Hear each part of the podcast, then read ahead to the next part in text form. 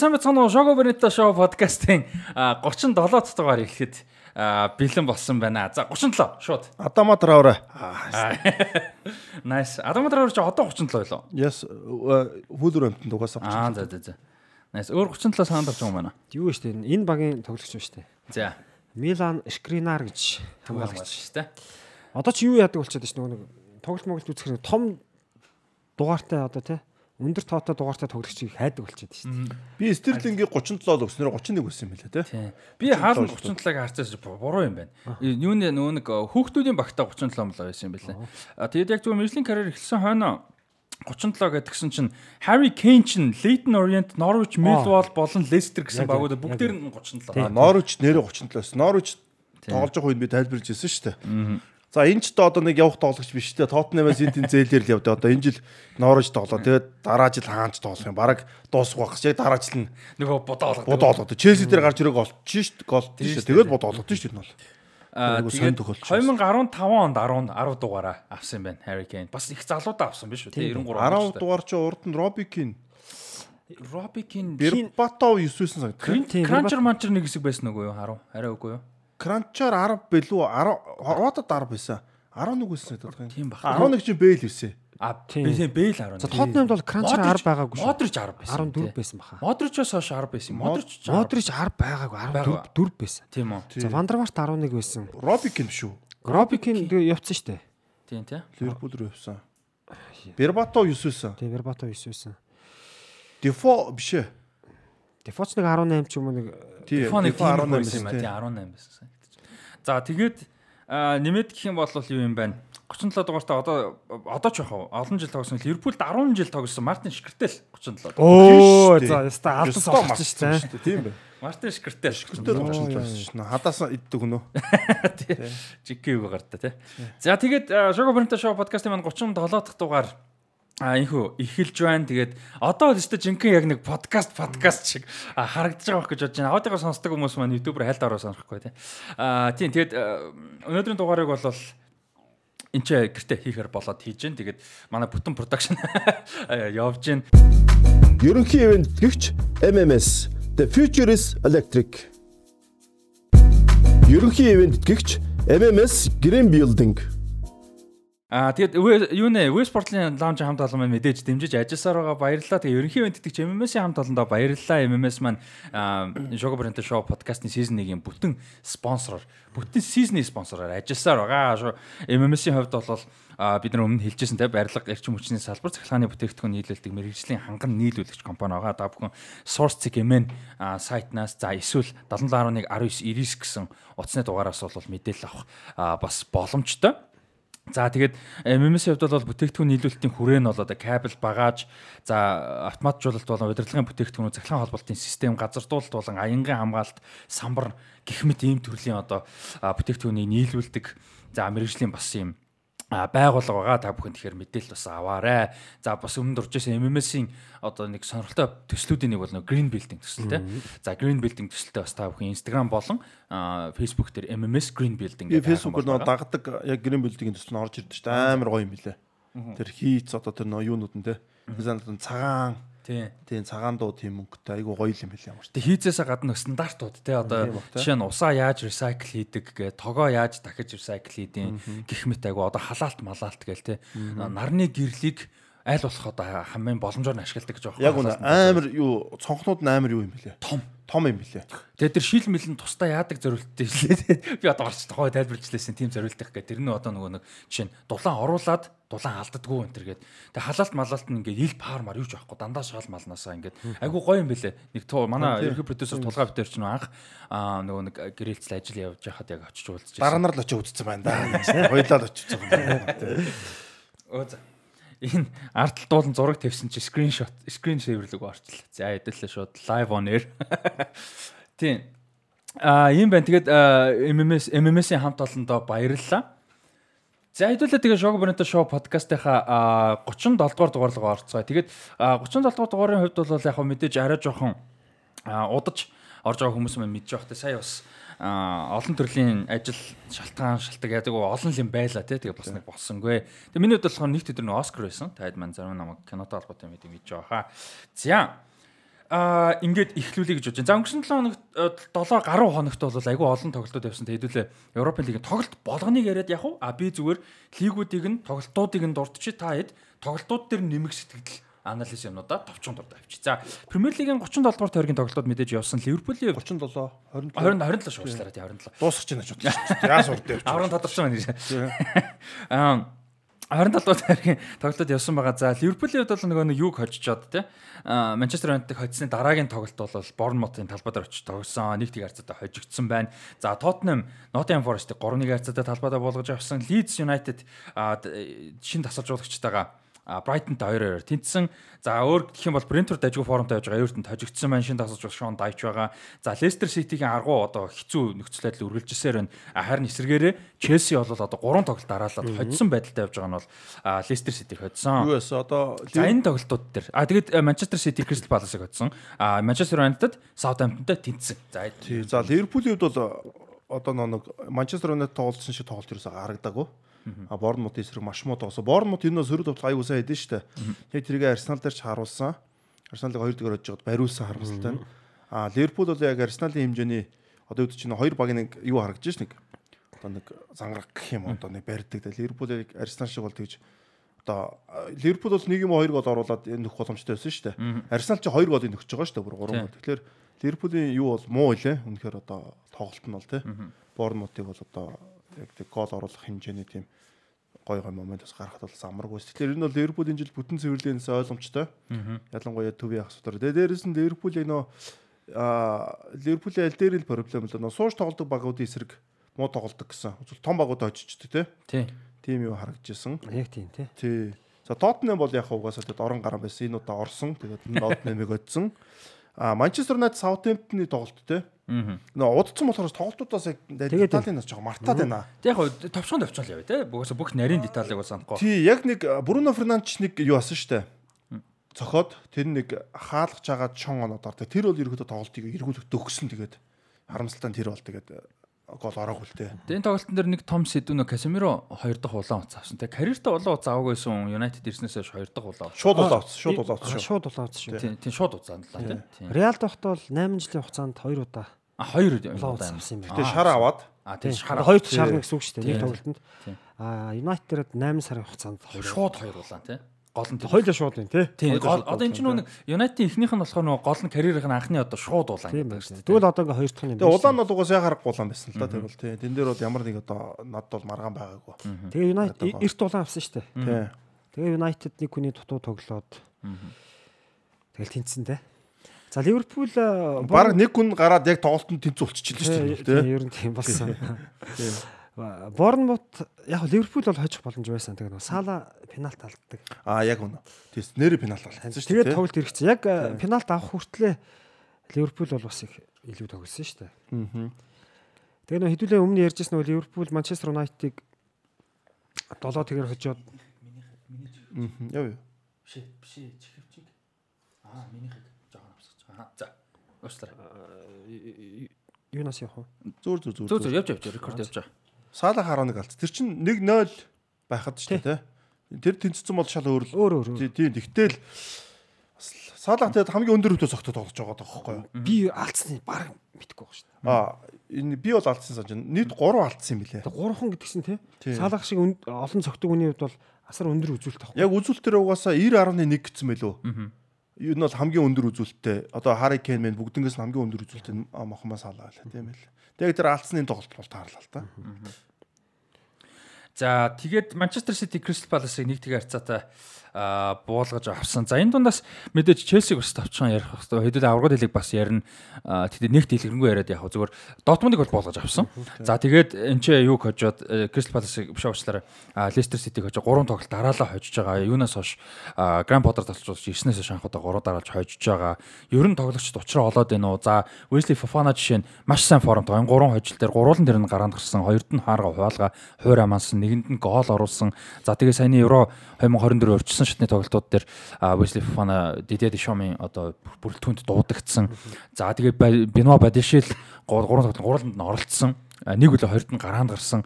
За бас ер нь их сайн тогсон тийм. Михало Мудрик нэг ассист бас өгж амжлаа энэ хугацаанд. За ер нь Энцо Фернандес нэг дамжуулт өгсөн тийм. А Стерлинг гол илүү, Феликс илүү. Тийм ямар ч сан гой гол орсон. Тийм, Стерлинг Дортмунд дээр гол. А тийм шүү дээ тийм. Тийм тийм ер нь ингээ харахад ихэнх тоглогчд нь уучраа болоод байна уу бүрэлдэхүүн бас яг мэдээж зэгцлэх зүйл зөндөө байгаа тий дахиад а гэхдээ юу гэдэг сайн нэг хэсэг байсныг илүү зэгцрээд байна уу эсвэл зүгээр хэсэгхэн хугацааны зүйл Энэ гайгүй цэгцэрсэн баха. Одоо энэ 3 4 3 гэдэг хөлбөр байгаа шүү дээ. тий. Энэ хөлбөртөө ерөөхдөө тоглогч нь ч гэсэн грэм бодорч нь тоглогчдоос нэг эвлүүлээд нэг учрыг нь олж явах шиг байна. Тэгээ Фофанаг бол угаасаа аюу тоглож төвийн хамгаалт болон баруун зүрийн хамгаалтанд тоглоо. Тэнгүүд энэ тоглогчид онцлог нь яг төвийн гурван хамгаалт. Баруунд гоё болчихсон. баруунд яг өөрт нь тохироод байгаа. Одоо Спликутэй шиг одоо Кайл Вокер гэдэг шүү дээ. Тэр хоёрыг бодох юм бол илүү нөө нэг бас том битээ шүү дээ. тий. Тийм. Тэгээд Фофана ч бас тоглооны юу гайгүй байхгүй бас. Тоглооны мэдрэмж цаа тий. Тийм бас гайгүй. Яг тэр өөр шиг цэвэр жигүүр биш гэсэн яг тийм дундын тоглож. Тэгвэл ийм дундын тоглож нэр ашигтай давуу тал нэр өгдөг. А Фофана бол одоо Челси дараа нь тоглож гисэндээ яг хөө төвийн хамгаалтанд тоглох байх. Ер нь бол. Тий. Тий. Тэгтээ дөрөв хамгаалагч шүү дээ. Яг энэ гурван хамгаалагч нар бол аягүй сан тохирч байгаа. Тэнгүүд л Кукуре яг гурван төвийн хамгаалагчийн зүүн дээр тавиад. Бен Чилүлийг яг баруун дээр юу зүүн дээр а, одоо Вин Бектер тавьчихж байгаа. Тэгээд баруун дээр болохоор Рис Джеймс ч юм уу нэг бол энэ Лофт чиг ч юм уу тий. Ингээд солидо тоглохоор яг Хавард төвийн тоглож хийж байгаа байхгүй тий. Жо Феликс Стерлинг ч юм уу Зиш ч юм уу солидо тоглосон. Тэгээ учраа олцсон байна уу? Чарч нь одоо би одоо Челсиг юутэй тоглоно шүү дээ. Реал Мадридтэй тоглоно бас тэгж амар хожигдохгүй болов гэж хараад Тэгин байна тэгин дээ. тэгин. Одоо яг яг цагаа юу гэдэг нь цаг нь зөв таарж яг учраа олж байна тий. Яг удирлын сүүл рүү одоо эхний дөрвийн байрлал яг хэцүү байх гэхдээ шахах нь ойлгомжтой мэдээж зорино. А тэгээ аврагуудын лигт хасагдах шатнд гээд одоо яг ирчлэх шаардлагатай үед нь гоё таарч байна гэж бас. Челсид аврагуудын лигийн эрх авах боломж байна шүү дээ тийм. Аврагуудын лигээсээ эрх авах боломж байна. Тийм бас боломж мэдээж байгаа. Тэгээ хөлбөмбөг бол одоо маш олон элементээс бүрддэг, маш олон хэцүү элементүүд байдаг. Одоо хамгаална гэдэг чинь бас хэцүү шүү дээ. А гэхдээ хамгийн хэцүү зүйл чинь гол хийх. Тэгээ Челси бол өмнө зүгээр гоолоо л хийхгүй байсан болохоос аа, дажгүй болж исэн. Тэгээд гоолоо хийгээд эхэллээ. Энэ нь одоо маш чухал байна. За довтлооны бас нөгөө нэг тоглогчд маань өөрсдөө их авиастай тоглогчд байгаа болохоор нэг ойлголцчвал бас аюултай байгаа Аюултай тийм. аюултай тий. Тэгтээ бол Грэм Поттерын 3 4 3 гэдэг хөлбөрөд бүтэн үлрэл амжилттай явахд бол эргэлзээ тэгж бол өдөр баян хэлж байгаа шүү дээ тий. Тий, тийм учраас бас энэ дээр бас дараа жилээс бас тэгэл жоо өөрчлөлт мөрчлөл янз янзаар үзгэл байх л та манай бол. Тэгээ хуур чаддаг байна гэдэг том давуу талтай. Одоо бүтэн удирлын турш 3 амлагчтай тоглохгүй маа гэхэд одоо 4 амлагчтай 3 амлагчтай байнга хуурах чадвартай тэгээ тоглогчт нь тэрэнд одоо хуурах чадвар өндөр байна гэдэг бол их мундаг тийм. За саяны дуртаагүй тоглолт юм бол Арсенал а, юу Лондонгийн дерби тийм. А Фулэмиг талбайд нь очиод 3-ыг харцаатаа буулгаж авсан. Тэгээ- Бодоолга хайцсан шүү дээ энэ бол.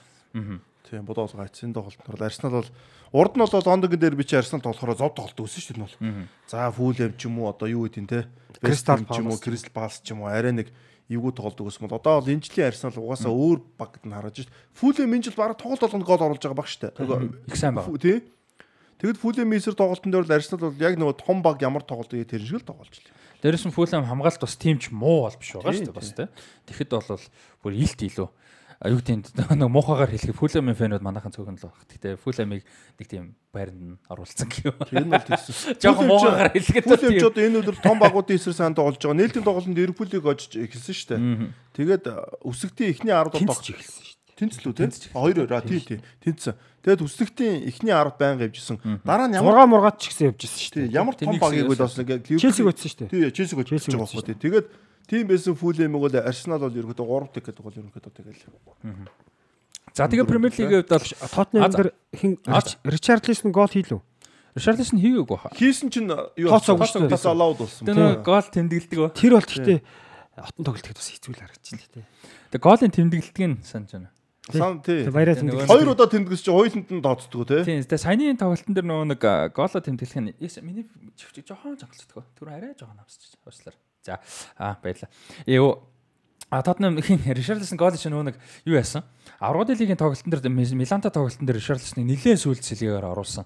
Аа тэгээд тэрэн дээр бол ярьцлага өгөөд мань хүн бол нэлээд дургуутсан те ер нь формтой байсан, бэлтгэл их сайн байсан. Тэгээд дээрэс нь а, гол нь тасалжуулагч надад хэлэхдээ энэ тоглолтод бол одоо гараанд гарнаа те гэж хэлчээд яг бүрэлдэхүүн зарлагдахад би бол гараанд байхгүй байсан. Тэгээ би одоо ийм байхдаа ингээд формтой байхдаа бэлтгэл сайн байхад сэлгэнд суугаад байхдаа бол одоо дуртай бол биш байна гэж хэлсэн байсан. Тэгээд Контетэй асуудалтай байгаа гэдэг юм яриа гарсны дараа энэ тоглолтын дээр тоглоо гол оруулаад шууд Конте дээр очиод чимээгөө мэмгөө энэ тэрэг контер руу хандсан ерөнхийдөө голын байр тэмдэглэсэн чинь тэр нь тооцогдоогүй тэгээд Ричарлисон гэхдээ тэр өөрийнх нь буруу шүү дээ. Одоо би форумтойх намайг гаргасан ч юу гэсэн үг. Энд бол чи чи бүтэн үлрэл одоо эхнээс нь аваад форумдо байх үед нь байнга л зөвхөн Милан дээр одоо энэ тоглож дээ. Форумдо болж байгаа юм уу тий. Намар бол нэг хэсэг бол байнга тоглосон шүү дээ. Юу тэгэл Ричарлисон Наач нөө аврагуудын лигийн чухал тоглолт гэдгээрээ л тэгж яахгүй. Тий. Тэгээд асалжуулагч руугаас би тэр celebration хараагүй л дээ. Тэр тийм celebration хийсэн бол иж болохгүй шүү дээ. Тийм биз дээ. Тэг ер нь бол контер хандсан Тий. celebration. Угаасаа бүтэн өдрөд гол хийхгүй байгаа юм чинь Милан дээр гараад гол хийчих гэж одоо ямар тасалж үзэж бодох вэ? Тийм биз дээ. Чи сонголт айгүй хэцүү шүү дээ. Одоо жишээлбэл яг ийм байхгүй. Дасгалжуулагч хүн бас хэцүү ажил шүү дээ тий. Сонголт дандаа сонголт. Дандаа сонголт шүү дээ. Одоо олон хүний хүслийг хангаж чадахгүй. Одоо жишээлбэл яг ийм байдаг байхгүй. Милан Тоттенхэм сая аврагуудын лиг хасагдах шатны хариу тоглолт хийж байна. Одоо энэ үед бол одоо яг үнэндээ зөв форм морм гэхээс илүү жоон форм муутай ч гэсэн баг туршлага нь илүү байдаг байхгүй. Яг яаж тоглохоо мэддэг те. Сая яг Тоттенхэм за аврагуудын лигийн тухай ярих бах. Ер нь яг дасгалжуулагчийн сонголт гэдэг хэцүү. За Ричарлисон өөрөө форм сайтай байлаа гэж үү. Магадгүй зарим хүн мянга форм сайтай байлаа гэдэг түүнээс илүү хүн бол жоохон муу байсан ч түүнээс илүү л байдаг байхгүй. Ер нь бол Юу нь бол тийм шүү дээ. Тий. Хариген форумтай юм бол Ричарлисон илүү зөв шийдвэр гарах байхгүй. Тийм биз дээ. За, Премьер Лигэд иймэрхүү Премьер Премьер Лиг дээр нэмэх зүйл байгаа. За ер нь бол тэгээд яачлаа дөө. За, Арсенал дээр нөө юу гэлээ юм бэл да нөө 8-ыг л ахиж ярил л да. Тросар, тий. Тросараа 8 бол ерөөсөө шууд Арсенал бараг нэг тоглолчны гимтлээс ирээд багтаа уусч байгаа юм шиг л юм боллоо шүү дээ энэ бол. Яг шууд орж ирэл хизээний юу? Тий. одоо яг нэг айгуу тийм гоё 8 олчлоо л да, яг Премьер Лигдээ тоглож байгаа. Тэгээ дээрээс нь Премьер Лигээс гадна яг Премьер Лигийн сайн тоглож байгаа багт сайн тоглож байгаа хүнийг шууд авангууд шууд усч байгаа. Брайтны лидер байсан шүү дээ. Тийм, Брайтны гол товтлооных нь хүн тий.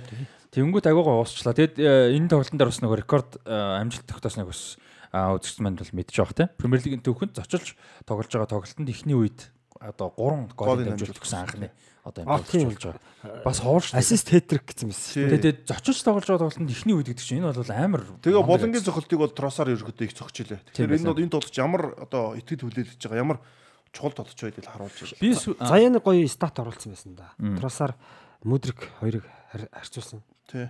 Тэрэн дээр ямар Мудрикийн нэг ассисттэй, Тросар нь болохоор хэдэн ч ассист хийдэг. 5 байсан 5 6 Тий. ассист байсан баг шүү та. Яг гоо би энэ дээр болохоор ерөөдөө юу байсан л да. Арсенал илүү зөв сонголт хийсэн гэдгийг л ирүүлж байгаа юм. Яг Мудрикийг авал Зөв, байж болно. Гэхдээ нөө их мөнгө одоо Мудрикийн мөнгөөр 3 долларч авч байгаа шүү дээ.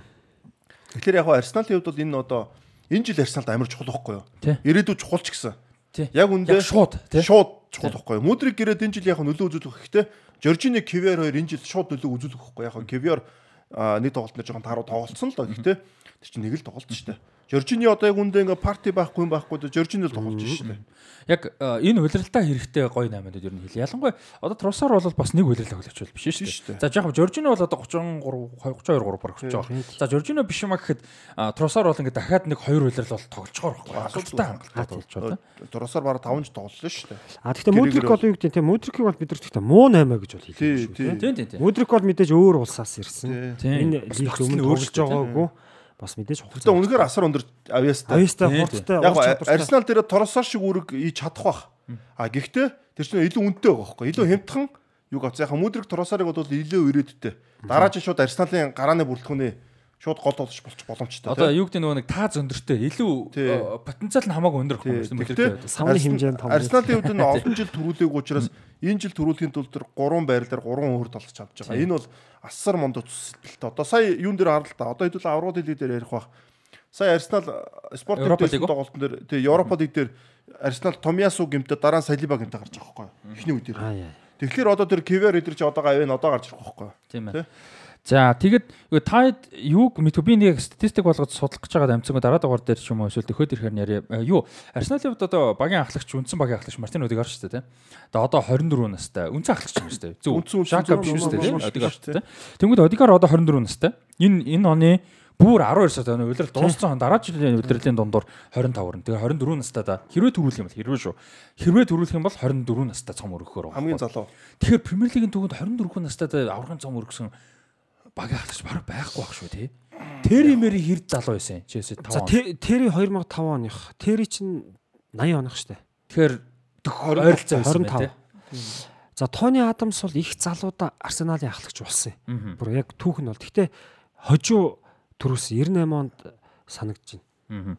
98 2002 2000 Джон Терри бас 12 сарын юм байна. Тэгэхээр 24-тэй байсан юм байна. Тэр Терри энэ хоёр л юу юм байна да. Харилцсан юм тий. гэсэн. За тийм залуу хүн бас. Ховор тий. Одоо тэгэл Манчестер Юнайтед лиг төрүүлсэн шүү дээ энэ бол. Тий. Тэгээ Юнайтед гэхдээ залуу Тий авах бол байхгүй тий. тий. Дандаа гигс. Тэгэхээр одоо яг дээр үед бол залуу болох баг байхгүй те. Дээр үчиг басаа өгчүүлэх тоглолт байсан. Тэгэхээр Жон дэрэж юм шүү тий. Тийм тэр 24-тэй байсан юм шүү дээ. Бас амар шүү тий. Одоо Дэрэж ингээд угаас амар. Яг Тэри Одигар эдэр чинь давуу тал нөө залуугаасаа бас том гаруудтай том гаруудтай тоглоод Тэгээд нөгөө хувь хувь хүний юу нэг характер характер нь тий. Тэри бол жиг ахлагчтай угаасаа. амар амар тэр байлаа. Тэри бол мундаг. Одигар бол яг хоо тийм ахлагчийн инстинкт бол би тийм амар гэж бол ерөөсө бодохгүй байгаа. Гэхдээ энэ бол а багийн ахлагчийг бол Шака угаасаа сольсон зүгээр гэж бодож ирсэн баг. Өхөн айгу хэцүүсэн баг. Яг үндэ. Надад бол одигар нэг яг авьяас чадвар юуг нь харьцуулсан юм шүү. Гэтэ зүгээр талбай дээр лидер гэдэг утгаар надад нэг Зидан надад санагдаад байна. Тоглолтоор бол лид. Яг тоглолтоор л хэд яг үндэ. Яг тийм. бохгүй Тийм нэг орилол чиглүүлэл гэсэн Жерат Буяр маяг шиг юм хаа биш. Жохо ярьдаг юм билээ. Гэтэ яг нөө характер нь бол ахлаач биш яг тоглолтоор яг үн. Тийм, тоглолтоор л лид. Бас нэг юм сонголт байгаа. Одоо чинь Шави Мави шиг л юм. Одоо энийг болио штэ. За гранат нь болио. Угаасаа нэг жоохон болохгүй бааш ахлачин юу болохгүй. Манай хүн чинь зодон цохоо ижих гэдэг бас ил амтай штэ. Тэнгүүд Шакагийн оронд өөр хэнийг ахлаж болох хүлээр бас байхгүй байхгүй юу? Тийм бас хэцүү. Тэгээ Обамян байсан шүү дээ тий. Тий. Сака баах уу? Болохгүй Мартинелли болохгүй те. Жинченко болохгүй, Габриэл болохгүй, Салиба болохгүй. Тэгээд харахаар ч ерөөсөө Одигар дээр баг бууж байгаа байхгүй. Би бол тэр байдлаараас давхарсан баг. Одоо тэгээд юу яа юм дөө зарим багууд ингээ зөрүүдээр бас яг их залуу хүндээ одоо багийн туршлагатай мундаг хүмүүс байсан ч гэсэн залуу хүнд ахлагчаа өгдөг. Энэ юу гэхээр тэр баг бол ирээдүйг харж байна. Ахлагчаа бол тийг тэр хүмүүстэй цуг байхад нь ахлагчаар нь бэлдэж гин гэдэг санаа Хугацаанд бас байдаг шүү. Одоо Фернандо доорсон шүү дээ. Тийм шүү дээ. Айгуу залуудаа 21 мэгтэй дээ. 10 18 9-д Атлетико Атлетико Мадрид байсан шүү дээ. Яг 18 9 мөн үү те? 19-д 19-д бол болцсон Тэ байсан. 19-д болцсон байсан. 21 санагдсан. Арай 18-д болоо 19-д л бас За байсан. 18 таа болсон байж магадгүй. 19-д л Болцсон байсан. Хорс ч юм бол амар байсан л да Тийм. үнэхээр те. Үнэхээр амар байсан. Орж яддаг бас. За. А үргэлжлүүлээд Испани Лиг товчхон ярихад Реал Мадрид Испанилыг хожсон. За барахад асууж байгаа шүү дээ. Хэдүүлээ Валенсиг ер нь бол дурдаад яваад байгаа. Ососоно айгу бас ер нь бол Европын байрны төлөө нэг нь унахгүй төлөө юм сонирхолтой тоглолт болсон. Валенсиа хожсон. За Севиа хожил арай гэж нэг юм авлаа. Виарал Битис гэсэн том тоглолт болсон бол нэг нэгээр тэнцсэн. Атлетик Билбаог Барселона хожсон. За энэ тоглолтууд дээр товчхон ч юм уу дурдах зүйл анзаарсан зүйл байгаа юу? За Барса 19 дэх удаага клин шит хийлээ те. Аа. Сам Амас гэж Мундаг гэж 19 гэж чи юу? Атлетик Билбаогийн маш хүнд цэнгэлт хүрээлэнгээс ялтай болсон. За Ер нь Билбаотой тоглолтууд дандаа л хүнд байдсан шүү дээ. Тийм. Аль ч талбай байсан. Тэгээ Барса нэг оноо авчаад байгаа маа. Аргагүй шүү. Бас Каталаны хоёр томагийн тоглолт л өстэй ч одоо аа. Тийм шүү. Тэгээ 10 байхгүй байсан. А 10 одоо юун дээр бол Эл Класико дээр бол одоо энэ 7 хоногт Эл Класико байгаа. Тэгээ Эл Класико дээр бол эргээд ирчин. Тийм шүү. Одоо хэдүүлээ дараа 7 хоногийн дугаараараа Эл Класико яриа шүү дээ. А тийм тэгээд Ла Лигийн өрөөнд Эл Класико. А тэгэд Барселонатай холбоотой нөгөө нэг э, нэгрээрээ шүүгч мөчтэй холбоотой юм бол одоо бүр улам их юм нэмэгдээд явж байгаа. А явандаа нэмж ярина. А өнөөдрийн дугаар бол нэмж бол Бид ярих. бол саяхан нэг том ярьсан шүү дээ базаа те. Нэг нэг том шатанд хүрэхээр нь яриа тийм нэг шийдвэр гаргахаар ч юм. А тий тэр зүгээр дахиад нэг тэрнээс гадна нэг асуудал яваад байгаа шүү дээ. Тэрний юу гэхээр нөгөө нэг Гавигийн бүртгэл Гави яг одоогийн байдлаар бол сая юу байсан? А өвлийн 8-ны цонх хүртэл академийн тоглогч гэдэг бүртгэлтэй явж исэн. А тэгээд өвлийн 8-ны цонхоор мань хүнтэй нөгөө гэрээгийн сунгах гад тэгэхгүй бол нөгөө алдах гад Тийм учраас гэрээгийн сунгана гэрээгийн сунгана гэдэг одоо сунганд буюу одоо ер нь яг аль бисрол шинэ гэрэл юм байлээ л дээ. А одоо нэгдүгээр үндсэн багийн тоглогч, мэрэгжлийн тоглогч гэж гэрээ хийсэн. За тэр гэрээхийг 26 хүртэл 26 болоод 7 хүртэл гэрээ хийгээд цалин мөнгө нь мэдээж нэмэгдэж байгаа. За тэгээд 6 дугаараа аваад те. За тэрийг бол аим тухайдээ асуудалтай гэж явж байгаа зөвшөөрөгдөд болсон. А тэгсэн чинь Лалигас тэрийг нь бол зөвшөөрөөгүй ийм асуудал гараад дав заалдах шүүхийн хэрэг яваад. За тэгээ эцэст нь дав заалдах а, шүүхээс бол Лалигийн талд шийдвэр гарсан. За тэгээ одоо тэр гэрээг бол цуцлахаар болсон. Өөрөөр хэлбэл яг өнөөдрийн байдлаар Гави буцаад академийн тоглогчоор бүртгэлтэй явж байгаа. А тэгээ 30 дугаараа буцаад зүгх хэвээр. Одоо Эл Класико тэр тэр нь хэрэгжих нь үү дараагийн тоглолтоос нь хэрэгжих нь сайн мэдэхгүй байна. Эл Класико тэр 30 дугаартаа гарч ирүүлэх бити гайхаараа хүмүүс болвол. А тэгээд энэн дээр грэний нөхцөлт нь болоос нэг тийм байгаа юм байна. Хэрвээ Барселоны талаас ийм азин зүрийн асуудал юмнууд нь гарснаас болоод академи юм руу шилжих инээдрээ иймэрхүү нөхцөл байдал одоо яг үүсчээд байгаа. Энэ нөхцөл байдал үүсэх юм бол 6 сарын 30 гэхэд юу яаж чадахгүй бол одоо тэр нөхцөл байдлыг өөсөж үндсэн бүрэлдэхүүний тоглогч болгож чадахгүй бол чөлөөтэй үнгүү явах гэсэн нөхцөл орцсон байгаа юм байна лээ. Гавигийн нөхцөл гэрээн дэр нь анханасаа бүр академи гэрээн дэр. Тэгэхээр өөрөөр хэлбэл 6 сарын 30-аас өмнө 8-ны цонх нэгдэхгүй шүү дээ. Баг нь л хөөдгүй юм бол тэгээ өөрөө гэрээгээ цуцалдгүй юм бол Барселоноос бол явахгүй. Өөрөөр хэлбэл юу яж гэнэ гэсэн. Одоо 8-ны цонх тусахад Гави шууд чөлөөтэй явах хуйлсны одоо юутай нөхцөлтэй болцсон гэсэн. Багуудтай одоо шууд яриад эхлэх боломжтой болцсон гэсэн үг байхгүй. Яг нь тэгнүү тэхүү үгүй юу гэдэг мэдээж Гави болон Гавиг төлөөлөлтэй тэр чинь асуудал. Тэгээ үгүй байх а гэхдээ хуйлсанд бол тийм болцсон байгаа юм байна шүү. За сони юм байна те. Их сони юм болсон байна шүү. Тийм тэгээд ер нь бол яг Гави бол яг юуны дагуу дөрмийн дагуу чөлөөтэй 100 явж магадгүй. Тэгээд тэр бол амар том асуудал байхгүй тий. Дөнгөж 18 настай ийм амар ирээдүйтэй одоо Барселоны ирээдүй гэж ярьж байгаа шүү дээ тий Педрийн нэр чинь. Тэгж байгаа тоглогч одоо үнгүү алдах хүртэл магадлалтай. Тэгээд одоо нөгөө төвийн хагас дээр тоглогч хэрэгтэйгээ багууд чинь сургалаад эхэлсэн шүү дээ. Тэгээд Гави өөрөө үлдэх сонирхол нөө явах сонирхол тэр бас чухал юм. Нэг явъя гэж сонирхол байхгүй л байна. Тэгээ Педриг бодвол Гавич нөгөө Ламаси Академиас өөрөө гарсан. Тэгэхээр бас одоо Барселонд өргөжлүүлэх сонирхол. Одоо юу ч нөө Ансу Фати Матигийн чиг харахаар бас жоо хэцүү юм шиг бас те. Одоо Ансу Фатиг чинь бас зээлээр явуулах уу эсвэл бүр явуулах уу? Бас Ансу Фати явах дээр л тулцсан дэл шүү дээ. Юу нь бол те. Явуулчих болно болно. Яг л энийг чинь бас Гавиш шиг гарч ирсэн шүү дээ Ламасиг актемээс харсан бас супер од мод гэл ингээл тэгчихсэн. Одоо ингээд энэ тоглож 20 өргөө явах дээр болцсон явж байгаа хөөхгүй тий. Одоо 20 хүрсэн тий. 20 20 үрчиж байгаа. Сая үрлээ. Одоо л үрж байгаа. Тэгэд 100 Барселоны хувьд баг 200 сая евро босгох шаардлагатай байл. Арай 2 зүрхгүй. Дахиад 8-аас. Тэгээ зөвхөн 8-аас шүү дээ. А яг өөр нөгөө нэг юу гэлээ левер гэдсэн шүү дээ. Дахиж юм зарах одоо юм зарах юм үлдсэн юм уу ер нь хэцүү шүү. Тэгээ тийм болохоор а ер нь 8-аас 8-аас наач ямар чанга юм биш. 100 хэдэн саяг бол босох шаардлагатай байгаа юм байна лээ. За тэгэл Дионгийг явуулвал тэгэд нэлээд том юм гарч ирэх. Тэгэл одоо нөгөө хим мин яригадаад байгаа юм л та. Нөгөө нэг одоо Гави гэрээгийн сунгонгуудаа хим минийг явуулах, Ансу Фатиг явуулах одоо нэлээд хүмүүс байгаа юм байлээ явуулах. Тэгээд явуулах гал юм байна. Тэр тэр Рафиньяг бол явуулна гэхгүй. Рафиньяг явахгүй байна. Рафинья Дембеле Рафинья жоохон удцсан бол явуулна. Тийм. Дахиад нэг жил зэмэл болцсон. Одоо Ферран Торрес Морис яриад байгаа. Энэ явуулах хэрэгтэй шүү дээ. Юу л. Одоо явах Ферран бол явах хэрэгтэй л байна. За Барселонд бол асуудал нэлээд байгаа. За Реал Мадридийн хувьд бол улирал нь Ла Лигийн өрөөнд улирал бол ер нь жоохон 9 онооны зөрүүтэй явж гин. За яг хуу Испаниолыг хожихуд бол хоцсон. Гэхдээ яг Ла Лигтай форм бол бас тийм одоо Реал Мадридийн хэмжээнд байгаа. Харин тийм аврагууд хэлэх шал өөр л яриа. Нөгөө нар Реал чи юу яатсан бэлээ зүгээр мэдээж Ла Лиг бол тэр чихнэ хаяагүй. Гэхдээ ер нь жоохон эвгүй болчлаа гэдгийг мэдээд гол хүчэл яг аврагуудын лигтээ өгч ил. Тэгээ чаддаг мэддэг туршлагатай юм тэр байна. Одоо шин Бензема бол сая ингээд бас яг жоохон зөөртэй байгаа. Тэгтээ сая тоглосонгүй шүү дээ. Тийм тийм. Одоо Ливерпул дээр тоглох байсан гэж байгаа даа шүү дээ. Энэ мэтчлэн. Тэгээд юун дээр болохоор яг ингэж ирж илээ л дээ нөө Реал Мадридийн бүр одоо Анчлотигийн ялангуяа Зидан Анчлотын нэг том давуу тал юм хэр нөгөө мундаг тоглогчтой. А тэгээ энэ тоглолтын хэм маяг нөгөө амархан уус чаддаг шээ хэдүүл Анчлотын тэр талаар ярьжсэн тоглогчтой тааруулж тэрний давуу тал нь нөгөө хасагдах шатны цомын тэмцээнд маш мундаг явдаг. Тэрийг ингээ таарах боломж аягүй байдаг. Тийм. Тэгээ ер нь тийм клач. Одоо тэнгууд ингээ харах юм бол сүүлийн 10 15 жилийн харах юм Реал Мадрид Ла Лиг авсан маш цөөхөн шүү дээ. Ер нь бол ер нь бол Барсал Лалиг авчаад байгаа. Их авдаг байсан шүү дээ. Авруудын лигийг нь бол Реал Мадрид те илүү их авдаг. Тэгэнгүүт бас тэрэн дээр нөгөө ялгаа нь гардаг гэгээд. А тэгээ мэдээж сэтгэл зүй гэж мундаг зүйл байгаа л те. Атлетико дундууд нэг хоёр орсон те. Тий. За нэг юм байна. За Лалигийн хувьд бол товчхондоо иймэрхүү. За Сериад цөөхөн хитэн бас ганц хоёр сюрпризийн сюрприз үр дүнгууд гарсан. За Специа Интерийг хүлээж аваад 2-1 харцаа. Болсон байл. За энэ л сюрприз байсан тийм. Интер бол бас давгүй формтой байсан. Аа сюрприз болсон. За Аталанта Наполи гэсэн бас их том тоглолт.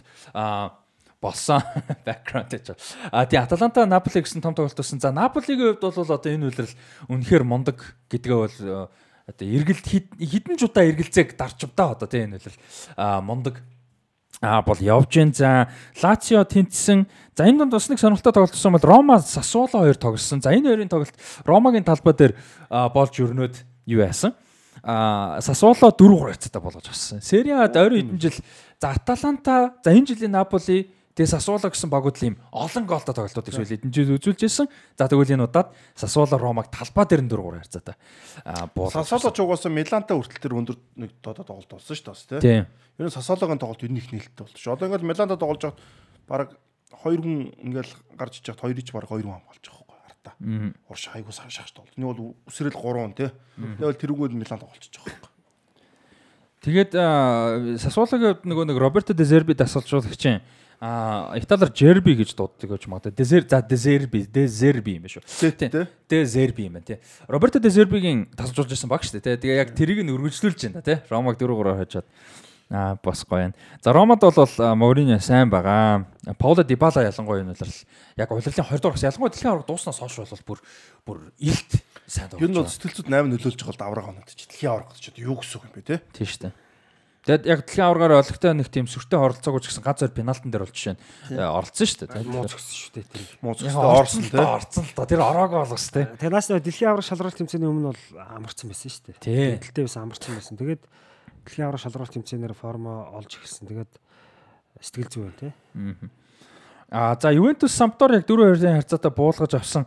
Энэ дэр сонирхолтой нь а юу яасан гэж би сонссон. Мойзе Киниг Ювентус чинхлэхээр болсон гэж нэг мэдээлэл сонсох шиг болсон шүү. Мойзе Кин чинь Эвертон гос Эвертоноос тий зээлэр байгаа санагдаж байна. Яг яг саяны тоглолтын дээр тойрог дээр байгаагүй гэдэлтэйсэн. Гэтэ ер нь чинхлэхээр болсон гэдэг сураг сонсогдлээ. А тэгээд Жинхлээд над Влахович дээр явуулах гэдэг юм шүү. Баахан янз янзын мэдээлэл гарсан байна. нөө санхүүгийн асуудлууд байж магадгүй гэдэг тий. Тийм учраас Влаховичийн үнэтэй явуулна. Угаасаа одоо үн үрж байгаа шүү дээ. Бас юм хэн Влахович орч юм бол. Тэгээд э, Миланы хувьд хин Счесны явж магадгүй гэдэг нь бас яригдаал байгаа юм бэлээ. Тэгээд Счесны явах юм бол Ювентус э, Итали хаалгач авна гэдэг зорилготой байгаа. Нэг нь тэр нөгөө нэг Эмполигийн хаалгач байсан. Нөгөөх нь хин гэлээ. Тэгээд хоёр залуу хаалгач байгаа юм бэл Италид ер нь нэлээд залуу. угаасаа хаалгач юм нөөц амар. 21 2-тэй нэг хоёр хаалгач байгаа юм бэл. Айгуу сайн. Сая нэг нь Эмполид байсан санагдав бүр 5 6 хаалт хийж байгаа бичлэгийг би үзээд байгуу гоё л хаалгач үлээ. Тэгээд тэр хоёрын нэгийг ерөнхийдөө зорж байгаа хямдхан. А тэгээ Итали тэгээ залуу гэдэг утгаараа зорж байгаа гэсэн байсан. Тэгээ Стесник бол хэрвээ явах юм бол бас нэг юу руу явж магадгүй гэж сумраг яваад байгаа юм л Тоттенхэм руу. Ер нь Тоттенхэм ч хаалгач байгаа хайгаад эхэлсэн билээ шүү дээ. Эми Мартинес ярьж ирсэн. хэрэггүй дээ. Харин тий. Тий, одоо Стесник ч авж байгаа Лорисик Стесник рүү солино гэдэг жоохон бас насны орно. Тэгэхээр чи Эми Мартинес ядаж хамаагүй гэдэг байхгүй юу тий. Эми Мартинес ч гоё хаалгач байхгүй. Тий.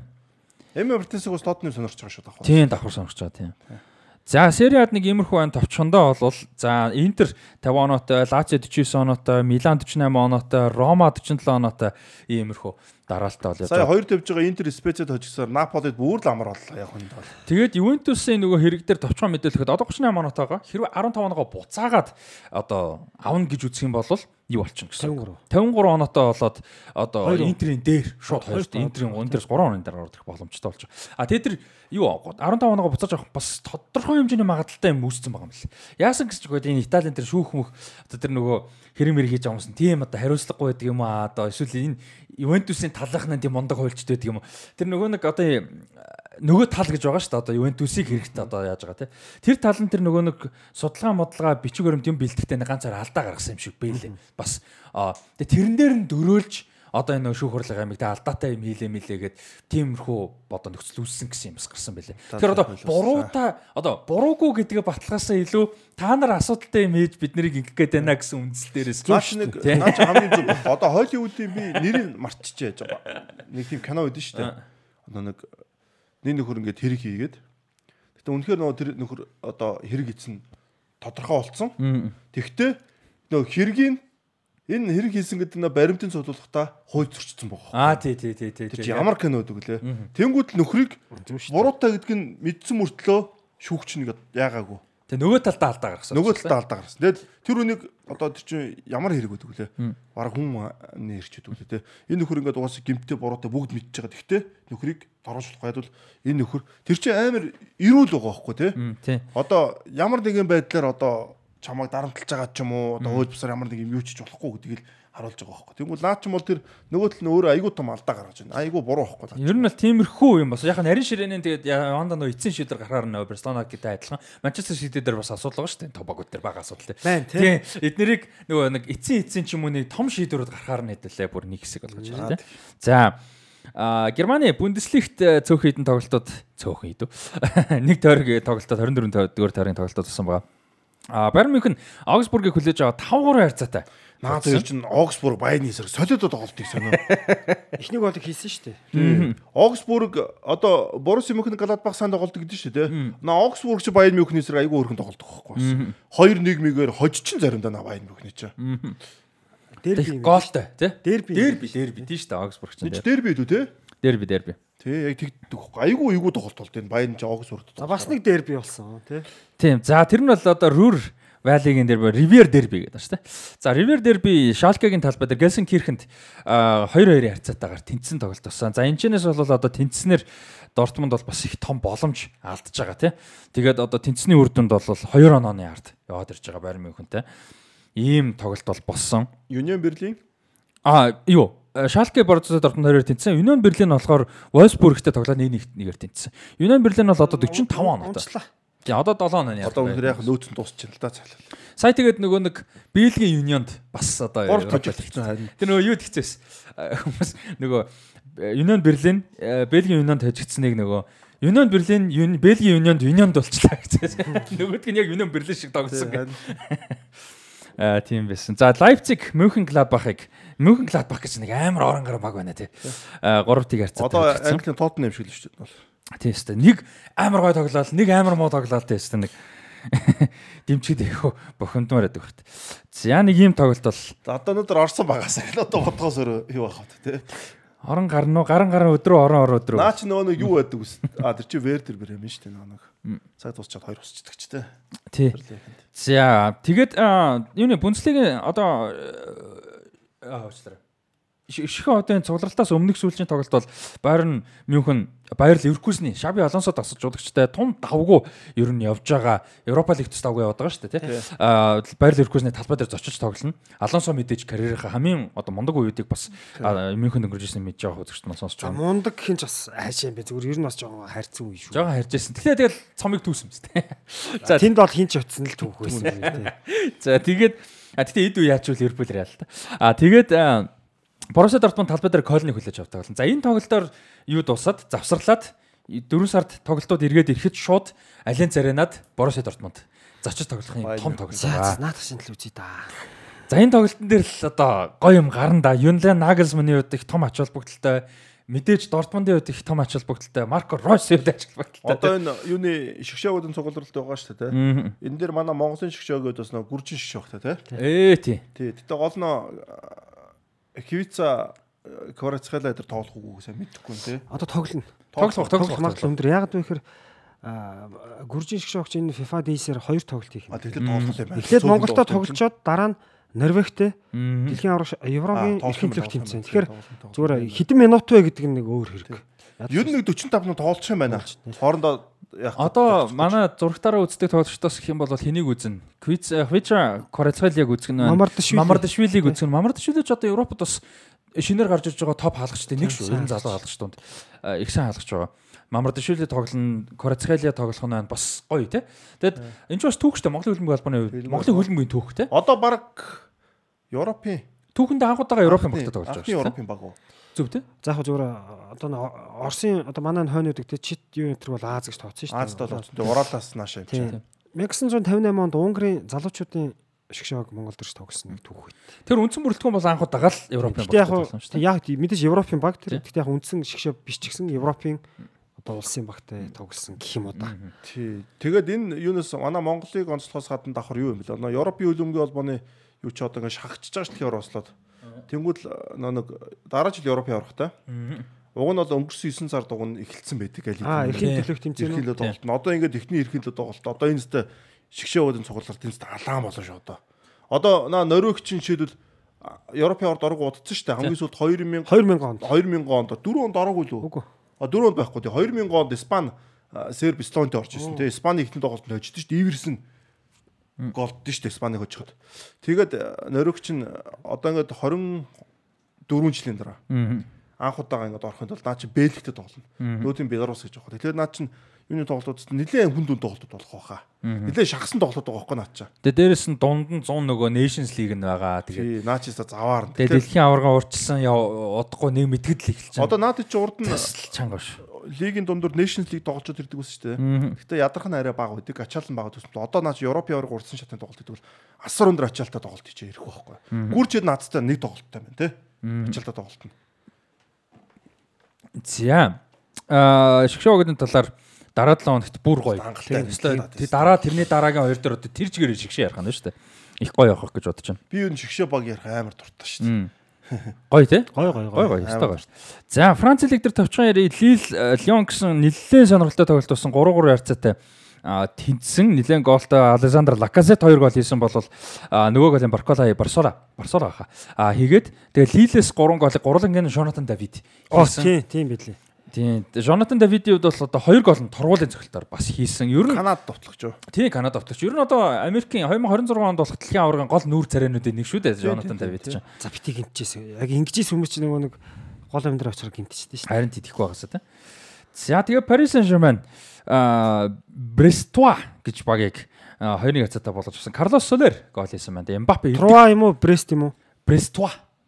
Брестоис гэж үтж чинь хэрэг одоо л гэж. Брест тот шүү дээ тэгтээ. А тийм бах. Тэгээ яг Стаде Брестоа гэхээр одоо Брестоагийн юу л гэсэн үг Брест байна. Бол тэр захын хот шүү дээ. Тийм тийм. Яг энэ бичигдлийн Брестоа гэж уншина гэж би бодож байна л да. Ингэж үтж байгаа юм чинь. Тийм. Дуудлага нь бол Брестоа гэж уншина л таах л та. Наа чин тэгвэл нөгөө Брест биш л баг шүү. Тийм тийм. Стаде Брестоа гэж. А наач Брестоа. Тийм тийм. Нөгөө Брест биш үү? Тийм тийм биш биш. Энэ. Брестоа. За. Бинуа гэдэг шиг л унших юм Тийм шиг. тийм тийм Бенуа гэдэг шиг тийм Бенуа гэдэг. Шиг. Яг тийм Бенуа Бадяшил гэдэг шүү дээ. За юм тоглосон. Онерэ нөгөө нэг манай Дилэн маань пост хийсэн байгаа анзаарсан баг. Стади Римс баг Монако буулгаж авсан. За Монаког буулгаж Монако ч одоо дөрөвт явж байгаа тийм. А 3 2 1 хэсэг бүр 2 төртөл явж исэн буулгаж авсан. За нөгөө Римс чинь одоо Францаар бүр шал өөр дууд юм байлээ шүү зүгээр одоо Римс л гэж. Гом гомс гэж. Гамч гэнэ үү. Тийм, Тиймэрхүү дууд юм байлээ шүү. Гам гэж нэг Тэр нөгөө тэр Вильям Стилийн нөгөө ярилцлагыг харсан чинь тэр чинь өөрөө бэлэггүй нэ Франц хэлтэй мэлээ өөрөө тэр. гам авчиж. Тийм гам гэдэг хэлээ. Гэгам. Тийм дөө дөө Ремс Кингам гэдэг шиг. Ремс л гिचи одоо. Тэг яг гой дуудаж Угаасаа угаасаа эрийг бид нар эрээр дутахгүй л угаас тэр үсгэнд байхгүй юм чи бид Тийм. үстэй. Яг зарим нэг юм дуусаад амар байд юм а. Бас нэг болдог байхгүй. Зарим нэг болдё. Одоо Анри манрыг бол хэднэрлээ заавал Хенри гэх шаардлагагүй шүү дээ. Тэнгүү чинь энэ мен чинь нэг жоохон хэцүү болоо заа заа. Одоо яг эрийг эр бол угаасаа эрээр л дутагдана. Дорогбоо морог бач бүр утгагүй дутагд тавьчихдаг бол одоо. Тийм бүгдийн тэхүүн Тий. хэлчихвч. Аа тэгээ за Стадрим Ремс Блон. За Рэм гэвэл арай гайгүй байж байгаа юм байна. Рэм гэж тэ.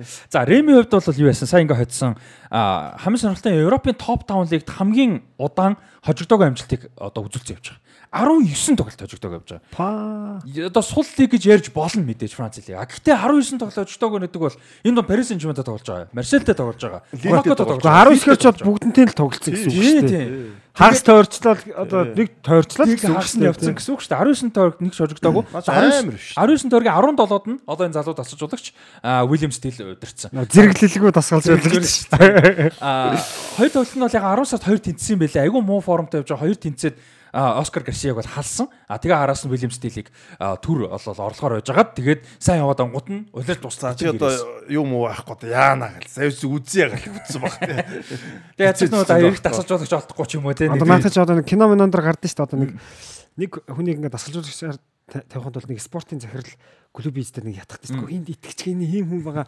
Бус нь бол тоохгүй шүү дээ. Зэрэглэлж байхгүй. Нэг нөхрөө яг тэр хүнд итгэл ятгсан баг. Би 10 он тэр Улаанбаатар FC гэдэг багийг чинь нэг тоглолт асгалж uuсан ш. Зэрэглэгүйгээд хөдөлмөргөө холбооч. Тэгсэн мөртлөө намайг сургалтандаа суулгад 11 мөртлөө 11 он тий. 10 онд байгуулагдаагүй. Тий 10 тий 11 онд тэгээд нэг жил нэг л тоглолт би дасгалжуулаад зэрэглэггүй хөлөмгөө холбооч намайг боловч. Хэрэв намайг өдөр тусвал би зэрэглийн да Тэгсэн бол одоо оригинал Уильям Стил байгаа шүү. Юу бол тийхвэс. Тэр чи тэр члээ төрүүлсэн шүү дээ. Тэр солонгос солонгос ирээд. Би тэр багт чинь Монголд булангийн цохилтой хөлбөр хөлбөрч байдаггүй хөлбөр хөлбөр хийгээд тэр чи зөндөө юм хийжсэн. За тэгээд а Стад Римсэд Ингээд багш гонж яхад тэр байж. Тэгээд Батулгаач сүулд болсон. Батлууга шитэр зүг байсан байсан. Тэгээд би нөгөө мөсийг салжуулаад ер нь маж нөө юу вэ? Амар хөлбөр хөлбөртэй тий айгуу нөгөө сахилгаа зарчимтай бэлтгэл хийдэг. Яг нөгөө баг гэдэг байдлаар айгуу гой гой мэлэгдэг. Тэгээд манай нөгөө мөстэйсэн бунцэг мунцэг чинь яриа. Тэгээд би чинь салжуулаад очиод яг нөгөө гадны баг хүч бэлтгэл хийж гэлсэн байхгүй. Тэгээд угаасаа тэр чинь яг хөлбөртэй тоглохтой байдаг ойлголт. Бид тэр чинь амар гоё ингээд яг 4 4 2-оос ч яа тоглох зарчмын монголчууд мэддгүйс тийх гэх тээ. Тэгээд дараа нь Войкан нэрэл тарсан ба. Яг тийм жишээ байсан. Тэгээд нэг тоглолт тэр MSM-тэй сонирхчийн багтаа тоглоод 6-0-оор хожлоо. Тэгээд хөлбөмбө болж болцсон. Тэгээд тийм бас би бол асалжуулбал ер нь ирээдүй байсан. Тэгээд одоо холбоо молмослоо болцсон болоо. За за за. За. Одоо ч залуу шүү дээ. Одоо яг тэр үед нэг хүний нэг нэг тийм Хүсдэг үе юм яг тийм. хүсдэг яг амжилтанд хүрэх гэдэг нэг үе байгаа шүү. Яг тэр үеийн өнгөрцөн бохгүй нэх. Тэгээд за за одоо болио лиг болчиход байгаа. Одоо менежмент нь илүү том юм хийж болох юм шиг харагдаад байгаа байхгүй. За а тэгээд энэ Уильям Стилийн хувьд бол а юу яаж байгаа те а лайсенслгүй лицензгүй ингээд тасалжуулалт хийгээд яваад байгаа. Тоглолт болгонд Stade Reims баг бол Rem баг бол юу яаж байгаа. 20 илээ 25 мянган евро торгуулж тоглож байгаа. Тэгэд ер нь бол энэ зүгээр нэг ингээд нөгөө нэг факт сонирхолтой байх 100 суухандаа манай үнтэй одоо. Одоо сууж байгаа. Одоо ингээд сургалтанд суугаа явж байгаа. Чи юу лээ Францад ямар зэрэгэлтэй. Одоо про шаардна. Тэгээ UEFA-гийн про лайсенс. Ямар ч про байхгүй бусд нь байгаа гэсэн үг үү? Pro AC ABC гэж байгаа шүү дээ. Тийм. Тэгээ зүгээр байхгүй ч гэж магадгүй аль нэгэнд мод зөв про л байхгүй гэсэн үг. Ямар ч байсан про лайсенс байхгүй.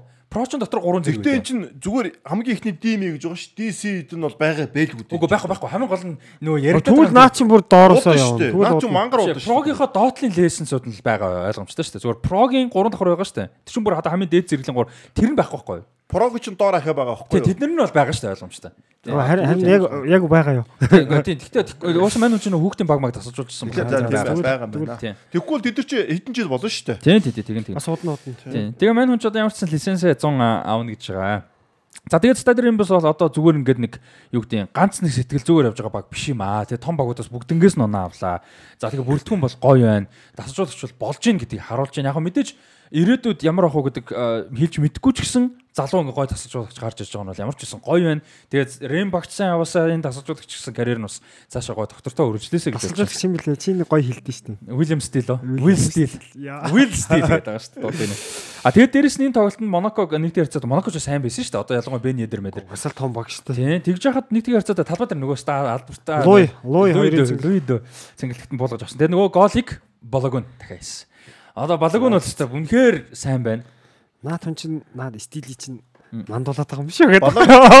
Арсеналаас зээлэр шүү дээ. Арсеналаас зээлэр шүү дээ. Тийм тийм Арсеналаас Арсеналд очихоор Арсенал гоё болох юм байна. Арсенал аавн л та залуу. Тэгээ дээрэс нь юу гэдэг зүгээр нэг дундаж дажгүй багт тоглоод байгаа дажгүй тоглож байгаа даа биш ингээд амар содон сонирхолтой уур амьсгалтай мундаг форумтай тэгээд залуу тасалжуулагчтай том багуудыг ингээд бодоо олгосон хоцсон тэ сайн өрсөлдсөн ийм багууд. А тэгээ тэр тоглолт дотроосоо багийнхаа сайн тоглож болоод тоглож одоо ингээд сурцсан хүн Арсенал тэр шал өөр ихгүй. Одоо Габриэл Жесус Инкетия Балагун гэдэг товтлооны 3 сонголт наач амар гоё болж штэ. Балагун бол ирээд яг шууд Жесус Месусыг суулгаж мэдээж дийлэхгүй туршлага муршлаг шал өөр. Гэхдээ юу гэдэг чандартай өрсөлдөөнтэй болж байгаа байхгүй бүрэлдэхүүнүүд те.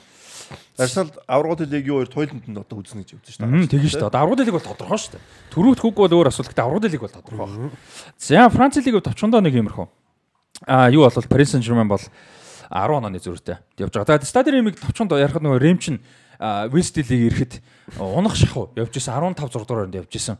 Одоо 19 тоглолт хожигдоогүй юунд явчих 8 дугаарнд явчих. Тэгээд аврагуудын лигийн байрнаас ердөөсөө 8 оноо. Йоо биш. Үлээ. Тий 8 онооны зөрүү. Нэг Европа лигийн ирэх авчаасаа тий. Тий Европа дараа нь үзье л да. Ядаж конференц авчих таахгүй. Тэгээ эн чинь одоо гоё ихгүй тий Европын тим.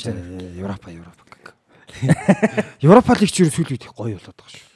Тийм тий. Том богд унаа тий. Одоо Английн угаасаа хоёр том бог зайшгүй ордог нь тодорхой болчиход байгаа шүү дээ тэр чинь тий. Тэгээд нэг West Ham ч юм уу тий. Испани Италиас ус орно тий. За. Аа Барса ордог болчих гээд байгаа шүү дээ. Одоо наад үгүй. Барса Юнайтед хоёр орлоо шүү дээ сая тий. Барса 2 жил дараалж орлоо шүү дээ. За Юнайтед гиснээс Европа лиг гиснээс Европа лиг рүү орцгоё. За Европа лигийн үед юу яасан байгаа. За Европа лигийн хоёр тоглолтыг тэр чигээр нь бидэд алгасан. Ярьж болж чадаагүй. Одоо өнөөдөр товчхон ярьж байна. Тийм, А Битис Манчестер Юнайтед бол томодал ирчээ тий энэ тий. Реал Битис Манчестер Юнайтед хэдүүлээ гой тоглолт болно гэж найдажсан боловч Каналес Набил Фикер хоёр одоо гимтэлтэй байснаас болоод бол юм болоогүй. Юм бол болж чадаагүй. За тэр хоёр байсан ч яг бас нэг мэдгүй гэхдээ байсан бол өөр байх юм. Үрдүн бол гэхдээ Юнайтед талд байх байсан. Байсан бол их гой тоглолт болоод ихний тоглолт нэг Юнайтед 4-1 шүү дээ. 3-2-оор хожоод. Хариу тоглолт нэг бас нэг сонирхолтой эхэлж байгаа л тэгэл United авах. Яг ер нь бол United болгочихл байсан баг. Гэтэ ядаж үзүүштэй болсон. За Juventus Freiburg-ыг бол нэг хэрэгэлзээг болгоод авцсан. Fenerbahce Sevilla-д хожигдсон хоёр тоглолтын нийт дүнгээр Feyenoord сая Shakhtar-ыг бүр Баталгад 7-1 дээд нийт 2 тоглолтын дүнгээр 8-2 болгосон. За нөгөө нэг Union Berlin чинь Бельгийн Unioнд Union Berlin дүүлээд а өмнө нь 3-аар тэнцсэн байсан. Тэгээ сая 3 тэгээд хойжигдсон. За хамгийн онцлог ярих тоглолт бол ялчгүй Арсеналын тоглолт байх. Спортинг Лисбонтой болвол тогс нэр Португалид өөрөөсөө Лисбон гэж нэмэхэр их дургу байдгийн гэсэн шүү. Яг зүгээр багийнхаа нэр нь Спортинг тэгээд нөгөө Лисбон гэж нэмлээ гэдэг их дургу байдгийн гэсэн. А Спортинг Лисбонтой тоглосон тэгээд Арсенал 1-1-ээр тэнцээд пенальт зохиод хожигдсон. За тэгээ энэ тоглолтод бол бас одоо дараа жилийн Пушкаш авардад оруулж орж болохоор Педро Гонсалвесийн бас одоо Гонсалвеш гэх тийм Гонсалвешийн тасгай гол орсон. За Педро Гонсалвешийг манай үзэгчдээс зарим нь мэдгүй ч магадгүй нөгөө урчин төрүүлсэн шүү дээ. Португалийн Премьер Лигт тийм. Төрүүлэхэд бол хамгийн гол тоглогчдын нэг байсан 20 гаруй гол хийсэн, 10 гаруй голын дамжуулалт өгсөн. Будаа болгосон. Аврагын наадах ч нөгөө Бруно Фернандес шиг том гоод юу нь бас аваад болохоор тоглож байлаа шүү дээ. Яг нөө нэг дарвын нүнээс гарч ичээ яваад араас нь Гонсало Рамош гарч идэв шүү дээ. Тэр шиг байхгүй. Яг Бруно Фернандеш явсан чинь Педро Гонсало бүр яг чөлөөтэй байгаа. Португалчууд ундрах сайтай. Тий, ундрах сайтай. Тэгэд наад хин Педро Гонсало шигэд наад тоглогч чинь бас яг Бруно Фернандесийг замаар явхад бол нэг гайхааргүй юм билэ. Тэг яг энэ тоглолтын дээр бол Арсенал юу байсан л да. Арсенал угаасаа Премьер Лигтээ гол анхаарал хандуулж байгаа. Европа лиг аврал лиг биш шүү дээ. Энэ бол тий. Тэгээ Арсенал өөрөө олон жилч тоглолцсон тий. Тэгэд ерөнхийдөө бүрэлдэхүүндээ нэлээд өөрчлөлт оруулаад Габриэл Жесус шууд гараанд гараад Верэг гаргаад тий. Тэгээ Жоржино дээр гараад тоглосон л доо. За хамгийн харамсалтай нь бол Арсенал тоглолт эхлээд эхний үедээ шууд хоёр тоглогчийг гимтлэр шууд яатсан. Томьясу тэр одоо хуурагдаад хим одоо нэг аагаар сууж байгаа шүү дээ. Тэгтээ шөрөмсөг гимтэйгээд Томьясу баг тоглолт Тринкао хууралт хийсэн тий. Тринкао Барсад байсан тий. Урал тэгээ Тринкао аягүй сайн тоглосон шүү дээ. Тэгээд 9 дэх минутанд сууж байна Томьясу. Тийм бах, тийм бах. Тэгээд дараа нь Салиба удалгүй ахаад гимтлэр суугаад Арсенал төлөвлөгөө 2 солилцоо хийгээд тэгээд ерөөхдөө наад тоглолтын дээр чи яг хаа Арсенал хожих боломжтой байсан л да. Тэр Бедрогийн гол ороог байсан бол тий. Нь бол тийм гол угаасаа азныг оо шүү дээ овор ордог тий. Рамстэл жоо анхаарал муутай байсан гүйцэтгэлж амар байсан. Гүйцэтгэлж амар байсан. Тэр бол тохирон бүрдсэн. Тэгэхээр Арсеналын хувьд бол яг тийм жоохон азгүй нэг хитэн тохиолдолд давцсан тийш яг тийг давцсан л да харахгүй. Тэр гимтэл нөлөөлөө. Тэгээд эрт нэг хитэн солилцоонуудаа хийж мийгээ. Тэгээд тэр гол мол орж байгаа. Тэг яваад гисэн тэгээ. Тэгэхээр нэг харамсхан байхгүй хөө. Би бол энэ Арсеналын фанууд бол ерөнхийдөө нэг юу хахгүй лээ. Одоо шин Дортмунд сая асгцсан шүү дээ. За бараг л Бундслиг руу анхаарал гэсэн юм яваад л шүү дээ. Тийм, ер нь бол тиймэрхүү шүү дээ. Арсенал ч гэсэн одоо Премьер Лигийн аврагын төлөө хүчтэй өршөлдөж байгаа. Одоо харин дараа нэг туулаагаа үүсэн дээр хөө гэдэг. Одоо дараа жилээс бол Арсенал 2 тэмцээнд 3 3 4 тэмцээнд өрсөлдөх одоо хэмжээнд хүрэл гэж зорино шүү дээ. Одоо бүрэлдэхүүн тоглож чадах хэмжээнд байна шүү дээ. Одоо на Кивер Жоржино өдөр чи энэ жил тоглосоо дараа жил яг баг дуусчих шүү дээ. Тэгээд энэ Балагон өдөр нэрх юм бол Арсенал ганц хоёр солилцоо ахиж нэмжээгээл ганц хоёр хүмүүсээ явуулаад элээ нэг яга авч үлдсэн. Элээлийн сайхан бакап байхгүй тий тэр 3 4 тоглогч чинь. Тэгэхээр Арсенал бол дараа жил бол тийг тоглох хэмжээнд хүрэх баха. За Sociedad Roma-с Рома 2-ыг харьцаад болж авсан Морини угаасаа хасагдах шатны тэмцээнд бол их сайн тоглодог. Мориниг нь тасчулсан баг. За тэгээ Ференцварош зүг дутсан. Алуулсан. Френц Фарош. Френц Фарош тийм. Френц Фарош Шаби Алонсогийн Баяр Ливеркузенд алуулсан. За тэгээд суглааны хувьд бол айгүй гоё таарсан. Ювентус Спортинг хоёр таарсан. За Ювентус Спортинг хоёрын хоцсонтой шүүгийн дөрөвт Манчестер Юнайтед Севиягийн хоцсон. За энэ хоёр бол өмнө шүүгийн дөрөв. За Севия бол Манчестерыг барахгүй. Муу гавгасаа. Энэ жилийн Севия бол хэцүү байна. Ер нь жилийн жилд Севия бол UEFA Cup буюу одоо одоогийн Европа лигт бол мундаг байдаг те. 6 төрүүлсэн баг шүү дээ. Тийм 6 төрүүлсэн. Тэгээд ямар ч баг ямар ч хоромтой босс гэдэг байгаа шүү дээ. Ямар ч үед бол Севиягаас айдаг те Европа лигт бол. А гэтээ энэ үйлрэл бол үнэхээр хэцүү. Зүгээр одоо нэг өнгөрсөн үйлрлийн CV ороод бол баг төрүүлнэ л гэж байгаа шүү дээ. Тэгин тэгин. United ч байсан юу ч байсан хамаагүй төрүүлнэ. Спортинг Ювентус хоёр бол наача да алин ч биш магадгүй яг үнэ. Тэр үл хийвгүй. Ювентус бол спортинг гэдэг ямар барахгүй шүү. Спортинг бол бас айгу гой тоглох байх. Аа тэгээд нөгөө талд нь шүгэн 8-ын нөгөө талд бол Файнорд Рома хоёр таарсан. Ер нь урдчил таамаглахад их хэцүү сонирхолтой юм тоглолт. За тэгээд Байер Ливеркузен Union. За тэгээд артлахын нэрийг одоо дуудаж орлооч хожих бах. Тэгээд яг Файнарч айгу голтой байгаа шүү дээ. Гакпо аагүй тэр чинь Айнтхон содор чинь тий. Юу н Файнарч гэсэн Файнард голтой байгаа шүү дээ. Одоо Фейнорд гэх юм да тий. Голтой байгаа. Тэгээд яг хаа биеийн тоглолтноор л угаасаа Рома гараад ирэх байх. Тэгээд аврагын төлөө би Рома Манчестер Юнайтед хоёр бол угаж бодож шээ юм. Угаасаа Жозе Морино чи иймэрхүү хасагтай шатын тоглолт. Эйгүү эйгүү тий. Эйгүү эйгүү тоглолт юм баггүй. Тийм шүү дээ.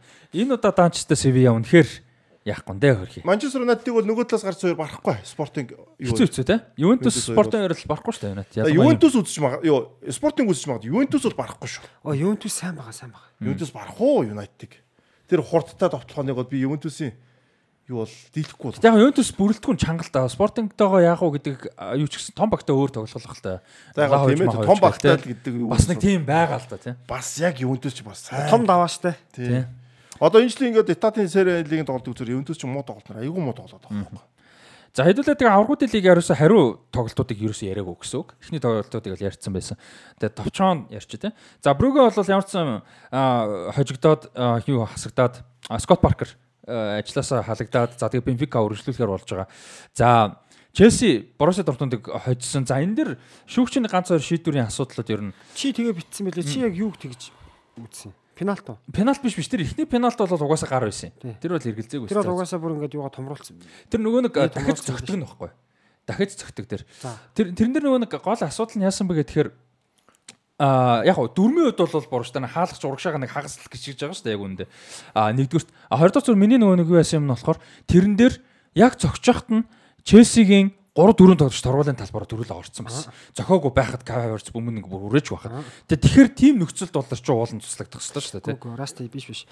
Тэр хаалгачаас болж тэгээгүй. Тэр хаалгач бол урагшаа гიშгэж болно зүгээр нэг нэг хөлн ч гэсэн хамааралтай байвал нөгөө хөл яач ч болно. А тэн дээр угаасаа дөрмөн дээр тийм баг. Хэдэн жилийн өмнө өөрчлөгдсөн дөрмөн дээр цуслагдана гэхээр шүү дээ ингэн зав. Челсигийн тоглогч нар орчин шүү дээ. Мм. Тэгээд цохоод хийсэн чигээгүй ч тэрийг бүр хураах байхгүй одоо. Тэгэхээр Дортмунд орцсон байхгүй тийм бас. Үзэр. Тэнгүүт ард нь байгаа тий. Тэгтээ хамт. Гэхдээ Нийт- орцсон. Нийт Гэхдээ орч орцсон. мэт тий. А тэнгүүт тэн дээр Кай Хавар цохоод орсон ч ороогүй ч зөвхөн Дортмунд н ороод орцсон тэмчин дахиж цохол. Тэр бол бас дөрмөр. А тэгээд юун дээр одоо яг дөрмийн дагуу нэг юм байгаа л да. Юу гэхээр хаалч нөө нэг гიშгтэй урагшаа гიშг гэх нэг өгдөг шүү дээ. Тэр дөрмөн дээр та хоёр юу гэж тэр нь зөв. Ер нь тийм дөрмөн байх шүү дээ. Одоо тэн дээр шин юм байгаа байхгүй. Хаалч гიშгэж бол нэг хөлөө. Зүгээр нэг хөл нь л хамааралтай байх шүү дээ. Шугамн дээр. Гიშггүй бол одоо энэ чинь бас нэг яг пенал цогтон тулаа зогсч үлээ. Урагшаа гарч таахгүй. Гүүгээ. Бас энийг ч бас нэг зогцуулж байгаа юм чинь л тэр байхгүй. Би чинь тэр нөө юун дээр тоглож хаалч нөө мазалгийн баяраа чи гарч ирээд айгүй юу юм бэлэн шүү дээ Хэцүү шүү дээ. Яг хаалч шөөдөсгүйгээр тэр талбайд багсчдаг. Хүн ч багсдаг. Тэ. За. Одоо тэм дээр чинь тоглогч анханасаа хаалга оноогүй бол дахиж зохих зөв жишээ. Зөв зөв зөв. Яг тэгэхээр тэр ч одоо яг ингэж үүсэх байхгүй юу. Ер нь бол одоо нэг хүн давчлаа штэ тий. Эсрэг багийн Челсигийнхэн давал тэр зохгүй штэ. Тий, Дортмундынхан тий, давчж байгаа байхгүй юу? Гэхдээ ер нь тэгэл ерөөсө дөрөн бол яг юм байхгүй юу. Юу вэ гэхээр тэр нэг 16-ын гадаа нэг юм бөөрнкий цаграг Тий. байгаа штэ. Энд чинь нөгөө 9.5 м л зай өгж байгаа. Тэр хүнийг цохох тэр одоо диаметр юу гэлээ радиусын л өгөх хэрэгтэй байхгүй юу ер нь. Одоо би ингээд цогч чахт энэгээр нэг орж ир нөлөөлнө гэж бас төвхтэй байхгүй. Одоо юутай адилхан ш та. Одоо ингээд хөл бөмбөнд үрж штэ тэ тэгэхэд орох хэрэгтэй байхгүй юу? Тэнгүүл нөгөө тоглолчтой зэрэг орж яагаад чинь даваад л үсгэж байгаа байхгүй юу? Одоо хамгаалж байгаа тааш тэл довтолж байгаа тааш бөмбөг буцаад ойж ирэхэд яах вэ? Цогч байгаа тоглолч өөрөө уг даваа талтай байх хэрэгтэй штэ тэ. Тэг даваа тал нь өөрт нь биш өөр тоглолч нар ороод ирэх боломж. Тэгэл расти одоо байгаа дөрөм л бол дөрөм байхгүй. Одоо тэр чи Челсигийнхээ орох нь тэр алдчихж байгаа шүү дээ тий. Алдах хэлбэл Челсигийнхээ ороход хамаагүй байхгүй. Дортмундынхаа орсон л бол ахиад зогсох байхгүй. Дортмунд өөртөө орох л ёсгүй. Дортмунд ороогүйсэн бол тэр чин яахгүй байхгүй. Челсигийнхээ Тий. орохтой хамаагүй байхгүй. Тэгээ дээрэс нь тоглолтын дээр Челси угаасаа илүү тоглосон л да. А хэрвээ оруулчих шүү дээ. Оруулчингууд Челсигийнхээ орчих юм бол дахиж одоо цохиулах ч юм уу тиймэрхүү юм гарч ирэх байхгүй тий. За тэгээд Дортмунд бол өмнө 1-0 харьцсан юмсан. Сая талбай дээр Челси 2 тийгээр хожоод га- цаашаа шалгарч байгаа. Гранд Поттерийн хувьд бол энэ агуу чухал ажил байсан. Тэгээ өмнө Лидсийг хожсон байсан. За тэгээд 21 Дортмунд- оног нэг бүтэн 20 оноохонд зайлуулдаг ч одоо. Хэд очоод Аа тэгээд Дортмундыг хожингууд араас нь сая Лестерийг хоцсон. Тэгээ одоо ингээ 3 тоглолт дараалал хожиж байгаа. Ер нь бол чухал. Ер нь энэ дунд нь нь баг хамгийн чухал хожил байж юу үгүй юу гэж зарим хүмүүс уу, яриад байсан. Челсигийн карьерийнх нь шүү. За а тэгээд Байер Мюнхен Paris Saint-Germain. За энийг ярих уу? За наа тоглолтын чинь Paris Saint-Germain уг нь бол их сайн тоглосон шүү дээ. Аа. Тэгээд өөртөө боломжуудаа алдсан. Тэр одоо нэг Фитини болоо хэм блэ? Витиня. Тэр одоо бүр ингээд аманд нь ингээд шар тус өгж явахтаа ингээд Зомри алдаа юу? тий. Тэр орцсон бол бас тоглолт өөр болно шүү тий. тэнд ерөөсө Парист юу хэрэгтэйс гол хэрэгтэйс. Гол орчих юм бол тоглолтыг эргүүлчих гэсэн. Тэгээд чадаагүй. За тэгээд Эрик Максим Чупомотин гол оруулсан тий. Тэгээд Чупамотинг сайн тоглогч байлаа шүү бас. Ер нь яг хөө тийм их хийдэг биш те. Левандовски одоо хин байдیں۔ Суарес энэ шиг бүр ингээд бөөнддөг бол хүн биш. Гэхдээ Хэдүүлээ яг ярьсан шүү ер дээ. нь бол хийчт юм байл шүү. Нөгөө Дрогбагийн арай жоохон левел доогуур хөлбраа гэд тий. Хэдүүлээ арай жоохон ер нь ойлгомжтой л оруулаа гэтээ ярьсан шүү Тий, дээ. тэр тэгээ нөө Вирати алдчихсан шүү тий. Тэгээ ер нь бол би Paris Saint-Germain-ийн тоглолтын одоо хожигдол ч юм уу юм юмнуудаар би бол ер нь бол дасгалжуулагч бол хагас хамгаалтын аюулгүй буруу зохион байгуулсан юм байна. Ер нь бол. Одоо Карлос Солер, Витиня ч юм уу тий. Вирати гуравтай энэ том багуудад тоглож байхгүй юм байна ерөөсөө. Фабиан Руиз бас Тий, тоглосон. Фабиан Рус ч Парис одоо хагас хамгаалт гологж байгаа ч те. Үнэхээр гологдож байгаа байхгүй. За Вирати бол Яг го сайн сайн. Гэтэ Тэгээ одоо Виратиг бас цаг нь болчиход. болчоод нэ Вирати эдэр явуулах хэрэгтэй байгаа байхгүй юу? Нэг бол Вератигийн хажууд тоглолтын нэм Одоо. Одоо явуулсан дэр. Үгүй. Виратиг бол явуулсан дэр. Одоо Вирати дэр Гавиг авах юм шүү тэгвэл. одоо одоо бодлоо Фабиан Рус, Карлос Солер, Витини энэ эдэр том багууд очиж гараанд гарч чадахгүй хүмүүс шүү дээ бүгдээрээ. Одоо Ямар ч багт очиж Парис тоглохгүй шүү Сен-Жермен дээ. төслийг ер нь юу гэж бодож байна? Одоо ер нь цаашдаа яах вэ? Одоо ер нь ингээд айгүй хэцүү болоод шүү дээ. Нэг бууж өхөө үгүй юу? Одоо Мбаппе бол Пар- Парис Олимпийн дараа үргэлжлүүлнэ гэдэг хэцүү. За Месси бол. Тийм, Месси одоо карьер Бараг энэ 100 ч явах гээд шүү дээ. Месси явлаа явлаагаа 2 жилийн дараа зодог тайлнаг бол. Тэгээ ер нь бол юу гэдэг зүгээр Мессид бол урт хугацаа бол байхгүй. Неймар ч гэсэн адилхан. За Неймар бол 27 урт дуустал гэрээтэй байгаа. Тэгээ Манкун сая яриа гарсан шүү дээ. Ер нь бол Манкун Парис Сен-Жерменс явахгүй байж байгаад зодог тайлах сонирхол бол байгаа. Тэр гэхдээ яг юуны цалинтай болоод бол цалин. Өөрийнхөө Өөр газар очиод тэгж цалин авах газар байхгүй. За За, одоо 27 хахад би хамраг бодож байгаа. 27 4 жил юм тий одоо. Тийм. Тий, тэгээд авах баг байхгүй шүү дээ. Дахиад 2 жил бол явахгүй нь бат болж байгаа байхгүй. Тэр хүний тийм өндөр. Неймарыг арай нэг сунгачаа тий. тий дунд нь сонгосон 2 ч баг сонгосон баг. Тийм ээ, хоёрт сунгасан байна. Тэгвэл шууд 10 жил хийнэ гэж байхгүй л дээ. Тий, тэгэхээр ер нь бол наа чи Парис алдсан байх шүү. бас. Яг хоо энэ төсөл яг хоо нэг буруу бол биш хөө өдөрч угаасан мөнгө гаргаад Гэтэ гол юм нь Champions League шүү дээ. Одоо ингээд дахиад 2 дахь жилдээ 16 тасалж одоо Манчестер Сити Champions League авах гол байна л Гэтэ яг Сити тийм. Гэтэ Сити бол юу гэдэг нэг Guardiola байгаад бүрэлдэхүүн бас нэг нэг итгэл найдвар байгаа байхгүй. Одоо чинь Ситиг төрүүлэх итгэл найдвар байна. Paris Saint-Germain-ийг төрүүлэх итгэл найдвар бол хэнд ч байхгүй. Гэтэ яг хоо байсан л байгаа. Байсан, Одоо энэ өдрөл бид нар одоо аргуудын гол бас юу гэж ярьж л байсан шүү. Одоо энэ дэр юу байгаа таахгүй нөө спортын нөө багийн тэнцвэрийг аягүй сайн зөв бүрдүүлэхгүй бол хамгаалалт товтлогоо нь хаалгач нь мундаг байдаг. Донорума дээр амар амт хагас нь одоо чи бодолтой. За за Вирати ч одоо том багт бол очиод тоглож чадахгүй яг үнд бол. Виратиг авахгүй том баг. Одоо тий. Тий, одоо бол авахгүй. Фабиан Руис, Карлос Солер, Витиния. Шигшээ багтаач багтдгүү. За Витиния нэг Португалийн шид нэг сэлгээгээр нэг оруулаад норохгүй орохгүй тийм нөхөр шүү дээ. Ийм нөхдүүдээр тоглохоор угаасаа яаж ч За энэ чи юу яагаад вэ? Түүхлээс хойш ер нь сайн дасгалж үзэж аваагүй. Тэгээ нөө түүхэл чинь удирдлагатайгаа зөрчилдөг. Ер нь ажиллаа хийдэг хүн чинь удирдлагатайгаа ер нь жоон тэгдэг аахгүй. Яг бол тэр хүн зүгээр ингээ хамаагүй би цалингаа аваад тэгсгээ байж ийгүүл тэхгүй шүү дээ. А түнгээ тараа одоо наад одоогийн коучийг бид нар угаасаа 100 ч гэсэн ярьж ирсэн шүү дээ. Жохон Галти. Тэгэл тий. Одоо наад хүн чи бага бүрдүүлж чадахгүй байна. Яг энэ хүний багийг бүрдүүлж өгөхгүй байна. Тэгээд Галти энэ баг баг бүрдүүдэд авч явах тасгал зүвсэл гэж мөн нөхлөр бас хэцүү байхгүй юу? Одоо Хэдүүлээ ярьж ирсэн аврагын лиг дээр Галти бараг л явахгүй шүү одоо фейлд шүү яг л фейлдж байгаа байхгүй? Тэгээ би бүрэлдэхүүн ингээд хараад тоглолтын нарахад угаасаа тэр төвөж Одоо яаж ч хэдүүлээ ярьдаг шиг яг Мбаппе, Месси гэж үлддэг юм одоо Неймар, Мбаппе гэдэг юм уу? Яг бүрэлдэхүүн болгож баг болгох л чухал байна л да тий. Одоо сая жишээ нь юу гэжсэн? Аа миний сонсдог нөгөө сэтгүүлчтэй нэг хүүхдэд дагуулад э, Paris Saint-Germain-ыг очиж үзсэн юм байна л да. Франц лигийн тоглолт. Тэгээ Неймар, Мбаппе, Месси үзүүлнэ энэ тэгэл тий хүүхдэдтэй. Тэгээ очиж айгүй сэтгэл одоо дундуурлалт гарсан юм байна л да. Яасан гэсэн амар хүлээлттэй байсан. Тийм тэгсэн чинь ерөөсө тэр гурав чинь цоон дээр зогсоол байдаг. Ерөөсө гуруулаа. Тэгээд баг нь га 8 л одоо ба- талбай дээр тоглогчдор бол долуулаа гэсэн үг шүү дээ хаалгаж байгаасаа тий долуулаа гүгээл байдаг хамгаалаад байдаг. Тэгээ муу багтаа тогсон гэж аахгүй. Тэгээ эцсийн дүнд 3 хөлөө 4-0-аар хоцсон. Нөгөө 3 нэгэ хуваагаа гол ийцэн. Гэтэ ямар ч тийм үзэхэд юм гоё ерөөсө биш. Тийм байсан гэдээ ярьж байгаа. Тэгээ яг зөв нэгдүгээр үзэхэд гоё шаа. Хоёрдугаар тийм чинь ингээ том тоглолтын дээр одоо ийм баврууд хэлийг тий. Ийм тоглолтын дээр тэр бол хэрэгжихгүй гэдгийг харж байгаа. Одоо яг тийм. Одоо яг 2 жилийн өмнө Парис ч нөгөө Сититэй аврагын лигийн шүгэн 8 таарад би бүр одоо тэр тоглолтыг бүр яг үзсэн чинь яг Месси байгаагүй. Неймар, Мбаппе хоёр ингээд яг ур зогсчихсон юм байна. Тэгээ нөгөө баг баг нь 4 4 2 гэж тоглолдог.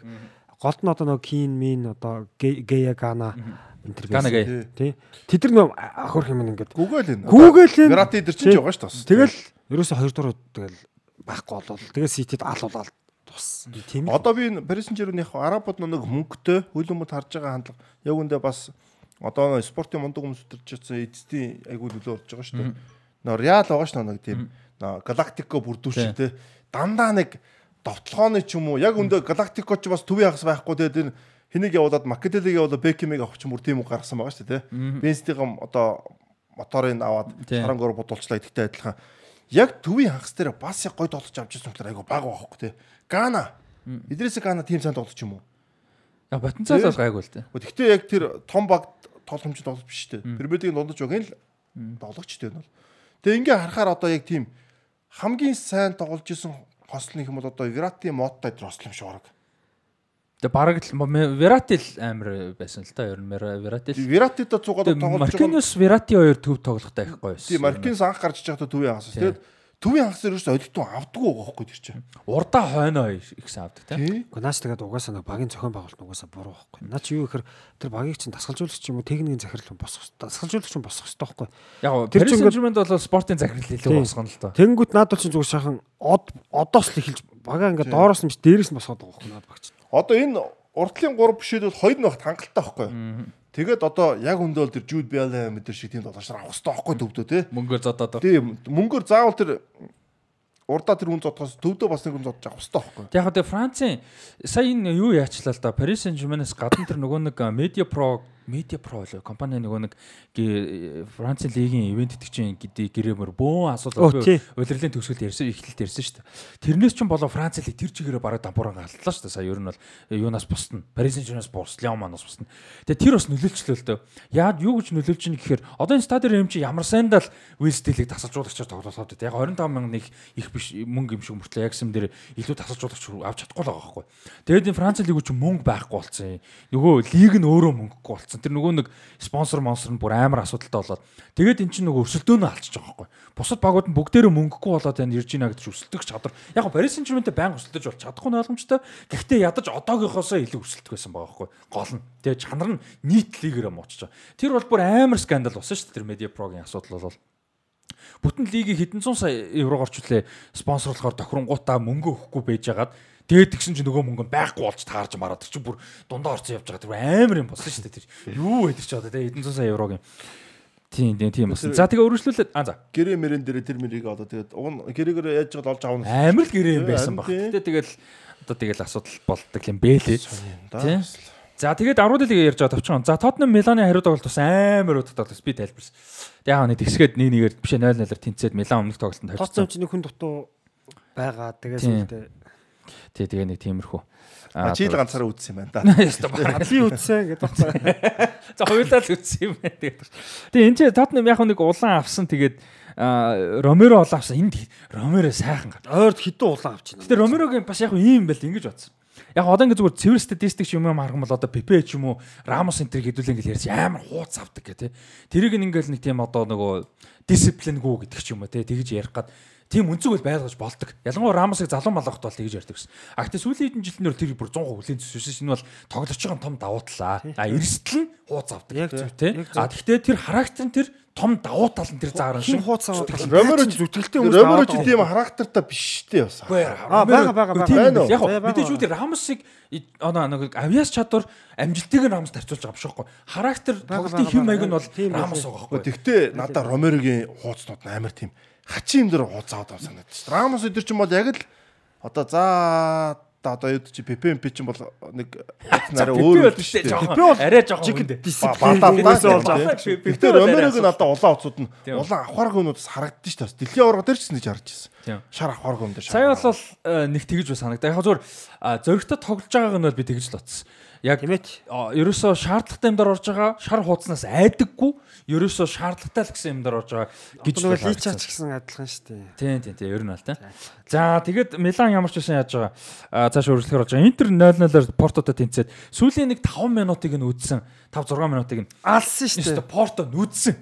Нэг удаа шон оноод нэг удаа дараалж шон хөндлөвч онсон шүү дээ. Хөндлөв шууд нэг давталгаагаар тийм. Дараас нь давталгаанаар. Тийм оноод нэг нь нөө нэг оноо хас оноо хас. Оноо нэг нь хаагаад нэг нь хааж чадаагүй хөндлөвч ороод. Тэрний хөндлөвч онд орж явсан бүгийг гаргаад. Груич нөгөө Марко Груич юм дээржсэн мөргөж хөндлөвч оноо тэгээ нэг нь орж явсан бөмбөгийг Дензел хэн Дензел? Оо. Думфрис Думфрис Думфрис ч орж явж байсан бөмбөгийг гаргаад та амар драм драм болсон тий Тэгээ ямар ч байсан Интер Милан ингээд 2005-аас 6 оноос хойш. Биш sorry 10 төрсөн шүү дээ 10 төрсөн 10 Дараа жил нь шүгэн нэмдэлдээ Шалке төжигдөө. Аа би сая юутай холцсон шүү. Наполид Наполи Милан Интерийг холчлаа уучлаарай. Интер бол тэрнээс хойш аврал хэлэхэд орсон шүү. Дөрүс юм чи. Sorry sorry. My bad. Тэгээ Интер ингээ шүгэн аа 8 орж байгаа. А тэгээ Сити Лайпцигийг 7-2-ээр хоцсон. За энэ ингээд түүх бүтээж байгаа тийм. А Эрлин Хааланд 5 гол хийсэн. Аврагууд лигийн хасагдах шатнд 5 гол оруулсан. 2 дахь тоглогч болж байгаа. Аврагууд лиг гэдэг нэртэй болсноос хойш нэг тоглолтод 5 гол оруулсан. 3 дахь тоглогч болж байгаа. За нэг нь бол мэдээж Баер Ливеркузны эсрэг шүгэ 16-ад Месси 5 гол оруулж ирсэн. За нөгөөх нь Луис Адриано а юунд Шахтарт багта а хэсгийн шатнд бол 5 гол нэг тоглолтод бас оруулж 5 ирсэн. голыг пентатрик гэж нэрлэдэг тийм. Тийм пентатрик, пентагон. Тэгээ 6 голыг дабл хэтрик гэдэг юм байлээ. Бас тийм байна тий. хексатрик гэхгүй л баг л та тийм. Хексатрик гэх юм. Долоог нь болохоор хаул трик гэдэг юм за. Тэгээд 8 8 бол байхгүй юм байлээ. Тийм юу Оо байгаа байгаа. Gexa trick мэрик гэд. Хекса ч 6. Аа 6. Хекс бол 6. Хөш Gexa. А гекса гэж юу? Тэр нь Hex юм уу? Хексийг л орсоор одоо орсод гээ А болгоцсон. тийм. Тийм. Гитлэржүүлсэн баг. Тэгээ тэр чинь бас дабл хэтрик гэдэг байгаа шүү дээ. Тийм. дав- Тийм тэгж бас хэлж байна тийм. Дабл хедер. А гэтээ ер нь статистик юм тооцохоор нэг 3 3-аас илүү зөв шууд хедрэг гэж тооцчих. Гэтээ нөгөө нэг яг одоо юу гэдэг тэр одоо pentatrick enter гэдэг хиллэг бол ер нь покер покерыг бол ярьдэн шүү дээ. ярианы хиллэг шүү дээ. Тийм ээ. Техник нөгөө юун дээр дандаа зүгээр л хедрэгээр дандаа тооцдог шүү дээ. Тэдний хедрэг Аа, оруулсан. тий. Яг техникл юун дээр дандаа тэгдэг. А зөвөр тайлбарын одоо ярианы хиллэг гэх юм уу хэлбүү. За тэгээ Лайпциг бол үнэхээр юм Покер чинь болоо. угаасаа хөзрийн юу шүү дээ. Тийм. Покер гэдэг дөрөв бидэг үстэй. Би чи сая өөрөө мэдэхгүй л дээ. Кид саналаа. Покероо тоглоом. За тэгээд Наполи Айнтрактыг 3-1 харьцаатаа буулгаж бас Наполид итгэл төгс байгаа. За ингээд Наполи шүгэн 8 шалгарснаар нэгдүгээр Наполи клуб түүхэндээ анх удаага Европын одоо аврагуудын лигийн түүхэнд юу яаж байгаа? Шүгэн 8 анх удаага. Оо тийм үү те? Тийм. За бид энийг нэг юм шалгаруу юу байгаагүй шалгаагүй байгаа нь Европын цом нэртэй шалгарч ирсэн үг нь мэдэхгүй байна. Аврагуудын лиг гэдэг буюу 92 оноос хойш анх удаага ямар ч байсан гэсэн. Марадонаг байх чинь нөө Европа лиг буюу хуучны Уефагийн цом. Уефагийн цом цомруулж гэсэн баг тийм. Ямар ч сан аврагуудын лиг бол түүхэнд 8 шүгэн 8 анх удаа гэсэн. Европын цомыг сайн мэдэхгүй байна. Бас бараг л баг мөн баг шүү. Аа тэгээд Угаасаа аврагуудын лигт их цөөхөн орсон юм чи. Тийм. За тэгээд Наполи ингээд аргууд лигийн шүгэн 8-д орж ирснээр 2005-аас 6 оноос хойш анх удаага шүгийн 8-д 3 Итали баг орж ирж байгаа. Дээрээс нь шалгарсан 8 багийн хамгийн олон буюу 3 баг нь Итали баг орж ирж байгаа. Барса дөрвөлдөж жил 3 үлдсэн байна тийм. Тэгэхээр энэ бас айгүй гоё тийм. Шүгийн 8-д Милан, Лионыг хождیں۔ Ювентус, Арсенал хожигдیں۔ Интер, Виарал хожигдیں. Тэгээ Виарал ч дараа нь Арсенал хожигдж байгаа шүү дээ. Рикел метр пенальти л хийчихсэн. За. За тэгээ Итали багт төсөөс наач юу яасан? Хүмүүс нэг юм анзаарахгүй болмоо. Италийн 3 баг шүү дээ. Гуруула шүгэн 16-ад 2 тоглолт хийсэн. Нийт 6 тоглолтод нэг ч гол авсан. тийм байсан. Нэг ч гол алдаг байсан. Тийм байсан те. бас бас их гоё юу те. Сайхан сайхан суулаад атсан л да манай гурвч бас те. Тэгсэн тэгсэн ер нь боломжийн суглаанууд шүү дээ. Ювентус Рома 2 доор байгаа. Тий. А Фиорентина конференц лигт байгаа. Италийн ингээ 6 клуб Европт байна да одоо. Шүгэн 8-д те. Бас гоё те. Нэг хэсэг Испанууд э, бүх тэмцээнүүдэд Европын тэмцээнүүд шүгэн 4 8-д бол айгүй олоолаа болддог гэсэн шүү дээ те. Ер нь бол одоо тэр 2018 оноос өмнөх бас нэг бараг л нэг 10 жил бол Испанчууд ер нь Европт их ноёлсон шүү. Тэгсэн тэгсэн. Дээшээ Барса Реал 2 орчин Атлетико доор Севиа нөгөө Виарал одоо юу Атлетико мотогоо Валенс Валенсиа. нэг хэсэг явдаг гэсэн шүү дээ. Валенси Интертайгаа гараад ирнэ Тийм. те бас. За тэгээд э, Ливерпул 5-2-оор хожигдсан байжгаад үр дүнг эргүүлэх шаардлагатай байсан. За тэгээд нэгт харцаатай хожигдсан. Тэгээд энэ тоглолтын дээр А би үдэж чадаагүй би муусан. Гэхдээ а статистикийг харсан чинь юу вэ? Реал чинь зүгээр бараг хожигдсэн багшаа тоглосон байл шүү дээ. Нийт хаалган зогсон цогөлт, хаалгаа онсон, тоглолтын XG, тэгээд нэг аюултай chance create гэдэг одоо боломж үүссэн. Бүр ингээд 5-0-оор хожигд 3-4-0-оор хожигдж байгаа бөмбөгцсөн юм шиг тоглосон байл шүү дээ. Бүр. Тэгээд энэ тоглолтыг үзсэн үү? Үзсэн үзсэн. Би ч үзлгүй байх багийнхан тоглолт тэгээд угаасаа тэл Реал лаг л гоё л хэлсэн шүү дээ Реал тий. Ливерпул дэг угаасаа гол оруулах боломжууд нь гаргаж ирснээр ашиглаж чадаагүй тэгэл. Дарвин нүнес нэг Да. тоглолт эхлээд алдсан шүү. Юу нь бол яг тэр тоглолт эхлээд 1 2 хийчих юм шал өөр болдсон шүү дээ. Яг зөв.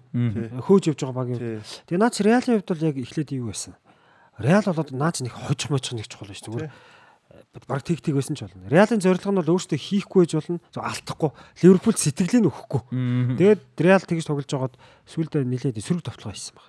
Тэгээ илүү гарцсан. Милитао хин хоёр бол юу хэлээ л те. Рудигер хамгаалт нар бол амар хэлээ. Тэгээ Наачо нөгөө зүүнд ороод ирэхээр Наачо ч угаасаа явдаггүй шүү дээ урагшаа. Тий. Наача баттай. Тэгээ тэгээд ингээд жигүүрээ довтлох чирэг байхгүй. Тэрүүгээр алдахгүй. Тэгээ Модрич кросс хоёр дунд нь тэгээд юу нь бол Реал Испаньол гэж би тайлбарлав. Гинц бодоодсэн чинь. 3-1 чи тайлбарсан. Тийм биш.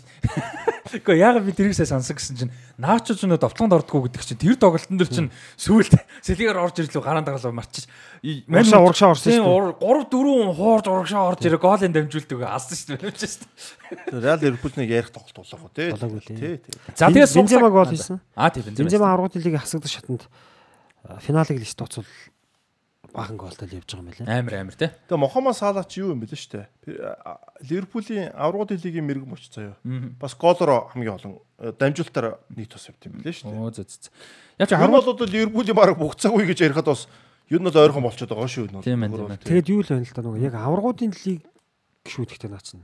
Одоо 92 оноос хойш тэр үе чи одоо юу гэдэг Ливерпул 90-ад он бас жоо уналттай муналттай үе их шүү Ливерпулийн цом гэвэл утгаалж. За тэрний өмнөхлөөр амар байгаа шүү дээ. Ямар Амар, ашигэн гинэ даалгад шийдэр бол Тэгтэл Сала бол бас те. Джон Барнс тий. гол нь Африк тоглогчтой ч чаа. Онцож байгаа юм дэрхгүй англи биш те. За тэгээд аврагууд лигийн суглаа сая өнөөдөр болсон. А ер нь за зүгээр яг юу юу таарсныг товчхон хэлчээ тэгээд сэтгэлээ. За Реал Мадрид Челсиэр. Манчестер Сити Байерн Мюнхен. За энэ дөрвийн хоорондоо хоцснууд нь.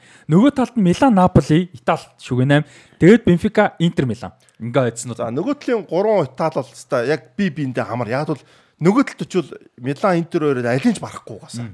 За яг Челсиг нэг тэгээ Челси ч одоо хожигдохгүй болсон шүү дээ. Угаасаа Сити, Байерн, Реалд бол угаасаа олон доор хожигдох магадлал өндөртэй. А тийм тэнгууд яг Наполиг энэ жил Интер хөдсөн шүү дээ. Милан талбайд орол халуусан тий. Одоо дараагийн тоглолтууд нь болов байгаа. Наполиго ядч надад явж харгалж чадахгүй байхгүй ядаж. Тэгтээ яг хуу Наполи бол Миланыг бол очиж байгаа. Тий. Тэгээд Интер Бенфика хоёр дээр бол Бенфикач гараад ирэх боломжтой шүү дээ. Боломжтой боломжтой. Аль альныхаа хувьд одоо нэг сайхан суулгаад татсан юм бол тий. Ер нь энэ аврагуудын лигийн нөгөө хоёр тал хуваагдаж байгаа шүү дээ. Тий. За одоо дөрөв том гэж хэлжүүл яадаг юм бол дөлөө За, ер нь ер нь тийм. нэг талд орсон шүү дээ. А тэгэнгүүт яг хаа Интер Милан ч одоо муугаа учраас те. Тэгэнгүүт яг нийт суглааны хувьд ингээ хоёр талд орсон нь ямар санагдаж байна. наатах ингэж байсан юм. Надад гоё ус. Нөгөө дөрв биш үү те. За хоорондоо таарах те. За ингэ салж байсан. Би тэгээ ерөн зүгээр Наполиг нэг том багтаа яаж тоглохыг үзье л гэж бодоодсэн. Бас яг тийм л. Наполиг Сититэй ч юм уу Байернтэй таарсан бол Реалтай ч юм уу Челситэй ч юм уу те. Бүр бас сонин. Суглаа бол надад бол яг өндөж өг сэтгэлд бол нэг. Наполи бол Ливерпулийг юм болгоогүй шүү дээ. Тийм тоглолтын дээр тий. Тийм. Наполи бол яг хоо Ливерпултэй ингээ олон тарж байгаа шүү дээ. Тэгээс За олон тийм. Сүүлийн 3 4 3 чудаа баг хэсэгт орсон баг шүү. Сүүлийн. Бараг л тийм. Тэгээ Наполиг арай өөр багтаа Байерн Байернтэй яаж тоглох бол үзье л гэж бодчихсон. Одоо Наполид бол наа чи финалд бол Наполи энэ жил үнэхээр одоо тийм од нэг Цоорж үлдсэн шүү дээ. Цоорж. Одоо тэгээд ийм байгаа байхгүй наа Наполи чи энэ жил ингээд энэ удирдлын дараа энэ бага хадгалж чадахгүй.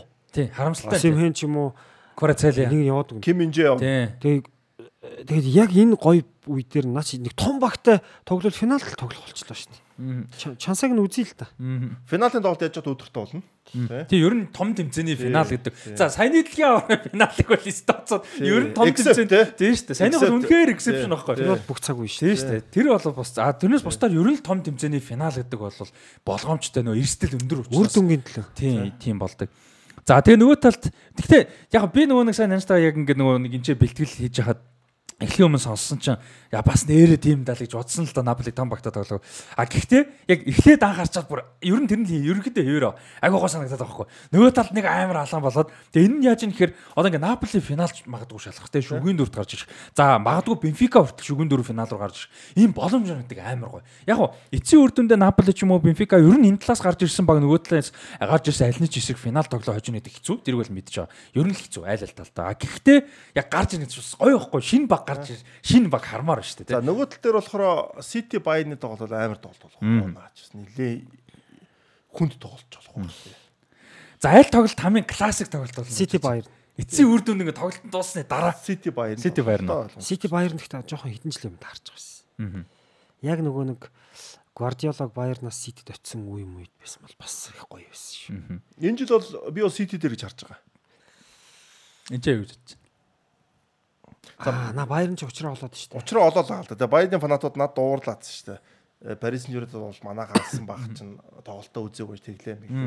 Яг гоо Bayern ч бас гоё байгаа ч гэсэн нэг тийм нөгөө талд нь илүү чатар нь байгаад байгаа байхгүй яг үндэ бол тий. Бас тийм биш юм билээ заа. Над бол тийм ч чи ер нь бол баг юм бэл. баг л да тэр ойлгомжтой тий. Тэгтээ яг юуд чи сая Paris Saint-Germain муу илээ. Юу City бол дундаа халуулахгүй шүү дээ. Bayern Мюнхний эсрэг бол. Дундаа. Парис Сен-Жермен бол яг үндэ бол бид нар ингээд нөө гой юмд нь хуурдсан байгаа байхгүй юу? Тэгэхээр төвийн асуудал нь үнэн байгаа. Одоо Ситигийн төвийн асуудал шал өөр орж ирж дээ. Баяр нь ч ер нь тэгээд реалтал таарахгүй бол ер нь л явцдаг баг дээ. Реал гэж нэг хэцүү баг байна те. За Реал Челси юу гэж Баяр ч тэгсэн мөрлөө Барсагаа нэг Бавд бодоо Бавд дээ. Бодоо тий. Ливерпул Тэр тоглолт гой тоглолт болно. За бас иргэд одоо Садиа Мане дээр ороод ирэн тэгэл За Ре- Реал Челси. Челси гоё болж байна бас тий. Тэгээ гоё ялч. Тэгээ одоо энэ дээр жинхэнэ стоноо тасалжуулагч юу гарах уу юу? Туршлага муршлага дутгах. Тэгтээ дутна. Зүгээр уушлаарай. Тэгтээ дутна уу. Реал ч яаж захт. Реал 2 жилийн Челсид хожигдсан. Аврагын лиг. Тэгтээ Реал бол нөхөр яг сөхөрч унахчихсан үе байхгүй. Ковидын жил маш их гинтл бэртэлтэй. А одоо бол Реал бол Ла Лигэч ер нь баг ингэсэн баг. Тэ одоо наа яг энэ жилдээ бол Реал гарч байгаа хөө. За одоо ингээд нөгөө нэг суглааны Реал Сити нэх юм уу? Аа тэгээд Баерн гарч ер нь баг Реал дахиад түрүү. Одоо ингэ харин би тэрийг асуух гэдэг. Одоо нөгөө нэг суглааны өмнө нөгөө магадлал гэдгсэн чинь Сити нэгт гээл те. Одоо юу гэдэг Сити Баер байнга л нэгдэж Реал. Баерн юу гээл ингээл нэг зүг яг нөгөө мэдээлж статистик. Реал нэг хоошоо байдаг те. Тий. 4 5 авруу те. Тэгсэн байсан шүү дээ. Тэнгүүд одоо суглаа гарч байгаа болоо тэр чинь шал өөр болчихно. Тэнгүүд энэ жилийн одоо ингээд суглаа гарсны дараа фаворит Реал? Юу юм? Одоо Сити лиг. Юу Сити дээр л байгаа юм нь бол. Тийм үү? Би тэгтээ хоёрт Наполиг хэлсэн шүү. А тийм ээ тий. Шууд Наполи. Наполид бол ер нь финалд үлдэх магадлал баг 50 одоо нэлээ Хамгийн өндөр болчихсон Хамгийн шүү өндөр дээ. нөр Наполи юм шүү. Тэгтээ энд алдсаж гарч ирээд энд амархан гарч ирээд финал дээр бол тэр алдсаж гарч ирсэн баг нь хождсон шүү. Угаасаа том баг финал дээр том баг л хөждөө угаасаа. Тэр бол магадлал айгүй өндөр байхгүй. Тэгээ дээрэс нь Наполи одоо юу яах шаардлага байна? Улирал тусал гимтэхгүй байх хэрэгтэй. Я яг хөө мэдээж бүрэлдэхүүн сайн гэдгийг хэдүүлээ зөндөө ирсэн. Гэхдээ хамгийн одоо жишээ нь Виг- аврагын лигт ялангуяа Осимгийн ч юм уу Кварацгалиг гимтгүүл айгүй хэцүү. Ким инжи ч юм уу. Тийм энэ яг хөө тэр хэд байхгүй багт сериад бол дажгүй явцсан зарим нь байхгүй бах та. Гэхдээ аврагын лиг гэдэг чинь шал өөр. тийм. Аврагын дэлхийд угаасаа бүх голууд нь бэж одоо над бүтэн хүчээрээ Милан Интер хоёр чинь ч гэсэнтэй аврагын дэлхийд дээр Наполигээс шал өөр тоглоно. Тийм. Шал. Шал. Милан тэр өдрлийнх нь 4-0 төллөө. Тийм шүү дээ. Одоо шал өөр шүү. Тийм Милан тоглохгүй шүү дээ. Шал өөр тоглоно. Милан дээрээс нь Интерээс илүү аюултай нь хурдтай Милан. Интер ч хурд хэцүү.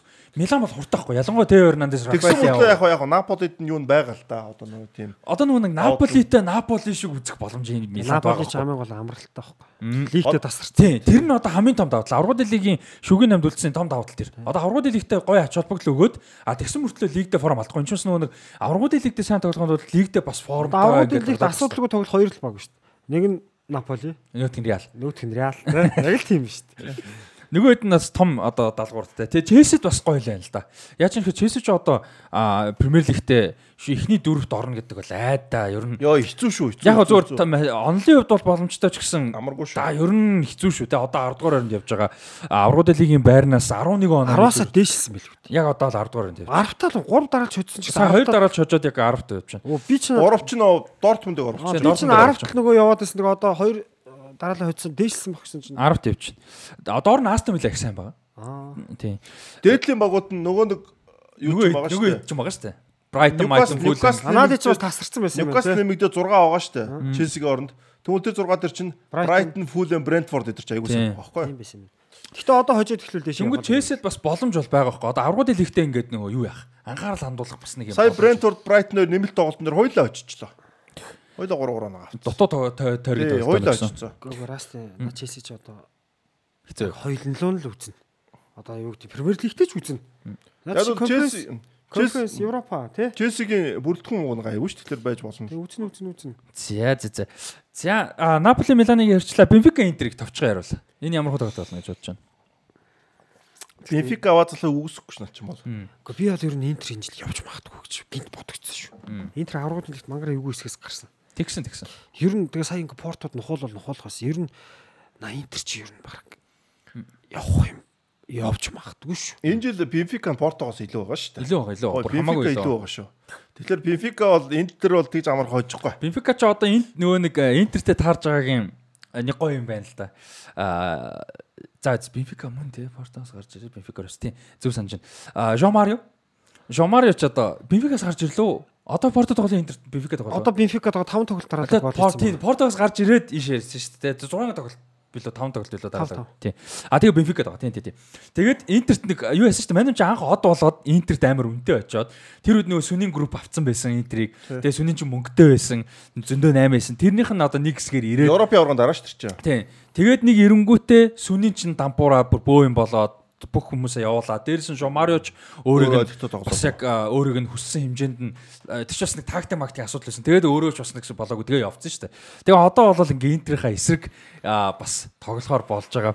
Тэгээ их илүү сайн формтой юм байгаа. Тэгээд яг нөгөө нэг Италийн юу хийсэн бэлээ Интерийн фэнүүд бол Жомарод айгүй ихтгэл их төрүүлж исэн айгүй юм ихтгэл найдварж харж исэн шинэ ихтэлтэй нөө сүнийн чи ирээд шинэ эзэд байсан тэгээд нөгөө одоо трейдмарк одоо юу гэдэм бэ гол 8-уудын нэг те одоо мудрик энтер гэдэг шигтэй шинэ эзэдийн шинэ гол 8-уудын нэг гэж харж исэн болол тэгээд болоогоо тэгээ явах нь 40 сая маяг үрчил. Юу Тэгээд 40 50 сая бас үнэтэй бас үнэ 40 сая Тийм, тэгээд Жон Марио ирээд явсан чинь Чао Марио болсон гэдэг байна. Тийм, Чао Марио болсон. Жоо марио, чао марио. Тийм, Жон Марио, Чао Марио. Чао Чао гэж бас сайн уу ч гэсэн үг юм билээ шүү дээ. Баяртай сайн хоёлаа юм билээ шүү. Нөгөө Баяр нь нөгөө Лациото таарсан. Санаж байна. Аврагын лигийн суглаан дээр 2 жил юм гэснээр зүгээр сайн уу гэхэл нэг Чао Лацио гэсэн чинь хүмүүс Баяртай Лацио гэж юм дээ. Ямар онгороо байна гэдэг тий. Тийм, Чао ч зүгээр айл айл нах. Тийм байна. Гиснээс амар сони Италиар Мюнхнийг Монако гэдэг юм бэл шүү. Бүр яг Монако гэж үздэг юм бэл. Мюнхнийг амар сонь зэв. Тэгсэн чинь нөгөө газетад дэл спорт эдэр дээр ингээ нөгөө суглаа муглаа юм онгот Монако гэдэг. Тэгвэл хүү юу Монако ч юу гэж яваа гэдэг Мюнх Тийм гэдэг. тий. Италиар тэгдэг. Яваасаа Мюнхен ч өөрөө айгүй олон Мюниш Мюних, Мюнхен гэдэг. тий айгүй олон. Одоо бидний Мюнхен гэдэг чинь бол англи дуудлага нь шүү Тий. дээ. тий. Мюних чинь герман дуудлага шиг байгаа одоо. Мюниш ч юм уу. Тий. Тэгсэн чинь Италиар Монако гэдэг юм байл шүү. Тэгээ бүр аа, амар инээдтэй ясаас андарсаас. За энэ үрээд 10 дэлэг дээр нэмэх зүйл байгаа. Энэ жилийн 10 дэлэг дээр.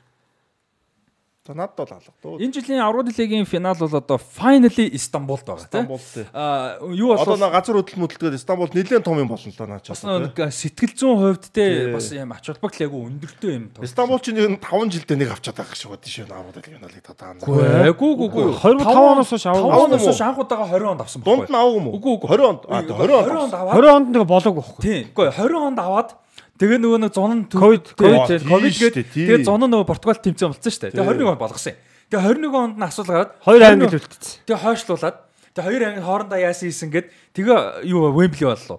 Тэгэнгүүтээ 20 Биш тэгээд Португал бас- дахиад Португал болчихлоо. Эний тиймэрхүү юм. А Биш 20 онд чинь юу байсан байхгүй. Португал тэмцээн болсон юм. Шүгний 8. А Европа лиг Германд болсон тийм. Шүгний Тэнгүүтээ 21 онд чинь дахиад Португалд шүлээ Англид болсон байхгүй. Би дахиад Португал нэг болсон. Тийм. Болсон гэж дод Стамбул ч ямар ойрхон авт юм. Ямар ч заяа юу яагаад нэг Стамбул чинь ингээд баян ингээд байгаад байгаа болохоор тийм Тийм, ямар ч юм гэсэн байхгүй. 20 онд Аваад байсан. шиг үсэн тий. Тэрнээс хойш 20 21 22 онд хоёр удаа Португалд нэг нь нөгөө шүгний 8-тай тэмцээн. Нөгөөд нь инженерээ финалд а тэгээ нөгөөд нь Англид болсон. А тэгэд Истанбул чинь тэр болгондоо нэг нэг жил хойшлаадсан байхгүй. 20 байж байгаа 21 бол 21 байж Одоо энэ жил болчихж байгаа. Түрүү жил Парист болсон шүү дээ. А тийм шүү дээ. Парис. Вембли тэгвэл болоогүй юм. Би Вембли нөгөө хүмүүс бус тэмцээнд орж чадахгүй тоглолт таваашлаа. Өнөр тэрнээс яасан бэл шүү. Ливерпулийн фэнүүдийн тактик төлбөрийг буцаасан бэлээ UEFA-гаас. Буцаага шийдвэр гаргасан бэлээ. Ливерпулийн маш олон фэнүүд нь хууль ёсоор бүр хойгорсон гэж үзсэн бэлээ. Орж удаагүй. Тэг чи бөө асуулт болсон шүү дээ. Тийм. А тийм тэгээд ямар ч үсэн юу байгаа те. А 6 сарын 10-нд Стамбул Истанбулд. тийж 5 онд авсан тий. Тэгээ сая нэг хэдэн жилийн өмнө Стамбул автсан Тэгээ тийг санагдахгүй тий. Яг тэг санаад байна. Тэгээ энэ жил манай монголчуудад бас айгүй гой боломж гарч ийн гэж харагдаад байна. Яасан гэхээр турк ч манай монголчууд их байдаг. Дээрээс нь турк руу явах боломж бас их Оо би байдаг. нэг аялал хийх гээ бас үзэл байгаа гэлтэй. Тийм боломж бас их байдаг. Тэнгүүт чинь аврагууд лигийн финал Истанбул. Бид нар визгүй. Тэг яг билетээ олдох уугүй гэдэг л асуудал байгаа. Билет асуудал мөнгө нь байвал олдох байх л та. А тэгэнгүүт Европа лигийн финал Будапешт. Унгарт монголчууд Унгарт их байдаг тийм. Ихгүй байдэн шүү дээ. Тийм. Тэгээ очих явах боломж бас тодорхой хэмжээнд бол байдаг тийм. Аа тэгтээ хэцүү Европын холбооны виз өнгөл бас амаргүй шүү. тэгтээ юу гэдэг баруун Европ, Европ гэдэл бол араас арайгаа Тий. байхгүй. А Манайхан тэгээд конференц лигийн юу финал чигт. Ингээд энэ жил. А Унгарын визний юу энэ жилдээ баг байхгүй цаг байхгүй шүү. Уу ерөөсөө Европын юмнууд тийм байгаа. тийм байна. Намар хүртэл байх. Чех гайгүй. За энэчнээс за энэчнээс биш юм ах зүгээр ямар ч сан монголчууд ихтэй газар тал болоод байгаа байхгүй юу? Миний хэлэх гэдэг point нь. Ягаад тэлэр тий point нь тийм. Тэгтээ нэг Унгар руу ягаад тэлэр одоо монголч нэг яг тийм нэг юу руу орчод байна л та. Эдийн засаг өсөөд нэг хүмүүс нэг Монгол руу ирсэн шүү дээ. Одоо буцаад явах тийм давлгаа гарч. Яг бол Монголд амьдрахад итгэл найдвар айгу баг. Одоо нуус төр эдийн засаг те цалин байлын ажилтгууд линээс л нөө гадны орны визүүд рүү их юу авдаг болсон монголчууд. Тэгсэн чинь Унгар нөө ажилчдаараа тийм ээ. Тэгвэл нэг айгүй олон хүмүүс чи Америк руу чи Англи руу чи Австрали явж чадахгүй юм зөндөө байгаа шүү дээ. Ма их маасан те. Тэдэрлүү чи хамгийн явах одоо сонголт нь одоо Солонгосын дараах нь Унгар Польш байгаа байхгүй. Тэнд ажил хийгээд цалин авна. Тийм. Тэгээд ажиллах. ямар ч гэсэн монголчууд их байдаг гурван газарт. Ямар ч байгаа монголчууд бол бүр гоё тий. Аа юу яхах нь гурван финал ингээ болж. Тэгэд заавал дэмждэг баг үгүй гэлтгүй одоо Чех, Унгар, Туркд амьдардаг монголчууд маань бол бас үзхийг бодоорой тий боломж нь олддог бол чадвар нь байдаг бол гоё шүү дээ. Энэ бол түүхэн ийм гоё юмнууд дахиад давхцаач үгүй ч үү тий. Манай анархуу нэг Италид байсан шүү дээ. Италид авч нэг юуны финалыг үзсэн шүү дээ. Ромд босон финалч одоо хэдэн оны финал? 8 оны. 11 он. 9 оны финал. 9 оных нь Ромд лөө. Ром Манчестер Юнайтед Барселона шүү дээ тий. Барса мөн үү? Челси а тэр чинь Москва шүү дээ. Тий, тий. Барса юу тийм байхгүй. Манчестер Юнайтед Барса 9 онд Ромд Цаа финал. чин финал юуг нь авчаад тэгсэн чинь тоглолт үзэхөөс чинь 8000 евро болсон гэж шүү билет нь. Аа. Тэгээд зархуу болох уу зархуу болох уу гэж тоглолт үзсэн гэж байгаа байхгүй. Тэр чи одоо хэд дэх үсцэн тэ дээр авсан. Би марччих цаа чи өөрөө нэг хэлжсэн ямарчсан. Тэр ямарчсан билет бол амар үнэтэй болд юм лээ. Манай нэг давгаах чинь Еврогийн үеэр ковидын үеэр Лондонд очсон, Вемблид очсон. Финал тасалбараа бүр 20 оны ихээр захиалсан гэж байгаа. Аа. Нөгөө нэг ковид үед гарахаас өмнө тэгээд очсон чинь бүр Итали англи тоглох гээд билет олдохгүй. За баг зарчмал баг нэг байрны үнээр зарах байсан. Тэгээд тэгээд бодж бодж байгаа. За за юу зов зов жин дэр чи тэгээд тоглолт өгдсөн байл шүү дээ. За энэ үрээд өндөрлөх үү? Эхний хэсгийг. За үзэж байгаа сонсож байгаа хүмүүстээ баярлалаа. Энэ үрээд Шого Брентэй шоу подкастын 37 дугаар дугаарын аа, эхний хэсэг өндөрлж байна. А ерөнхий үддэгч MMS-ийн хамт олондоо баярлалаа та бүхэн 7711 19 99 дугаараар эсвэл сурцэг юм байна. А вебсайтаас мэдээлэл авах боломжтой байгаа. Jogo Bonito Show podcast-ийн анхны бүрийн сизны анхны одоо бүрийн сизны спонсор байгаа. Тэгээ MMS-ийн хамт олондоо баярлалаа та бүхэн бас Green Building төсөлтэй танилццаагаараа их сонирхолтой төсөл байгаа шүү. За тэгээд энэ үрээд э, бид завсарлаа тэгээ 2 дугаар хэсэг рүү орцгоё. цаг хугацаа өнгөрөвч үн цэн үлдэн. Хүчний дэвшилтэд шийдэл бүхий бүтээгдэхүүнүүдийг төслийн аль ч үе шатанд эцсийн хэрэглэгчдэд зориулан тасралтгүй ханган нийлүүлж байна. Мэргэжлийн ур чадвар салбарын туршлага мэдлэгтэй тулгуурлан оновчтой шийдлийг харилцагч бүртээ санал болгон байнгын эргэх холбоотой ажиллаж урт хугацааны үнцнийг хамтдаа бүтээдэг. Бид улс орныхоо хөгжлийн суурь болсон дэм байгуулалтын салбар бүрт дэвшилтэт технологи болон чанарын илэрхийлэл болсон бүтээгдэхүүний шийдлийг нэвтрүүлж харилцагч бүрийнхээ мэдрэлийн дан ажилдгаараа бахархдаг. Эрчим хүчний бараа бүтээгдэхүүн хангам нийлүүлэгч MMS Яг болж байгаадаа таатай байна үзэгч сонсогчдоо Bonito Show podcast-ийн 37 дугаар үргэлжилж байна. За өнөөдрийн дугаараа 20 дугаар хэсгээр бол нэгэн сонирхолтой сэдв сонгосомаа дөнгөж саяхан одоо FIFA буюу олон улсын хөлбөмбөгийн холбооны 37 дугаар 37 дугаар удаа 73 дахь 37 дахь дугаар шүү дээ. А 37 дугаар 73 дахь нэмэж нэ. Аа Сойш амар тааруулах юм аа. Дээр бас юу тааруулсан байлаа. Бас нэг юм тааруулсан. 73 цотагийн конгресс болж өнгөрсөн. За энэ конгрессийн өрөөнд бол одоо 2026 оны дэлхийн аваргын форматыг за клубын дэлхийн аваргыг за дээрэс нь клубын дэлхийн аваргаас гадна жил болгон болох клубүүдийн бас нэг тэмцээн шин тэмцээн гэх мэт иймэрхүү зүйлүүдийг зарлж за заримыг нь зарлсан зарим нь аль хэдийн тодорхой одоо яриа гарцсан байсан зүйлийг одоо баталж те юм тодорхойлгосон ийм зүйл бол болсон. За ер нь конгресс дээр юу юу болсон бэ? Конгресс ямар ач холбогдолтой юм гэдэг талаар мэдээлэл. За конгресс буюу их хурл гэдэг зүйл бол мэдээж ач холбогдолтой. Олон улсын хөлбөмбөгийн холбоо бол дөрмөөрөө жил болгон их хурл хийж байгаа. За 4 жилд нэг удаа сонголт их хурл явж байгаа. За яг энэ Руандагийн нийслэл Кигали те. Кигали хотод болсон энэ их хурл бол сонгуульт их хурл байсан. Олон улсын хөлбөмбөгийн холбооны ерөнхийлөгчийг сонгох байсан. Гэхдээ ерөнхийлөгчийн сонгуульт одоо ганцхан нэр дэвшигч өршөлдсөн. Энэ нь бол одоогийн олон улсын хөлбөмбөгийн холбооны ерөнхийлөгч Жаны Инфантино ганцаараа байгаа тэгээд сонгогдсон. За Инфантиногийн хувьд бол ингээд FIFA-г бол 3 дахь удирдах гин гэж ерөнхийдөө хэлж болно. 2015 онд Sepp Blatter сонгогдсон.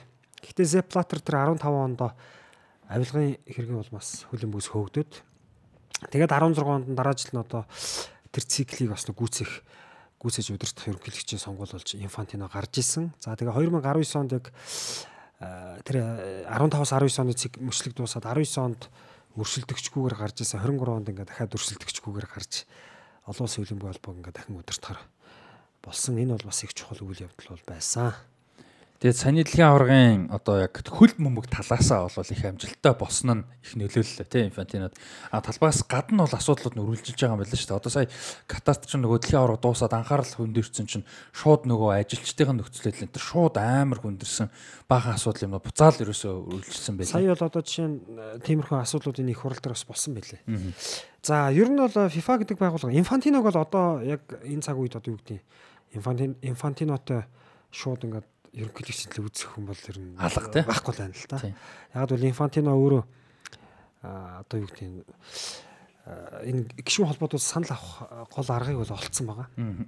За энэ юу вэ гэхээр FIFA гэдэг энэ том байгууллага ер нь орлогоо яаж бүрдүүлд юм бэ гэж э, дөрвөн жилийн ингээд мөчлөгөөр явд юм байна л да. Одоо дөрвөн дөрөв дөрвөн жилээр за дөрвөн жилийн мөчлөгийн одоо нийт орлогын 90 гаруй хувийг нь эрэгтэйчүүдийн дэлхийн аварга шалруулах тэмцээнээс л олд юм байна.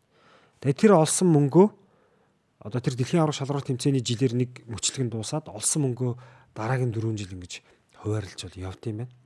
За тэгээд өнгөрсөн Катарт бас дэлхийн аварга шалралт тэмцээн ашиг орлогын хувьд бол бас өмнөх өмнөх тэмцээнүүдийг давсан. Тэгээд их ашиг орлого олсон. За тэгээд Инфантино бол 2016 онд ерөнхийлөгчийн сонгуульд өрсөлдөхдөө энэ гишүүн холбоод өгж байгаа санхүүжилтийг нэмнэ гэдэг юу тавьж. Одоо өмнө авдаг байсан санхүүжилтийн хэмжээг бол хоёр дахин нэмнэ шүү гэдэг мөрийн хөтөлбөрөөр гаргаж өршөлдөж ялж исэн. За одоо бол ингээ Infantino FIFA Forward 3 гэдэг төсөл ингээд өнгөрсөн 12 дугаар сард буюу дэлхийн аврал шалралт тэмцээний дараагаас эхлээд хэрэгжиж байгаа. Одоогор бол ингээ энэ санхүүжилтийн улмаас бол багууд Infantino ерөнхийлөгч болохоос өмнө авдаг байсан санхүүжилтийг 3 дахин нугалж авах тийм боломж бол ингээ бүрдсэн. Тэгээ мэдээж FIFA-гийн бас нэг том судалгаа байгаа л да. Одоо ингээд Infantino дэлхийн аврал шалралт тэмцээний багуудын тоог олон болгоол те ингээд ингээд явж байгаа. Энэ бол яа харахгүй нэг бас нөгөө бодлын мөнгөө нэмэх гээд байна. За FIFA-гийн санхүүжилт гэдэг зүйл байхгүй бол FIFA-гийн гишүүн 211 улсын 80 гаруй хувь нь ерөөсөө э, оршин тогтнох чадахгүй байна. Ерөөсөө тийм судалгаа гарсан байна. Тэгээд нэг тийм тийм том чухал үйл явдал бол сая боллоо. За тэгээд аа, санийх бол одоо удирдлага систем тал дээр. За хөлбөмбөг яг одоо тоглолт тэмцээн тий спорт гэдэг тал дээр ямар зүйлүүд гарсан байл. За гурван зүйлийг зарласан. Нэг нь бол 2026 оны дэлхийн аваргын форматыг За тэрийг бодохгүй ярина. За тэрнээс өмнө ярих нь бол клубүүдийн одоо клубүүдийн дэлхийн аварга гэж тэмцээнийг бол 25 онд болно гэдгийг бол аль биесээр зарласан. За энд бол ингээ бүх конфедерашнуудаас оролцсон тий. Ингээ клубийн дэлхийн аварга гэдэг тэмцээн 4 жилд нэг удаа хийнэ. 32 багтаа л тий. 32. Тийм 32 багтаа ингээ 4 жил нэг хийнэ. Ингээ шалгуураар ингээд ингээд явнаа гэдэг чинь. За энэ дэр нэмээд нэг сюрприз одоо тэмцээн зарласан. За тэр нь бол одоогийн байдлаар нэр бол байхгүй 24 оноос эхэлнэ гэдэг ерөөсөө нэг юу л өгсөн. Юу нь одоо ойл тодорхой нэг юм л өгсөн түүнээс ерөөсөө юу байхгүй албасны нэр яаж одоо урьдчилан сатмат юм нь яаж байгаа бүүм бэ? Одоогондоо юм зарлаа одоо юу яхаар зарлаа гэдэг ч байгаа. Тэр нь тодорхой болохоор тэрний өгөхөр 24 оноос эхлээд жил болгон клубүүдийн одоо нэг юм тэмцээн явна гэж. За тэр нь юу ах вэ гэхээр Хойд Америк, Өмнөд Америк, Аз, Африк одоо Ошения гэж байгаа тийм. За ингээд Ошения гэсэн энэ 5 твийн конфедерацаас э, твүүдийнхээ аваргууд нь бүгд гарч ирээд тэр 5 нь твүүдийнхээ аваргууд хоорондоо тавуулаа хоорондоо өрсөлдөөд Зургуулаа биш үү? үгүй тавуулаа. Тэр таваас нэг нь ялна штэ. Тэр ясна нь UEFA-гийн буюу Champions League аврагтай хоорондоо үзнэ. Champions League авраг баг шууд финалд үлдэнэ гэсэн үг. Ерөөсөө шууд. А нөгөө тав нь хоорондоо өсөлтөд нэг ясна нь юу юм бэлээ? Champions League аврагтай өрсөлдөнө. Ийм тэмцээн бол одоо энийг клубын дэлхийн авраг гэж нэрлэхгүй.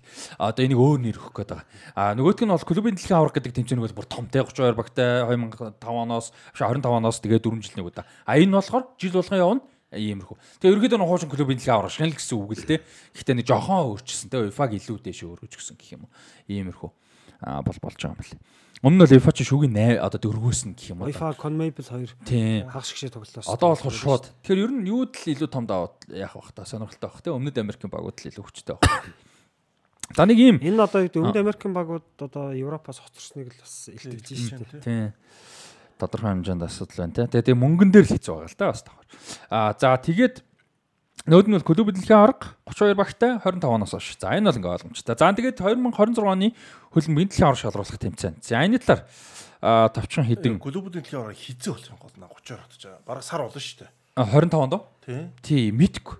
Одоо тэгэл наа чин юу аврагууд хэлийг дуусаад Дэлхийн шүү 100 явах нь шүү дээ. Одоо тэгэх гээд. Тэгээ одоо ерөөсө хоосон 100 гэж байхгүй боллоо шүү дээ. Олимп за одоо олимп л одоо нэг зарим тоглогчдыг амраахан тий. Олимптэй зам бол том хөлбөмбөгийн тэмцээн болохгүй шүү дээ FIFA-гийн. FIFA FIFA л хийхгүй шүү дээ.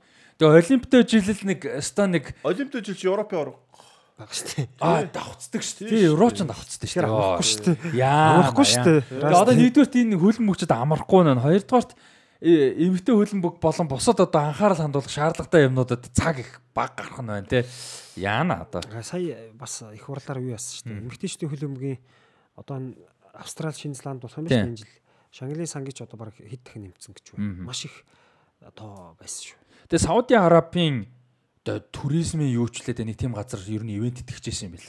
Тэгээ брэнд хамтарч хамтарч брэнд бэнд дээр ажиллаж байсан. Тэгээд маш олон улсаас тоглогчдоос дасалжуулагчдаас эсэргүүцэл илэрхийлсэн. Сауди Араб өөрөө эмгтээчүүдийн эрэхтэй ямар асуудалтай билээ тэгж яхад эмгтээчүүдийн одоо түүхэнд хамгийн том дэлхийн аварга нь болох гэж байхад Байхгүй Сауди. Араб тэрийг нь яана гэдэг бол өөрөө Сауди эмэгтэй асуудал. хөлбөмбөг гэж юу байхгүй. Тийм байх байх. Тий. Яг байхгүй ер нь бараг л байхгүй байх. Тий. Тийм тэгэхээр бол энэ анханаас асуудалтай. Тэгээд айгүй олон талаас бол эсэргүүцэлтэй турлаад тэгээ байлсан ямар ч байсан. Солиот тий. Эмэгтэй шүү дээ өөртөө яах гэдэг тий. Тийм тэгснээс аваад ярав тий. Тийм тий айгүй сан. А тэгээ ямар ч сан юу вэ? Шогогийн подкаст зогсны дараа баг болох бах. Гэхдээ ямар ч байсан сошиалаараа бол хэдүүлээ юугаа а эмгтээчүүдийн дэлхийн аврах шалралт тэмцээн бол одоо cover хийгээд мэдээ мэдээлэлтэй сонирхолтой юмнууд яриад явна. Ер нь ярих ч ёстой бол уулын гардаг бол одоо бүр гарах ч ёстой уулын гоё те. А, Дэмжих тусмал хөгжиж штэ ямар ч юм. За А 2026 оны эртний хөлбөмбөгийн а, дэлхийн аврах шалралт тэмцээний 2046 багтаа явахыг албан ёсоор ингээд 48 48 би хэд гэж хэлсэн. 6 гэсэн. Оо за 48 шүү уучлаарай. За 48 багтаа явахыг бол албан ёсоор одоо ингэж баталсан. За тэр нь бол ерөөдөө тодорхой болцсон байсан л да. За яаж явах нь бол айгүй эргэлзээ байсан тийм. Айгүй олон талаар яригдчихсэн. За яг энэ удаа батсан юу вэ гэхээр дөрвөн багтаа 12 хэсэг явна гэдгийг баталсан. За 12 хэсгээс 28 баг а 24 24 баг уучлаарай. Миний тоо аим тонд амир мó гэдэг үуч. 24 баг э, буюу 1-2-оор гарсан баг шууд э, шалгарна. За тэгээд үлдсэн 12 одоо 3 дугаар хайранд орсон 12 багийн шилдэг 8 нь шүүгийн 32 руу шалгарна. А тэгэхээр ер нь бол хэсгээс гарах боломж маш өндөр болж байна л гэсэн. Европын орон шүү. Тийм. Одоогийн евро тий. Тийм. Тэгээд э, юу яана? Шүгийн 32 гэж одоо 16 баг хасагдана гэсэн үг шүү дээ, тий. Тэгээд э, шүгийн 32 за тэрнээс хойшоо ойлгомжтой шууд хасагдах шүү дээ. За тэгээд нэг том зорилго нь бол юу гэж байгаа? Одоогийн байдлаар бол сүүлийн орчин үеийн э, дэлхийн аварга буюу одоо сүүлийн 3 4 дэлхийн аваргаар бол клубүүдэд за клубүүдийн холбоодуудад бол юу яаж байгаа? 39 хоногийн одоо хугацаа авж байгаа. Клуб хөлбөмбөгийн дэлхийн аварга шалруулах 40 тэмцээн. хоног үсэж байна. Тэгээ ер нь бол 40-өөс 39-ыг авж байгаа. За тэрийг л өөрчлөхгүй гэж байгаа. Тэрэндээ багтааж дуусганаа л гэсэн зорж байгаа юм байлээ. Тэгэхээр ер нь бол дунд нь завсралга мосралга авахгүй бол чинь 106 тоглолт болж байна. Аа тийм 104. 104. 64 тоглолт байсан нь 104 40 тоглолт нэмэгдэж байгаа. За тайлбарлагч нар баларх нэ гэлтэй. 104 одоо тоглолт тайлбарлана гэдэг чинь одоо 30 гаруй өдөртэй байвал Хэсгийн одоо сүүлийн тоглолтууд ч биш. Ер нь одоо хэсгийн сүүлийн тоглолт зэрэг болдсон шүү дээ. Ер нь зарим зарим тоглолтууд бас зэрэг болох. Үгүй үгүй. Наа чинь энэ өдөрт 3 тоглолт явж байгаа шүү дээ. Дөрөв тоглолт өдөр зөөх хүмүүс дөрөв тоглолт өдөр ихсэж байгаа. Аа за за. Тэгээд юу юм бэ л да. Өдөр нь угаасаа сараасаа даваа явчих юм байна л да. Гэтэ яг ганц юм нь гоё юм нь юу л да нөгөө хасагдах шатн дээр арай удна гэдэг нь сонирхолтой тий Нэг 32. нугаа нугаа. Одоо хасаж шатн дээр өдөрт дөрөв тоглолт явж болох нь шүү дээ. Тийм магадлал бол өндөр Тэгээд юу яаж байгаа? Авраг авах баг бол хагас шигшээд үлдэх баг бол өмнө 7 тоглолдог бол 8 бол. Тэ 8 болж байгаа. Тэ нэг илүү байгаа. А тэ дээрэс нь одоо саяны Германы мултардаг, тэ өмнө нь Германы мултардаг хоёр удаа. Аа гэх мэт тийм мултрах асуудал бол гарахгүй Итали болтордог одоо Тийм. Итали ч орхон нь шүү дээ дэлхийн орн. Тийм, Итали Европ мултар. 16 л эрэхтэй болсон байл л дээ. Сүйдтэй нэмэгдээгөө. Тийм, Европ бол нэг нэмэгдээгүй. Яг яалт ч нөгөө босод юунуудаа нэмэх шаардлага байсан л хэлтэй. За тэгээд ерөнхийдөө нэг иймэрхүү байгаа. За би таяад бас нэг төвчнөө. наад дээр чи бас нэг одоо юун дээр эрэхтэй нэрхад Европ төр 3 нэмэгдэж 3 эрх нэмэгдэж байгаа шүү дээ. Аз дээрээс 3 нэмэгдэж байгаа юу? Надад шудраг бус санагдаж байгаа байхгүй юу? Гэхдээ би бол санал бол нийлж юм. Босод тэр нэмэх нь зүв бах. Ийм байгаа юм л да. Ингэж л л те. UEFA-гийн биш FIFA-гийн 211 гэж үү? 212 гэж үү? 11. 11 тийм. 211 холбоо байдаг. Тэ улс бүр э, юунод улсууд. За энэ дундаас дэлхийн аврагт орж үтсэн ерөөсөө 70 хүрдэг ч үлээ үгүй л байт юм байлаа. Түүхэнд орж үтсэн нь ерөөсөө. Тэгэхээр ихэнх хувь нь бол орж үзээгүй байдаг. А тэгээд эн чинь бол бусад холбоодуудаа дэмжих амар том инсентив болох. А тэр холбоодууд нь бусад дэлхийн нийтэд харагдах те хөлбөмбөг нь хаана явж байгаа гэдэг тэнцэхийн боломж аа тэгээ obviously мөнгөлдөө мэдээж эн чинь олон бод наа ч юм бол байгаа. гэхдээ яг тийм зөв тайлбар бол биш байх. Яг гэх юм бол энэ чинь сайн том тэмцээн сайн баг л орох ёстой шүү дээ. Гэтэ наа чинь яг супер лиг шиг болчиход байгаа хгүй. Сайн болохоор сайн, сайн болохоор хөл өмгөө гэдэг тусам нөгөө тэнцэн гэдэг чинь Одоо манай Монголын хөл өмгийн сонгуул шиг байхгүй наа чи. Улаанбаатар тамга клубуд нь байхад хөдөө орон нутаг баг тал саналыг өгч шүү дээ. Хөдөө нутаг олигтой хөл өмгийн байхгүй. Тэгэхээр эн чинь айгүй тийм буруу байхгүй. Одоо жишээлбэл Европын хөл өмг сайн биш шүү дээ. Гэтэ тэгэхээр чинь бус нь гүйцэх боломж олдохгүй юм шүү. үгүй үгүй. Одоо яг юугаар шудраг нийгэмд бол бид нэр бусад холбоодууд нөгөөцөх ойрсон өрсөлдөх одоо нөхцөл бүрдэх боломжтой байх хэрэгтэй шүү дээ. Яг мэдээж чадахгүй байгаа нь үнэн. Гэтэ тих боломж нь байх хэрэгтэй байхгүй. Үгүй. Тэр бол ойлгомжтой шүү дээ. Боломжийг гаргаж өгөх хэрэгтэй. Гэхдээ Европ ч өөр амар хөгжсөн биш. Одоо жишээлбэл арал та. Аврал лигт ягаад тэр том багуудаас дөрвөн баг хүртээ хөгжсөн. Нэг бол юу ах юм уу? Өө за за том багуудын 3 3 болгочих. Босод тэр Косовогийн лигийн багуудыг харъя те. Тийм багуудыг. Гэтэ одоо жишээ нь юу юм шүү Тэрнтэй адилхан болч наа чин Европ шийдвэл чансаагаараа сайн шүү дээ. Европт бол бас Чансаагаараа арай бага нэмчих. Тий. Чансаагаараа сайн байхгүй юу? Чансаагаараа сайн бол тэн дээр олон л нэмэх хэрэгтэй байхгүй юу? Гурван нэм. Тэнгүүл Аз одоо яах вэ? Одоо бодлоо. За Арабын нэгдсэн Эмират орлоо дэлхийн ороод. Арабын нэгдсэн Эмират дандаа л юм тоглолт нь шүү дээ. 6-д үлддэн шүү дээ. 5 багарч тий. Арабын нэгдсэн Эмират орох уу, Итали орох уу гэдэг сонголт байхгүй юу? За тэгвэл за Италиг асчээ. Норвег ор. Норвег орох Арабын нэгдсэн Эмират орох гэдэг сонголт. Тэнгүүл Арабын нэгдсэн Эмиратын хөлөмгийнхаар Вьетнам ч гэсэн сайн үзнэ, Таиланд сайн үзнэ. Тэрийг үзэх үү, Норвег үзэх үү гэдэг Одоо тэг ингэчмээр байгаа одоо бүр сонирхолтой болохын тулд заяа. За мэдээж нэг бодлын тэр усуудыг дэмжих хэрэгтэй. Нөгөө бодлын спортын шалгуур байх Тий, хэрэгтэй. шалгуур Ерөөсөө уг нь ингээл бүр шоу болчих байсан юм байж тээ. Яг эрхийн төлөө плей-оффын хит хитэн тоглолт гаргаад за тэр Европын 17, 18, 19 дэх багууд нь заяа. За эхний 16 шууд орг. За Европ сайн байх бол 3 эрхээ ав. Эдрийн Вьетнамтай тэр юутэй плей-офф хийлгэж бол бүр галзуу болох байсан юм шүү. Бүр гоё, хамгийн гоё. тийм хоорондын плей-офф хийгээд үнэхээр хоцсногаар. А Европ үнэхээр сайн байх юм бол 19 юм 20 эрхээ ав. Бус нь үнэхээр сайн байх юм бол арай Европыг бас арай багасгачих бас. Надад бол ерөөсөө тийм Тэгэхээр- санагдахгүй л. 48 багтай дэлхийн аваргын 16 нэг төв байна гэдэг чинь Тэр төв сайн байж. Одоо Улаанбаатар адилхан шүү дээ. Хөлн бүг бид нар тоолоход адилхан байна. Яхахгүй. Гэхдээ одоо жишээ нь зүгээр тийм л та бусад тэвүүд одоо Улаанбаатар Монголоор жишээ авахад жишээ нь бусад аймагуудын хөлбөмбөг хөгжүүлэхэд яах вэ? Улаанбаатар нь илүү байгаа болохоор гэдэг илүү байлгаа яцсан чи яаж хөгжих юм? Тэн дээр чи яг юу яцсан ш би зүгээр агент нэг тайлбар өгчихэд 2014 оны 10 дугаар сарын 15-ны өдөр олон улсын ёс ёс зүйн хорооноос э, өмнөх хөрөнгөлш ган болдгоог бандцсан шүү дээ.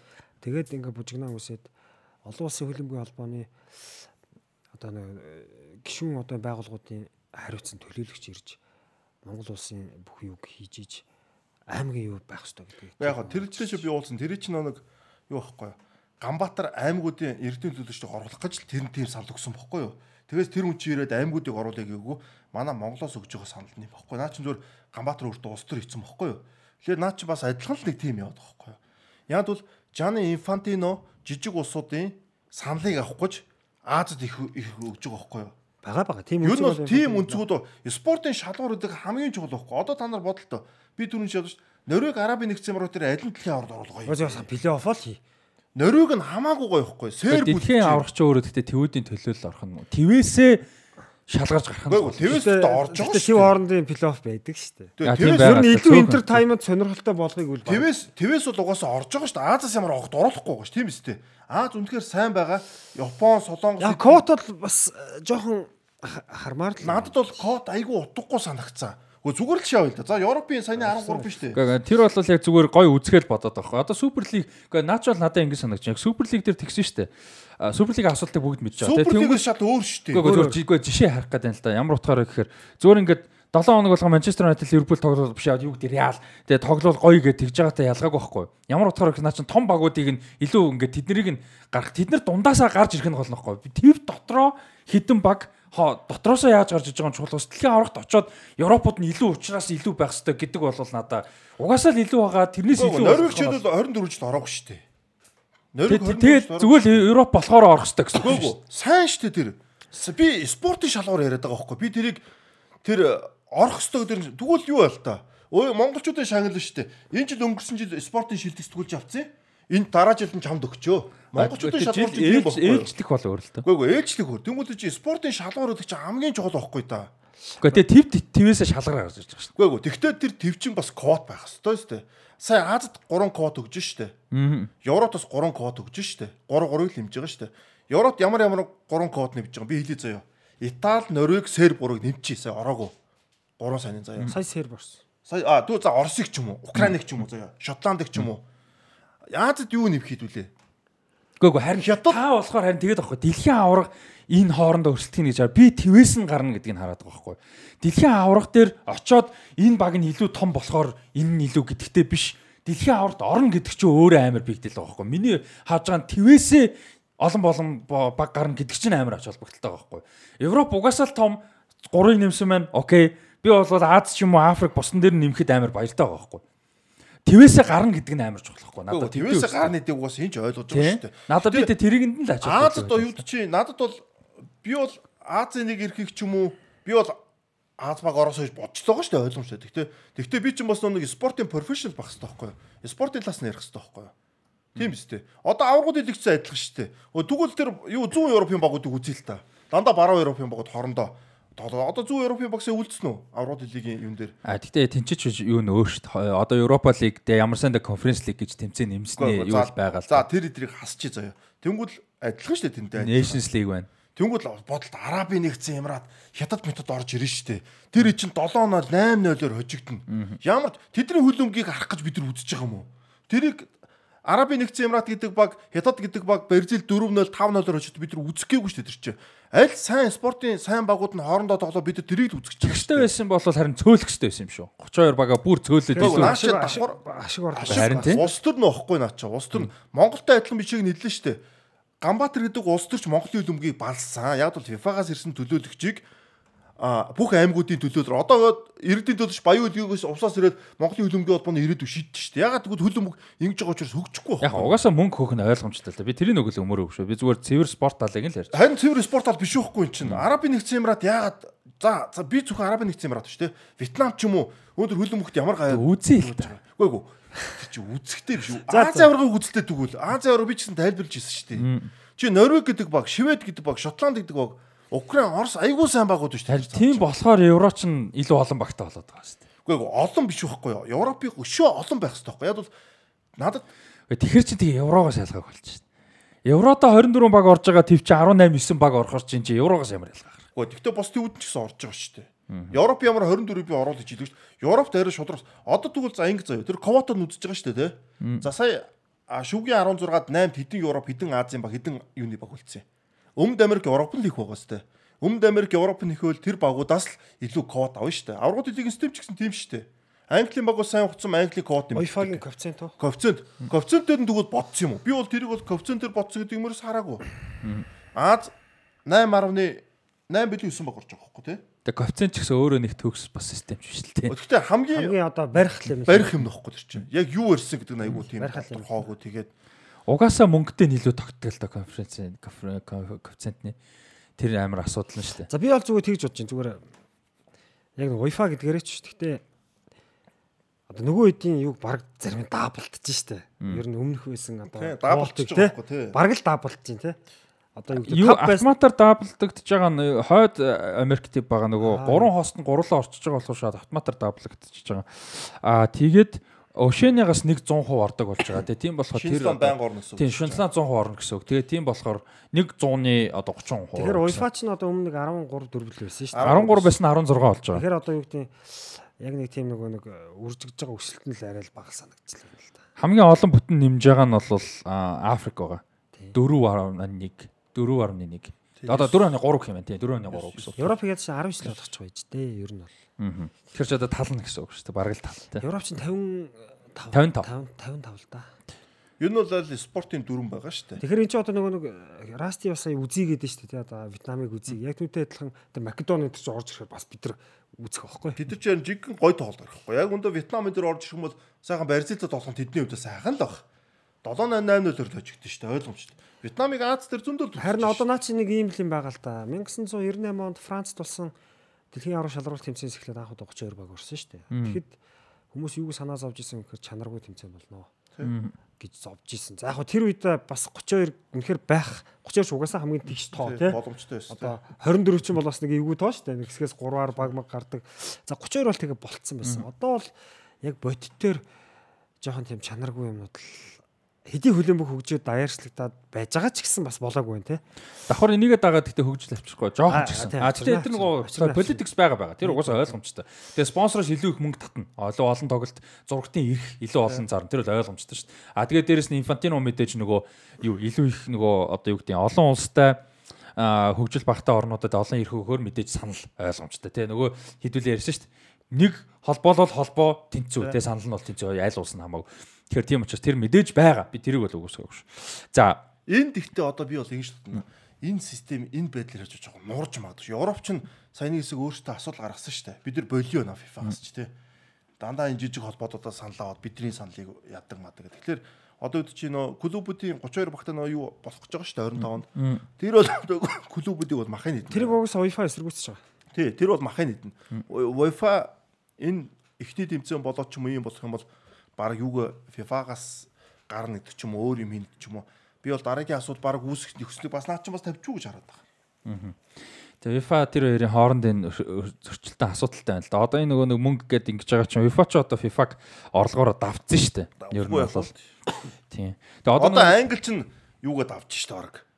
Аврагын лиг буюу одоо бусад даад лигүүдээ юу?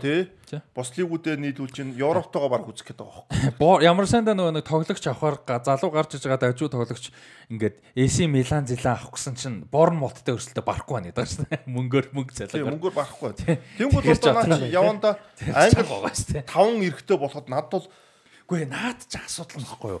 Мөнгөтэй байх тусам ирэх өгөөд байх тусам улам тасар гэдэг ойлгож байна. Бас Миний- бас бас тийм Миний үзэл яриад байгаа тэр л ахгүй юу? Тий, Надад ч ойлгож байгаа Ер нь тэгэл яванда Английн 9 дөхөөг орох нь шүү дээ. харин тий, тий, тий, тэрийг л Наадах ч- асуудал. наадах ч ойлгож одоо юу гэдэг яг цэвэр үзэх талаас нь мэдээж гоё шүү дээ. Зүгээс юу гэдэг би хараа яг цагаат талаад 26 дэлхийн авраг болонгууд Вьетнамыг үзэх үү, Бразил үзэх үү, Норвег үзэх үү Наад.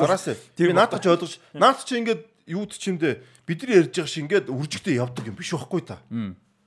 Үржигтэй явдаг юм биш байхгүй. Одоо ковцон дээр үгүй үгүй. Ковцон дээр үзэх юм бол Англиас орж байгаа нэг баг биш Тоттенхэм шүү дээ. Тоттенхэм эсгээс гардгуус арай л гэж гарч тийг хүндээ бол. Лестер нэг жил бас орсон шүү дээ тийм үү? үлдсэн. Тэгээ 8-д үлдсэн те. Эсгээс гардгуу одоо Манчестер Юнайтед энэ жил юу лээ? Юу, Европа лиг үү? Европа лиг дээр одоо Арсенал хожигдж штэ. Тэгмээд Англиас эсгээс гарахгүй тохиолч юм 16 хожигдж байгаа тохиол зөндөл сая Ливерпул ингээл 16. Тэгэхээр эн чин Орсон болгоно тэгж биш. Энд чи коэффициент дээр байхгүй. Англи мөнгөтэй байж болно. Ихтэй сайн тоглоод бол коэффициент дээр яагаад тав байж болохгүй. Испани яагаад байж болохгүй. Тийм үстэй. За. Тэр чи коэффициентийн асуудал болохоос айл нэг үржигтэй шууд 9 10 болчихно гэж. Тийм байх. Яг 9 10 ч шууд болохгүй л дээ. Гэхдээ зүгээр нөгөө нэг мөнгөтэй юм нь мөнгөтэй учраас сайн байгаа юмыг сайн байна гэд дэмжих тусам улам тасардаг. Ер нь эдийн засаг чинь тэгж л явж шүү дээ. Тийм болохоор тэрийг л яриад байна л да. А түүнээс биш Вьетнамын хөлбөмбөгийг Бразилаас илүү үзье гэдэг байгаа бол биш ээ. Үгүй тэр чи угаасаа ойлгож байгаа шүү дээ. Би ямар ч хамаа Вьетнам барьж шал шал өөр юм яриад юм. Би Норвег Арабын нэг замаар хоёрыг яриад Тийм Норвег ч юм яг хөө зүгээр уусан юу гэдэгтэй бишээ. Би зүгээр жишээ Бразил авчлаа зүгээр Норвег окей. Тийм. Гэхдээ зүгээр point нь л тэр хөлбөмбө хөгжүүлэхдээ ял болох тийг л гэж бодож байна. За дэлхийн аваргад А түүхэн дэлхийн аврагуудад төвчөн төвчөн хэлэхэд за 2000 а, биш ээ, 1930 онд бол анх 13 баг орж исэн байдаг те. 34 онд 16, 38 онд 15, 50 онд 13. За тэгээд 54 оноос 78 хүртэл тогтсон. За энд бол яг 16 багаар яг тогтсон. А гэхдээ тоглолтдог тоглолтын тоонууд бол заримдаа бол янз янз. Тийм хэлбэлцэжсэн. За тэгээд 82 оноос түрүүн хэлсэн 94 онд дуустал 24 баг тогсон. А гэхдээ систем нь бол өөр ер нь баг өөрчлөгдсөн 52 тоглолтоор явж ирсэн. За тэгээд түрүү хэлсэн 98 оноос саяны 2022 оны дэлхийн арга дуустал 32 баг 64 тоглолттой явж ирсэн. За одоо ингээд 48 баг 104 тоглолттой явах нь. За тэгээд сонирхолтой факт нь 2026 оны дэлхийн арга бол ингээд 104 тоглолт явагдах нэ. За 1930, 1934, 1938, 1950 болон 1954 буюу хөлбөмбөгийн анхны 5 дэлхийн аврагт нийт 101 тоглолт болж ирсэн. Эхний 5 дэлхийн аврагаас илүү олон тоглолт нэг дэлхийн аврагт тоглогдох нэ. 24 жилийн хугацаанд тогсон тоглолтоос одоо 30 гаруй хоногт илүү тоглолт тоглогдно гэсэн. За энэ бол ямар нэг сайн муу гэсэн үг бол биш зүгээр л факт шүү. За нэг юм сонирхолтой юм бол байна. За тэгээд зохион байгуулж байгаа газар бол мэдээж төрөн хийсэн. Аа Хойд Америк, Канад, Америк, Мексик гэсэн гурван улс хамтран зохион байгуулж байгаа. За ер нь бол зохион байгуулалтыг гурван хэсэгт хуваасан байгаа юм байна лээ. Western Central Eastern Re- Region гэж тийм маш том төв учраас тийм. За Western region нь одоо баруун зүгийнх нь хэсэгт бол Мексикас Guadalajara, Америкас Los Angeles, San Francisco Bay Area. Зөвхөн San Francisco хот нь ч гэдэг Bay Area гэж явж байгаа тий. За тэгээд Seattle хот, за Канадас Vancouver. За энэ ингээд энэ тав бол одоо Western одоо area гэж явж байгаа. За Central төв хэсэг нь бол Америкас Atlanta, Dallas, Houston, Kansas City.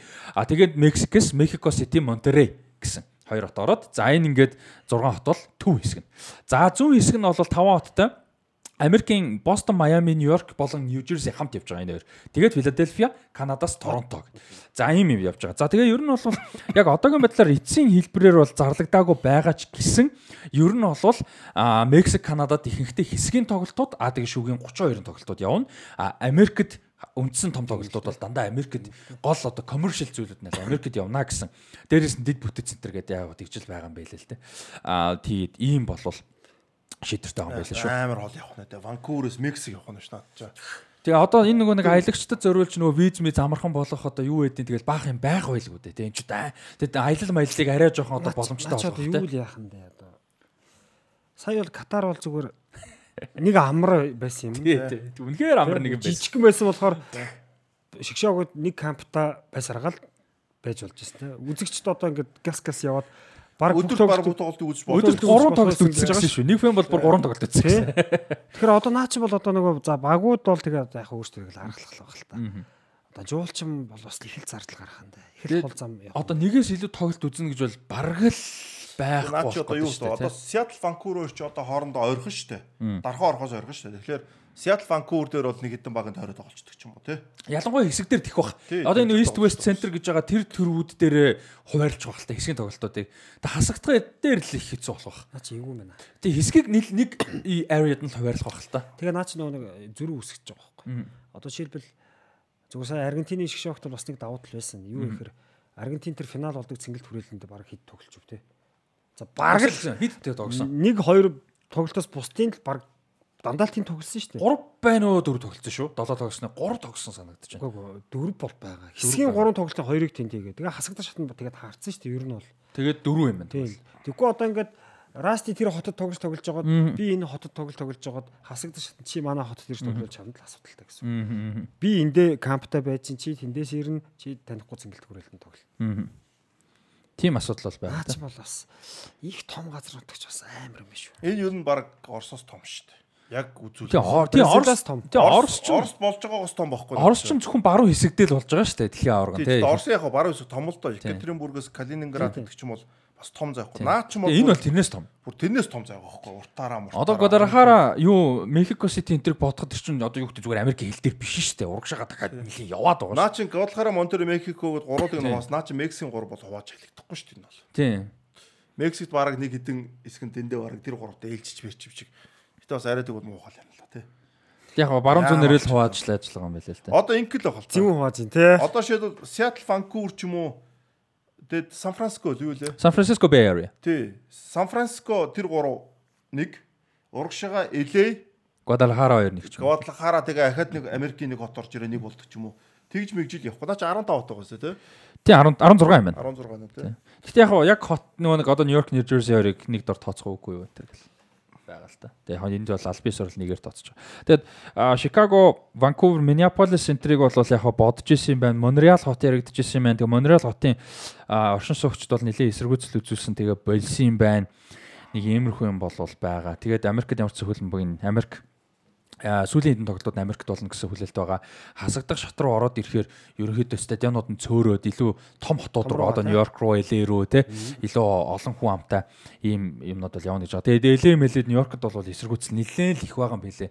Энэтэй бол одоо хот нь юм нь үнэтэй болцсон, оршин суугчд амьдрах үн бол маш өртөг өндөртэй болцсон. Гэр оронгүй хүмүүс хитрхи олон болцсон. Ялангуяа LA-д Калифорниагаас ч одоо нөгөө Калифорни Exodus гэж юм яваад байгаа шүү дээ. Калифорниас хэдэн сая хүн нүүж гарсан сая. Ялангуяа цар тахлаас хойш. Тэгэд э, ер нь бол эсрүүцэл нэлээд л их байгаа юм бэлээ. Ванкуверээс Годлахаар руу 4000 гаруй километр биш. Пай. Амар ш. Нэг нэг одоо West Region гэж байгаа шүү дээ. Тэгээ яг юу яах л бахалта зохицуулт хийх л бахалта ялангуяа ихсэн шатантай нөгөө нэг багуудыг аль болох ойрхонтой нөгөө хол одоо аялуулахын тулд чи одоо 4000 жишээ нь Western нэг region-д н орж байгаа мөртлөө Vancouver Guadalajara-гийн хооронд явна гэж бол байхгүй шүү дээ нэг баг нэг хэсгийн тулд тий. Ойрхон одоо Vancouver-тэй байвал одоо Seattle руу явдаг. Дараа нь хасад шат ч гэсэнтэй тий. Хасад шатыг айгүй ухаантай их бол тэн дээр бол Эвгүй тоглолцоод Монтеро тоглолцоод Нью-Йорк тоглоно гэдэг бол бас л Тийм шүү дээ. Одоо нэг баг нь 500 км-ийн зайтай тоглож ирэнгүүтээ нөгөө баг нь 4000 км-с ирвэл одоо жишээ нь чинь шал өөр ядралт байх юм шүү дээ. Наач одоо хэсэгт бол яхаа шийдэж болж байна. Яг тэгэхээр олон багтаа болохоор нэг багийн одоо Нэг хэсэг нь тоглох одоо нэг тоглолцоод өмнө одоо юу гэдэг нэг 4 хоногийн дараа тоглодог байсан бол одоо маш олон хэсэг гараад ирэхээр нэг 6 7 хоногийн дараа тоглодог ч юм уу тий. Тэгээд одоо хэсэгтээ бол асуудлаа шийдэж болох нь шүү дээ. Хасагдаж шатчээ тэгж хүлээхгүй шүү дээ. Хоёр өдөр амраагаал тоглолоо шүү дээ. Тэгэхээр энэ нэлээд л тэгээ ер нь бол яалт ч өнөө цөөхөн хоттой хоёр хуваагаал юу яах одоо чинь ингэж л бодоод байна л да магадгүй зүгээр жишээ шүү зэ. За 16 шүгэ 16 байлаа гэж бодъё. Тэнгөт баруун зүүн дээр нь хуваасан одоо LA Сан Франциско те зүүнд нь Нью-Йорк одоо за Нью-Йорк Филадельфи ч юм уу те. Зөвхөн энэ хоёр дээр нь одоо жишээ нь шүгэ 16 хоёр хэсгийг хоёр талд нь хуваагаад нөгөө шүгэ 16 чинь хоёр хэсэг нэг гарна шүү дээ хоёр талдаа. тоосорго дундаа уулзах. Тэ тэр шиг хоёр хуваадаг ч юм уу. Нэг тиймэрхүү юм гарах бах. Жишээгээр. Канс сэдрийн зингэлдэх голдоо орохоор арай багтах байх л та. Яа яг зүгээр жишээ шүү. за хэдүүлээ тэнц. За за окей. За ер нь ямар ч байсан логистик талаас бол үнэхээр амар юм логистик болсон. цал дээр харин шууд бодоход толгоо өвдөж байгаа байхгүй наач. Тэгээд ярихаас аргагүй болж байгаа байхгүй тий. Тэгэл юу чинь Америк ч бас хоорондоо нөгөө нэг энэ амар том газар нутгад тэгээ хоорондоо явхад бас асуудлууд тийм амархан бас биш. Хурдны зам ам ихтэй ихтэй богоон ч юм уу Европ шиг ингээд Европ ч өдөр жижигхэн хоёрдугаар богооны систем амар сайтай галтэрны систем. Тэнгүүд Америкч галтэрны систем бас тийм сайн бол. Ер нь байхгүй гэж хэлэх буруудахгүй шүү дээ. Тэгэнгүүт эн чинь бас давхар асуудал болж байгаа. Баян онгоцоор нисгүү яах вэ ийх үү. Ер Тэгээ нөгөө нэг. Зардал тайл. За тэгээ онгоц гэдэг тэгэхээр ч нэг carbon footprint те одоо юуны аа, агаар биг э, юуны дэлхийн цагуурын өөрчлөлтөд тодорхой хэмжээний хувь нэмээр оруулах энэдрээ гэл аа, carbon footprint чинь zero байх гэж хичээгээд байгаа шүү дээ айлуулах те. Тэнгүүд ч бас ингээл бөөн л асуудал гарах нь байна л да. За ямар ч гэсэн нэг ийм дэлхийн авраг болох нь байна. 2026 онд аа, 100 болдгоороо болно. Америк нэгдсэн улс, Канада болон Мексик гэсэн улсуудад болно. 7 сарын а 6 сарын 11-ээс 7 сарын 19-нд гэж байгаа. 38 хоног, 38 9 хоног бол болно гэсэн юм төлөвлөгөөтэй байгаа. Хэсгийн тоглолт гэхдээ олон хоног амарахгүй байна уу шүү. Яг л энэ шиг амраад тоглох юм. Нийт 40 тоглолтонд тоглолт нэмэгдэж байгаа. 40 тоглолт нэмэгдсэн мөртлөө нийт хоног нь а баг өөрчлөгдөв. Одоо завсар авдаг. Бидний өдөр тоглох, тайлбарлах тоглолт 5 тоглолт Монгол явж магадгүй байхгүй. За магадгүй шүү. Ер нь бол магадгүй шүү. Би бол ийж бодож байна. 64 чинь бараа нугарч А байгаа. тэгээд бас нэг сая нэг юу юм цагийн зүрх байх шүү Ээ дээ. тий, би яг сая ярьсан. Хэдүүлээ нөгөө нэг саяны яриаг нэг Цагийн юм зургийг нь харсан чинь дөрөөс шөнийн 3 4-өөс мөрөөс ч лөө. Одоо жишээ нь бас нэг хэцүү юм. Тийм, улс нь өргөн. Хэдэн цагийн бүс А тоглож тий тий тий. Тийм, одоо Америкийн Pacific баруун а Pacific юу Pacific тэгээд Eastern 2 Хоорондоо- цаг хоорондоо 6 7 цагийн зөрүү 5 6 ч лөө цагийн зөрүүтэй байгаа шүү дээ. Бас амар их. Тэнгүүт чинь ч шүү дээ. Багада 3 4 цагийн зөрүү тий. Тэгэхээр нэг тоглосон багч нь өөр цагийн зүрхэнд очиж тоглох нь шүү дээ. бас. ер нь бол тэгнэ гэсэн хэдхэн хоногийн зайтай. Наач асуудал. Энэ шүү Америк дээ. нь асуудалтай наа чаа. Хитрхи том байхын давуу тал биш асуудал. 94 онд Америкт болж наа чин болж исэн шүү дээ тий. А одоо ч юм болохоор наа чин ингэж одоо өргөнөөшөө гадна уртаашаа ингэж тэлчихэж байгаа юм Мексик орж ирэх. Мексик. За Канада бол Канада гайгүй ойрхон. Канада бол асуудалгүй. Торонто юу хоёр бол ойрхон байхгүй. Ванкувер ялгаа авах. Мексик ороод төрөөр тэр чинь ахаад бараг 1000 км нэмчихэж байгаа байхгүй. Яа, энэ ч амар. Тэгээ нааш цаашаа явна мавна гэдэг яа. Гэтэ бас яг юу гэдэг нь үнэхээр мөнгөтэй туристүүд бол ингээд аялаад үзэхэд бас сонирхолтой. 26 Шал бид өөр гурван улсаар 10 гаруй тайлбарлагчтай болохгүй дийлэхгүй маань. За телевизэд ихнээсээ ингээд тэгээ ши- тэрийг бодоорой гэдэг шүү дээ. Тий, дийлэхгүй. Өө 10 ч бараг багтах юм шүү яг юм дээр. Аа Сая чи 100 хэцүү лээс шүү 100 хэдэн тоглолт идэх шот юу юм бэ Тэгээ те. аналист маналист гэл. Тий. дээ. Одоо тэгэд ингэн зөө наач шүү дээ. Энийний production team гэж амар юм ажиллана. бид нар хүүхдээ байхдаа шүү дээ. Дэлхийн аврал шалралт тэмцээн үзэх юм үзэхэд за ер нь баг ихэнх тоглолтод үзчихдэг байсан. За давхарцсан хоёр тоглолт. Сая бол одоо ингээд зарим тоглолтыг хаяхаас өр арга байна. Одоо бол энийг бол бүр баттай хаягна шүү. Гүбэр хамгийн хардкор фэнүүд хүртэл хаягна шүү дээ. Гэтэ Одоо үзэж байгаа. юу яах нь вэ? Хүмүүс ингээд хэсэг хэсгээл хувааж авах юм байна. Тийм ээ. Хэдэн томоод үзэх байх юм л тий. Ер нь тэгнэ. За. За дэлхийн аваргаар яриаг бас гоё байна. Тэр Вьетнамыг үзэхгүй байна хүмүүс. Тийм уус. Вьетнам үзсэн шүү дээ. Вьетнамд 90 сая л үзэх юм тэгэл тий. Тэгэхээр 90 сая Вьетнам үзнэ гэдэг чинь Амар л. Тий, Тийм ээ. тийм. Алаа хийчтэй. Тэгэл колоны мөнгө аа. 90 сая Вьетнам манай уул колоны түр шороо төрөл зүгээр тэр үзэгчдийн тоо моо бол зүг сип хийгээл за яг Вьетнам ятта ш. Арабын нэгдсэн Эмират үзье. Норвег чи 90 байтгоо сая үзэн штэ манайхаа. Эмират яг заяах юу хийгээвэ. Үгүй ээ Арабын нэгдсэн Эмират яг л дандаа Азийн 6-т ирэх байхгүй юу? Дандаа үлддэг байхгүй юу? За Узбекистан байна бас. Узбекистан тий. За. Норвег чинь 90 байтгоо хүн үзэн штэ. 90 сая байтгоо үзэн гэдэг байгаа штэ. За. Аа энэ хэсгээ дуусгах уу? Нэмэгцүүл байна. За болсон дөө. За, Гурд нь бас зөндөө ирсэн шүү дээ бид нар чинь. тийм, Тийм биз дээ. Дэлхийн аваргыг бол За тийм тийм. зөндөө ирсэн шүү дээ. За энэ үрээд тэгвэл а, 37 дугаар дугаарын Шогобонито шоу подкастын 37 дугаар дугаарын 2 дугаар хэсэг өндөрж байна. А, 30 73 дахь удаагийн FIFA-гийн конгресс одоо ч хөлбөмбөг албаны конгресс усан талаар ерөөхдөө ярьлаа, дэлхийн аврагын талаар ярьлаа. За өөр нөгөө нэг тэмцээнүүдийн талаар албан ёсны мэдээлэл гарах үед нь бол мэдээж Шогобонито шоу подкастын бол хүрээнд бол ярина. Одоо тийм ер нь л тийм. Тэгээ хаа ингээд маргаан гардаа шүү үзэх шүү дээ. Оо тэгээ юу тэр бол одоо сонирм биш шүү дээ. Тэр чинь подкаст одоо яг ингээ подкаст форматаар орохоор бүр уламтай урамтай болж байгаа байхгүй. Аа тэгвэл нөө нэвтрүүлэг форматаар явах чинь бас нэг өөр үт юм аа. Яг ингээд нэг Соёлтой юу? нэг нэг намхан ширээндээ нэг ингээ сууцгаар ингээд нэг нэвтрүүлэг болчихсон хаа. Одоо энэ чинь яг ингээ нөгөө нэг ярилцж байгаа подкаст бол ширээн мөрөө өндөр те. Дебет дээр үүсээд. Тийм үгүй зөв шүү дээ. Дебет байх хэрэгтэй байхгүй. Тэгвэл бас тэр чинь юу шүү дээ. А дандаа юм дээр санал нийлээд байгаа үдчих жоон амар ванила болчих шүү дээ. За. За тэгээд А ерөнхий ивент тэтгэгч MS хамт олондоо баярлалаа. Ерөнхий ивент тэтгэгчээр ажилласаар байгаа бүтэн season ивент тэтгэгч ажиллаж байгаа. 7711 19 99 дугаараар а, холбогдцоогоорой. За хэдүүлээ энэ үрээд 2 дугаар хэсгээ өндөрлөе 3 дугаар хэсэг рүү гарцгаая. Цаг хугацаа өнгөрөвч үн цэн үлдэн. Эрчим хүчний дэвшилтэд шийдэл бүхий бүтээгдэхүүнүүдийг төслийн аль ч үе шатанд эцсийн хэрэглэгчдэд зориулан тасралтгүй ханган нийлүүлж байна. Мэргэжлийн ур чадвар салбарын туршлага мэдлэгтэй тулгуурлан оновчтой шийдлийг харилцагч бүртээ санал болгон байнгын эргэх холбоотой ажиллаж урт хугацааны үнцнийг хамтдаа бүтээдэг. Бид улс орныхон хөгжлийн суурь болсон дэм байгуулалтын салбар бүрт дэвшилтэт технологи болон чанарын илэрхийлэл болсон бүтээгдэхүүний шийдлийг нэвтрүүлж харилцагч бүрийнхээ мэдрэлийн дан ажилдгаараа бахархдаг. Эрчим хүчний бараа бүтээгдэхүүн хангамж нийлүүлэгч MMS За Шогомонито шоу подкастын 37 дугаар 3 дахь хэсэг эхэлж байна. Тэгээ 3 дахь хэсгээр story болон баг тий. За story болонгаар бол өнөөдөр миний ээлж байгаа. Тэгээд би өнөөдөр юу яхаар бэлдсэн байгаа. Тэгээ English game гэдэг Netflix-ийн цуврал байдаг. А богино хэмжээний цуврал. За би андар бол 6 эпизодтой санагдаж ингээс хараатий. 6 тийм ээ 6 эпизодтой юм. 6 ангитай богино хэмжээний цуврал байдаг. 20 20 оны 3 сард Netflix-д орсон. Яг нөх хөл хориомоор амар байхад үйдсэн. Ийм цуврал байдаг. Аа тэгээд Netflix гарсан. За энэ цуврал яг юуны тухай юм бэ гэдэг English game тий. За энэ бол ингээд 1870-аад онд одоогийн бидний мэддэг хөл бөмбөг бол а эхэлж исэн үе тий. Эхлээд удаагүй байсан үе. За энэ үед бол одоо ингээд хөл бөмбөг бол одоо элит хүмүүсийн одоо хобби гэж явдаг байсан мэрэгжлийн болгохыг эсэргүүцдэг тий ер нь л аматер одоо мэрэгжлийн мэрэгшүүлэх юм сонирхол байдаггүй тий яг юм элит хүмүүсийн элит их сургуулиуд эхлээд их сургуулийн одоо тамирчид бол хоорондоо тоглолдог тий ийм спорт. Яг нь мэдээж одоо нэг ажилчин анги буюу одоо тухайн үед бол маш ядуу шүү дээ тий.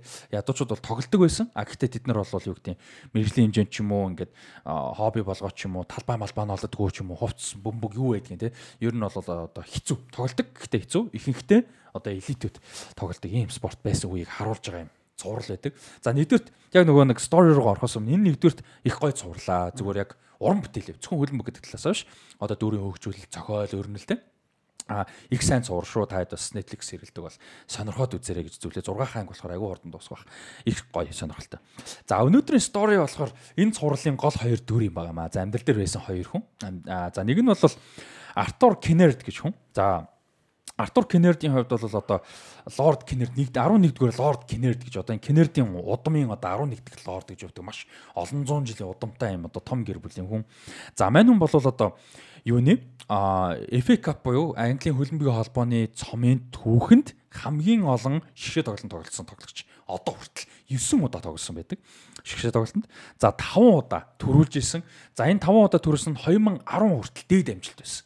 2012-нд энэ амжилтыг бол Ashley Cole 6 болгож эвдсэн. Ажлыг бол Арсенал тогтоо их олон төрүүлсэн бас дээрээс нь Челси төрүүлсэн. Тийм 10 онд бол Челсид санагдчих.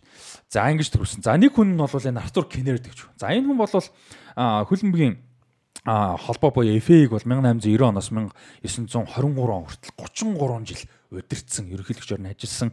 За 1911 онд бол одоо FA Cup-ын цомыг шинжилсэн байдаг юм байна. Тэгэд Одоогийнхоо. одоогийнх болгосон тийм. Одоогийнх болгоход нь одоо мань хүн бүр үнэхээр одоо гайхалтай юм одоо хувь нэмэр орсон хүн байсан учраас хуучин цомыг нь мань хүнд бэлгэлж одоо өгч ирсэн юм байна. Тэгээ одоо энэ Кеннердийн гэр бүлд анхны тэр FA-гийн Дуудлага худалдаагаар бол алхнаа. одоо байдаг юм байна. Кеннердийн гэр бүлд юм байна. За нэг юм хүн байгаа. За нөгөө хүн нь бол Fergus Suter гэж яг Шотландаараа дуутахаар илүү гоё дуднаа энэ чи Fergus Suter энэ гэдэг. Suter гэдэг гоё дууд. За Fergus Suter гэж хүн байсан. За энэ Fergus Suter заавчлаар Артур Кеннердийг нэг юм дутчих. Артур Кеннерд бол бидний мэддэг одоо association хөлбөмбөг гэж байна. Тэгээ бидний мэддэг хөлбөмбөгийн анхны од гэж байгаа. Яг энэ спортын анхны од. Тэгээ одоо яг энэ спорт тоглолтоор нь хүмүүс таньдаг. Энэ Артур Кеннердийг тоглохыг үзэх гэж хүмүүс очдог те. Яг одоо энэ хөлбөмбөгийн анхны од гэж. Баг тоглодог ус. За тэрийг нь удахгүй ярина. А Их сургуулийн баг их сургуулийн баг. Оксфорд уу? Оксфорд. За жагаараа. Тэр хоёрыг байдаг тий. Wanderers. Wanderers Old Etonians гэж хоёр багт тоглож байсан. Тийм. За тэгээд э, Fergus Suter-ийн хувьд бол Шотланд за ажилчин э, одоо ажилчин айлын. А ер нь бол нэлээд ядуу айл өссөн. Glasgow-д өөрөө бол өссөн ийм Шотланд э, хүн байсан. За мань хүнийг бол ер нь сэтгүүлчд хөлбөмбөгийн түүх судлаачд бол одоо association хөлбөмбөг буюу бидний мэддэг хөлбөмбөгийн түүхэнд анхны одоо олон танигдсан албан ёсорч гэж хэлж болно. Анхны одоо мэрэгжлийн хөлбөмбөгч гэж мань хүнийг бол үздэг.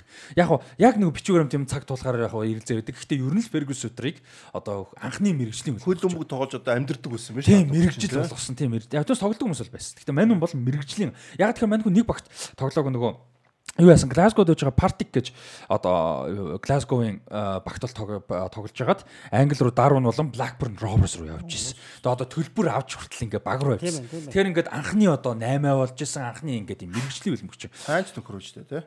Ийм хүн байсан. Тэгээд мань хүн бол уурхаад уурхаа биш. Үйлдвэрт ажиллаж мэжилдэг байсан. Эхэндээ бол.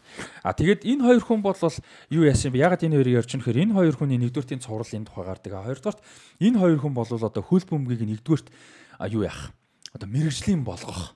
За хөл бөмбөгийн тэр заагийг байхгүй болгоход маш том хувь нэмэр орсон хоёр хүн юм байна. Ягаад гэвэл тэр элитүүд тоглолдог, ядуучууд нь тоглолдог ч гэсэн гудамж гудамжинтай энэ би түрүү хэлсэн. Тийм байдаг гэсэн бол Артур Кеннерд энэ хоёр хоорондоо одоо өрсөлдөж тоглож ингэж явж хоорондын бас харилцаанууд байсан мэдээж тэ. Тэгээ ингэж явсаар бол хоорондоо сүулдэ тоглоод FA цомын финалд хүртэл хоорондоо шалгарч тоглож исэн удаатай. За ингээд энээс хойш бол одоо хөлбөмбөг энэ Артур Кеннерд өөрөө юу байсан? Маш их хувирсан. Залуу байхдаа бол мэрэгжлийн болгон гэдэг маш их эсэргүүцдэг а одоо классизм гэдэг үзлээ бол маш өөрт нь суудсан байсан. Аа тэгээд тэр үед ч одоо бүр их ялгаатай байсан нийгэм те. Өөрөө дандаа л одоо чинэлэг айлын хүүхдүүд залуучуудтай хамт өссөн, хамт тоглолдог, эргэн тойрлон тим. За ийм байсан бол мань хүн одоо Fergus Suter болон Fergus Suter-ийн одоо найзууд багийнхантай тааралдаж уулзаж те эхнэр нь бас айгүй хувь нэмэр оруулсан юм байлээ Артур Кеннердийн. За эднэр ингээд явснаар мань хүн бол маш их өөрчлөгдөв. Сүүлдээ хөлбөмбөгийн холбооны ерөнхийлөгч болоод ингээд явхдаа бол хөлбөмбөгийг олон нийтийн иргэдийн тэ ажилчдын болон бүгднгийнхэн спорт болоход маш том хувь нэмэр оруулсан. FA Cup тэмцээнийг бол одоо FA Cup ч бүгд оролцдогоор алдартай шүү дээ одоо тий. А 11 пирамидын 11 левел оролцсон. 11 level. Тэрүүгээр алдартай. Тэгэхэд тэрийг бол одоо маш том суурийн тавьсан бол Артур Гинерд гэж хүн байдаг юм байна. А тэгээд тэр өөрчлөлт сэтгэлдэлд нь бол маш том өөрчлөлт оруулахад одоо хувь нэмэр оруулсан нь бол Fergus Suter гэж энэ хөлбөмбөгч болоод анхны мэрэгжлийн хөлбөмбөгч бол байсан байт юм байна. За энэ хоёрын ингээд одоо түүх гэхээс илүү би факт л барыг ярих гэдэг юм л да нэг иймэрхүү яг түүхийн ярихаар бас тийм бас яг нэг цувралын ярьж байгаа. Тэгэхдээ ерөнхийдөө нэг иймэрхүү болвол түүх байдаг. За энэ дээр та хоёрт ямар санагч чинь юу сонирхолтой байна асуух юм уу нэмэлт түүх байна. Ягаад гэх юм бол наад үе ч юм болохоор юу байхгүй юу? Дэлхийн угаасаа нэг арьс сун эдийн засаг нийгмийн тийм хуваагдал үе болцсон байдаг. Яг их сургуульд бол ажиллаж байгаа ангийн хүмүүс сурахад бол хэцүү байсан. Яг нэг гайгүй элитүүд нь сурдаг ч юм уу те. Тэд нар ингээд одоо хоорондоо өөрийнхөө мэд нөгөөдтэйгээ хийдгүү ч юм уу. Одоо шилбэл яг наад үе чинь дараах нь дэлхийд хөлөмөг тарахад нэг одоо энд тэнд англи хэлчингүүд байгаа шүү дээ. Шотланд натад элчингээр очихороо элчингүүд нь л орондоо хөлөмөг тоглолт. Тэрийг Нутгийн нутгийн иргэдээр харж үздэг. Тэдэртүүд болохоор голдог байсан тий. Яг тийм үе байхгүй. Тэнгүүл наа чин Америкт очиход нэг Америк чин бейсболын лиг аягүй алдартай дээ. Аа негро лиг болон одоо нэг цагаануудын лиг гэж үүдэг. Цагаануудын лиг нь аягүй алдартай. Негро лиг нь мөнгө дөрвж байхгүй нэг хэдэн одоо Африк гаралтай хүнд тоглолдог. Гэхдээ тэр дундаас авьяасан нөхцөл байсан. Тэрнээс чинь анхны нөхөр нь одоо тэр цагаануудын лигт гэрээ байгуулж ороод Тэр бол ховсгал шүү тий. асар том хувьсгал хийдэг байхгүй. Яг тэрнтэй адилхан наад чинь бол угаасаа англи тэр нөө ажил дээр хувьсгал үүсээд нэг бараг 200 жил за 200 арай хүрэхгүй байх. Хөлөн үг байхгүй юм чи те. Ерөөдөө нэг 50 60 жил орчин те. Яг гоо би нөө юуг нь 200 жил хэдэн болохоор ялгаа нөхгүй юу. А тэгвэл хөлөн бүх ч юм уу рагби дээр чинь угаасаа нөө нэг джентльменийн спорт гэж явдаг гэсэн шүү дээ. Тэгвэл наад спортууд чи өөртөө нэг 40 50 жил ингээд тусдаа тоглолдог те. Нэгүүд ингээд тэнгууд наад тэр тусдаа тоглолдог үеийг ингээд нийлүүлэн дүгүнд спорт чинь зөвхөн үеийг нийлүүлээс гадна давхар спортоор үе нийлэхээс гадна одоо бос хүмүүсийн харилцааг нүртлэгээ нийлүүлдэг тийм юу болгож байгаа байхгүй. Наа чин тийм учраас айгүй том тийм эргэлтийн цэг давуу тал болж байна л да. Энэ бол За тэгээ тухайн үед Английн одоо хамгийн том тэмцээн бол лиг гэж байгаагүй. FA Cup л угаасаа анхны түүхтэй том тэмцээн байсан. За яг тэр үед э, Англид гэх юм одоо Британд ингээ хөлбөмбөгийн спорт хөгжөөд яг тэр үед 1800 оны үед 1881 онд одоо хөлбөмбөгийн анхны яг олон дүрм байгаа. Гэхдээ хамгийн тийм нэг нийтлэг дүрм нь бол 1881 онд гарсан гэдэг. А түүнээс өмнө их сургууль болгон өөрийн гэсэн дүрмтэй. Одоо чинь манай баг танаад ч тоглол ингээ дүрмэн дээрээ маргадаг. Манайхаар тоглох уу танаагаар тоглох. Манад одоо чи хүзэр төр нэг тийм гараад байна шүү дээ. Тийм шүү яг- малон те. Тийм яг тийм. Тэгээд тийм байжгаад 1881 оноос эхлээд ерөнхийдөө нэг энэ юунот чинь юугаа нэгтгэж эхэлсэн нэг тийм юу байдсан шүү. Тийм. Тэр үед бас таарсан тий. Тэгээд дээрэс нь одоо нөгөө нэг бидний мэддэг футбол лиг гэж байгаа шүү дээ. Одоо нөгөө 1-р дивизион, 2-р дивизион тэр яг сүүл премьер лиг нэгдсэн. Тэрнээс өмнө футбол лиг гэж байсан. Тэр нь бол 1988 онд, уучлаарай 1888 онд байгуулагдчихсан. Тэгэхээр тэр үед бол Фергюс Сутрийн карьер бол алидийн ерөөдөө дуусах талдаа орж исэн. За энэ хоёр бол хоорондоо 1882 оны FA цомын одоо холбооны цомын шигшээ тоглолт таарж тоглож исэн. А Фергюс Сутер Партик тоглож байгаад одоо Дарвинд очиж 2 жил тоглосон.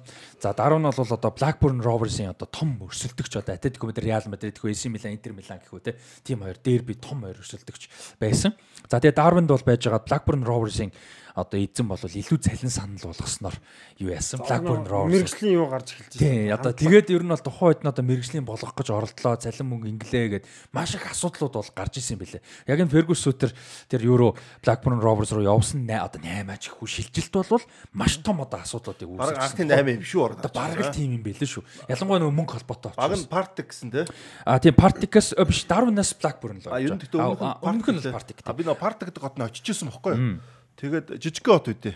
Глазгоогоос манай Стерлинг руу явж байхад яг галтрины бодлоор дайрдаг бохгүй. Тэгээд харин гинт санахгүй Partec чи хаана итгэхээ. Тэгээ Partict бол мэрэгжлийн бас аматер одоо тийм юм байна. А тэгэд одоо бол Partict Diesel гэж баг байдаг. Тэр бол биш. Энэ тухайн үед одоо 800 онд байсан Partict. Партик хотод 1872 оны 1872 оны 11 дуусар сарын 30-ны өдөр Англи Шотланд Партик хотод тогссон. Тэгэж олон улсын хөлбөмбөг эхэлсэн. анхны тий.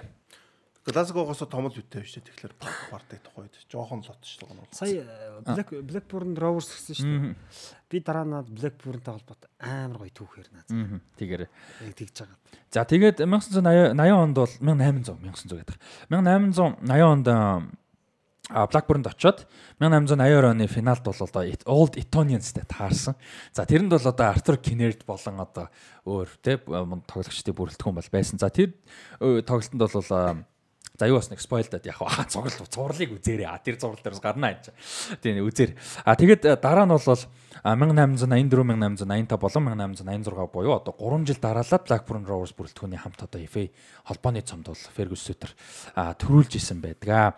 За нэг тэгээд яг хоо тэгээ хөөх юм нөгөө үйлдвэрт үйлдвэрт ажилдаг байсан. Тэгээд амьдрал чанга байсан болохоор мань хүмүүс тийм урт бол наслаагүй 58 наснда бол 1916 онд а, Тэр үед Тэр үе өндөр нас шүү. Тэр үед болсон тийм. айгуу нас шүү тэр Манай чинь болсон. 30 30 байсан биш үү? Тэгвэстэй. За тэгээд Arthur Kinnaird-ийн хувьд болохоор а, 1923 онд 75 настай та. Аа сайн нас. Нас урсан тэгээд 9 удаа холбооны цомын одоо шинэ шигшээ тоглолтод гарч ирж исэн хүүхдүүд нь одоо энэ Кинердийн лордын одоо өөрөдмөг үргэлжлүүлж хагаад ач зээнэрийнх нь нэг нь одоо яг 13 дугаар лорд Кинерд гэж уснаас хойш бол энэ цол байха болсон юм байна. Яг ягаад гэдгийг хөхт ямар ч юм болсон. Өөрөд нь бол байхад бол байгаа. Аа тэгээд ийм болвол одоо түүх бол байд юм байна. Наа чи бас нэг одоо нөө манад одоо ч айгу болчихвол саяхныг бол айгу чухалсан хөгшүүний Ахмад түүний үгийг сонс гэдэг.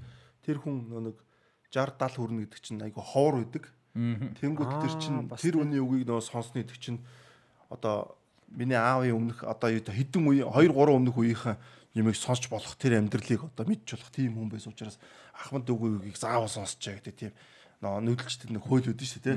Тэр бас айгуу тийм юунес нана философи биш үү? тий тэр насжилттай айгуу холбоотой. Одоо бол ерөөдөө ихэнх л өндөр насалж байгаа учраас заавал нэг тэг шаардлага болчиход байгаа шүү дээ тий. А тэгээд мань хүн бас харамсалтай юу юм бэ? 1923 онд нас орсон тэгээд Wembley цэнгэлтийн анхны нээлтийн өдрөөс нь хэдхэн өдрийн өмнө нас орж исэн юм байна. Тэгээ бас айгүй олон жилийн хөдөлмөрийн том үр дүн бас Wembley цэнгэлт а, бас байсан юм биш үү? Тэгээд тэрнээс хэдхэн өмнө. За тэгээд Wanderers багтай 3 удаа, Old Etonians багтай 2 удаа болол бас төрүүлж байсан холбооны цомд. За ийм одоо хоёр хүн бол байсан юм байна. Тэгээд та хэд бас яг хуу Netflix-ийн зураг дээр мэдээж юу гэдэг зохиосон зүйл мэдээж байгаа. Тэр бол драм цувал Тийм кино юм чинь, тий? Тийм мэдээж хэцүү уран бүтээл учраас драма болгосон зүйл байгаа. А гэхдээ ерөнхий гол юм байна бол авчихна. Тийм болохоор бас үзэр гэж зөвлөмөрөө Netflix дээр The English Game гэдэг 6 ангитай юм Энэ яванда юу ажилтай нөө. Би бас нөө шилдэг хөлөмгийн нөө 100 тоглолтод нэг ном редакторлж ирсэн чинь уншиж ирсэн тий. Тэрэн дээр нөө ядч одоо ингээд 1800 Эхэл бэт бэт одоо бэт. 60 70 онд ч юм ингээд их сургуулиуд сайн байжгаад яванда нөө клубүүд сайн болоод эхэлсэн шүү дээ 1800 онд. үйлдвэрийн багууд магууд Үйлдвэрийн багууд илүү сайн болж ирээ. Тэгээд нөө их сургуулийн баг сүлдө байхгүй болж эхэлдэг байхгүй. Тийм. Яг тэрний өмнөх үеийг л яг одоо Яг харуулж анд байгаа. одоо тэр нөө шилжилтийг ерөөсөө надад ирч хурцах цай тохор байгаа Тэгэд яг энийг тухайн үед үзэж байхдаа л яг би нэг хөлбөмбөг гэдэг утгаараа сонирхож үзсэн. Гэхдээ яг би нөө дөнгөж эхэлтэн хийсэн яг энэ сурал бол зүгээр хөлбөмбөгийн талаасаа гадна зүгээр ерөн сайн сурал яг дөр хөгжүүл зохиол өрнө. Одоо ингээд бас их сайтай. юунууд дээр ингээд том том түүхүүдээр хараа ингээд нэг ганц хоёр хүн айгуу чухал өөр гүйцэтгэж шүү дээ. Гүйцэтгэж шүү дээ. Хүний нөөц хүн гэдэг айгуу одоо л яг ингээд систем айгуу ингээд том болоо том систем болсон ч гэсэн энэ одоо манайх шиг болсон ч юм. За одоо том систем төр ч адилхан. Нөх хүний нөлөө амар чухал гэдэг хөхгүй. Одоо Монгол шийдэл одоо манай талигаас болж явах гарч ирэх бол энэ олон хүлэн өсөнөрч явах уу үгүй хөхгүй тий. Амар тийм нэг хүний ч юм уу хоёр хүний нөлөө айгуу чухал байдаг. Энийг бас айгуусаа бас айгуусаа бодож тэр цөөхөн чанартай хүмүүсийг айгуусаа бас нэг яг одоо байгаа үед нь сайн ингээд ашигладаг ч юм уу дайжлуулах боломж нь олоод ч юм тэгэхгүй бол трийг айгүй олон юм дээр алддаг тийм тохиол гардаг юм бэл одоо ингээд ингээд түүх юмнуудыг уншихаар одоо ингээд түүхийн материал дээр бол зөвхөн хөлөн бүг штэ одоо ерөөсөө нэг юм уу хоёр хүн тэр айгүй том юм хийдэг. Тэр ингээд босгосон цагийг ингээд ойртуулсан ч юм уу те тийм байдаг учраас. Наад хоёр ч юм бол яг үндэ бол наад хоёр ч байгааг бол одоо юу гэдэг чинь хөлөмгийн хөгжил арай өөр байх хүссэн юм. Дэлхийн авраг 30 онд биш те. Дэлхийн 2 дугаар дайны дараа байх хүссэн юм болов бас мэдэхгүй тийм гарч ирэх л баг л та. Бас тэгээд энэ нөгөө нэг цуврал бас амар гоо. Одоо жишээ нь ингээд нөгөө Fergus Sutter-ийн амар сайн найз. Тэгээд тэр нөгөө э, юу гэд баг баш Darwin гэд те Partic Partic тэгээд сүүлд нь Darwin а яг тэр Partic-т ялангуяа хамт ингээд тоглож байсан амар сайн нь дээрээс нь одоо анхны бас хөлбөмбөгчдийн нэг гэж бас үздэг Jimmy Love гэд тоглож байсан байгаа. Тэгээ манайхан харамсалтай нь одоо хамт тоглож байгаад а, юу яагаад Fergus Sutter нөгөө цаашаага нөгөө илүү том баг руу явж байгаа. Тэгээ мань хүн тэрэнд нь айгүй их гомдож үлдсэн. Тэгээ дараа нь удиралт нь юунд Darwin руу яваа. Darwin тоглож байгаа маш хүнд гимтэй. Тэгээ хөлбөмбөгөө болоод. Тэгэнгүүтээ тэр цаг үед ч тэгээ юм өөрөөж юу яагаад Ливерпулд Ливерпул хот руу явж очиод нөгөө Тэнгисийн зэрэгт очиод э, бүртгүүлээд цэрэг болоод. Тэгээ хөөх 1882 онд Египтэд Британий одоо цэргийн хүрээнд явж байгаад тэнцээ нас орсон юм байлээ. Нэг Египтийн чинь Британи колоничлдаг байсан. Тийм тэр үед нь Ер бол нь Египт чинь Африк ба- улсуудаас ер нь нэлээд эрт тусгаар тогтнолоо ус- олсон улс байлаа шүү. Африкчууд ихэнх нь 60-аад Ер нь угаас Европтой ганц харилцагт нь Египт л байсан байна. Одоо цаг агаар Ойр хот мот хот мот бүх юм ингээд дээр үесээ Клеопатрагаас үес холбогдсон болохоор тэгээд Тийм нэг иймэрхүү түүх бол байдаг. Тэгээд та хэд үзээрээ сонирхоорой. Тэгээд тийм үзээрээ бас. За юм байна. А би нөгөө өмнө нь яриад сториг одоо 50 донлар ярьсан бол бүр 1800 онд байчна. Тийм. А чи юм байна. нөө миний нөө 100 юутай тоглож чамд ном байгаа юу те? байх шүү. Надад тэр байх чиний болоод тааш. Тэгвэл тэндээс гой гой түүхэд гарч. Шууд ичлэгэн дээр нөгөө миний нөгөө ном байгаа юм. Тий. Шууд. Тэгвэл тэндээс гой гой 1800-аас гой гой түүхэд гарч идэг болохоор Тийм тэрийг тий. бас битээр бас аль нь ч ярьж болно л та те. За тэгээд дараа 7 хоногт стори яах нь хэний хэлж үлээ. За би ахад дэлхийн аварга яасан ч ах вэ? За. Дэлхийн аварга жоохон дагнаад байгаа ш. Дэлхийн аваргын түүхүүдийг. За тэгээд энэ үрээд Шого Брента шоу подкастын 37 дугаар дугаар өндөрлжин сонирхолтойсэн гэж найдаж байна. А Шого Bonito Show podcast-ийн season 1-ийн ерөнхий ивент чинь MMS-ийн хамт олондоо баярлалаа та бүхэн Electric Zig MMS Facebook хаягаар мэдээлэл авах боломжтой Green Building төсөлтэй Instagram болон Facebook-оор танилцаж бас Source Zig MN вебс үндсэн вебсайтаар бас орж танилцаж бас хараар их сонирхолтой төсөл байлаа. Тэгээ дээрээс нь тэр нэг авсан сертификатны талаар та бас лиценз тэр чинь лиценз биш сертификат. Тэр сертификатны талаар бас та судлаад өөр дэлхийд ямар барилгууд байдгийг тий ямар концепцууд байдгийг гэдгийг судалж үзээрэй бас их сонирхолтой байлаа шүү. Тийм За тэгээ MS хамт олондоо баярлалаа. Мэдээж Web Sport Lounge хамт олон маань дэмжиж ажилласаар байгаа. Өнөөдөр веб дээр бичиг хүч гисэн. Дэмжиж ажилласаар байгаа. А Web Sport Lounge хамт олондоо баярлалаа. Ерөнхий продюсер Тулгаадаа баярлалаа. Дилэн болон Темкада баярлалаа. За тэгээд та хоёрт баярлалаа. Сонсогчдоо баярлалаа. А тэгээ өнөөдөр баярлалаа тий. Тийм баярлалаа. Тэгээд нэрээ нэг мэдээлэл өнөөдөр өөрчлөх ёстой байсан Одоо яг өнөөдөртөө бол амжсангүй тэгээд дараагийн 7 хоногоос эхлүүлэе гэж бол шийдсэн ба. Тэр юу гэхээр donation данс нээхэр болсон байгаа. Шого мэдээ дээр.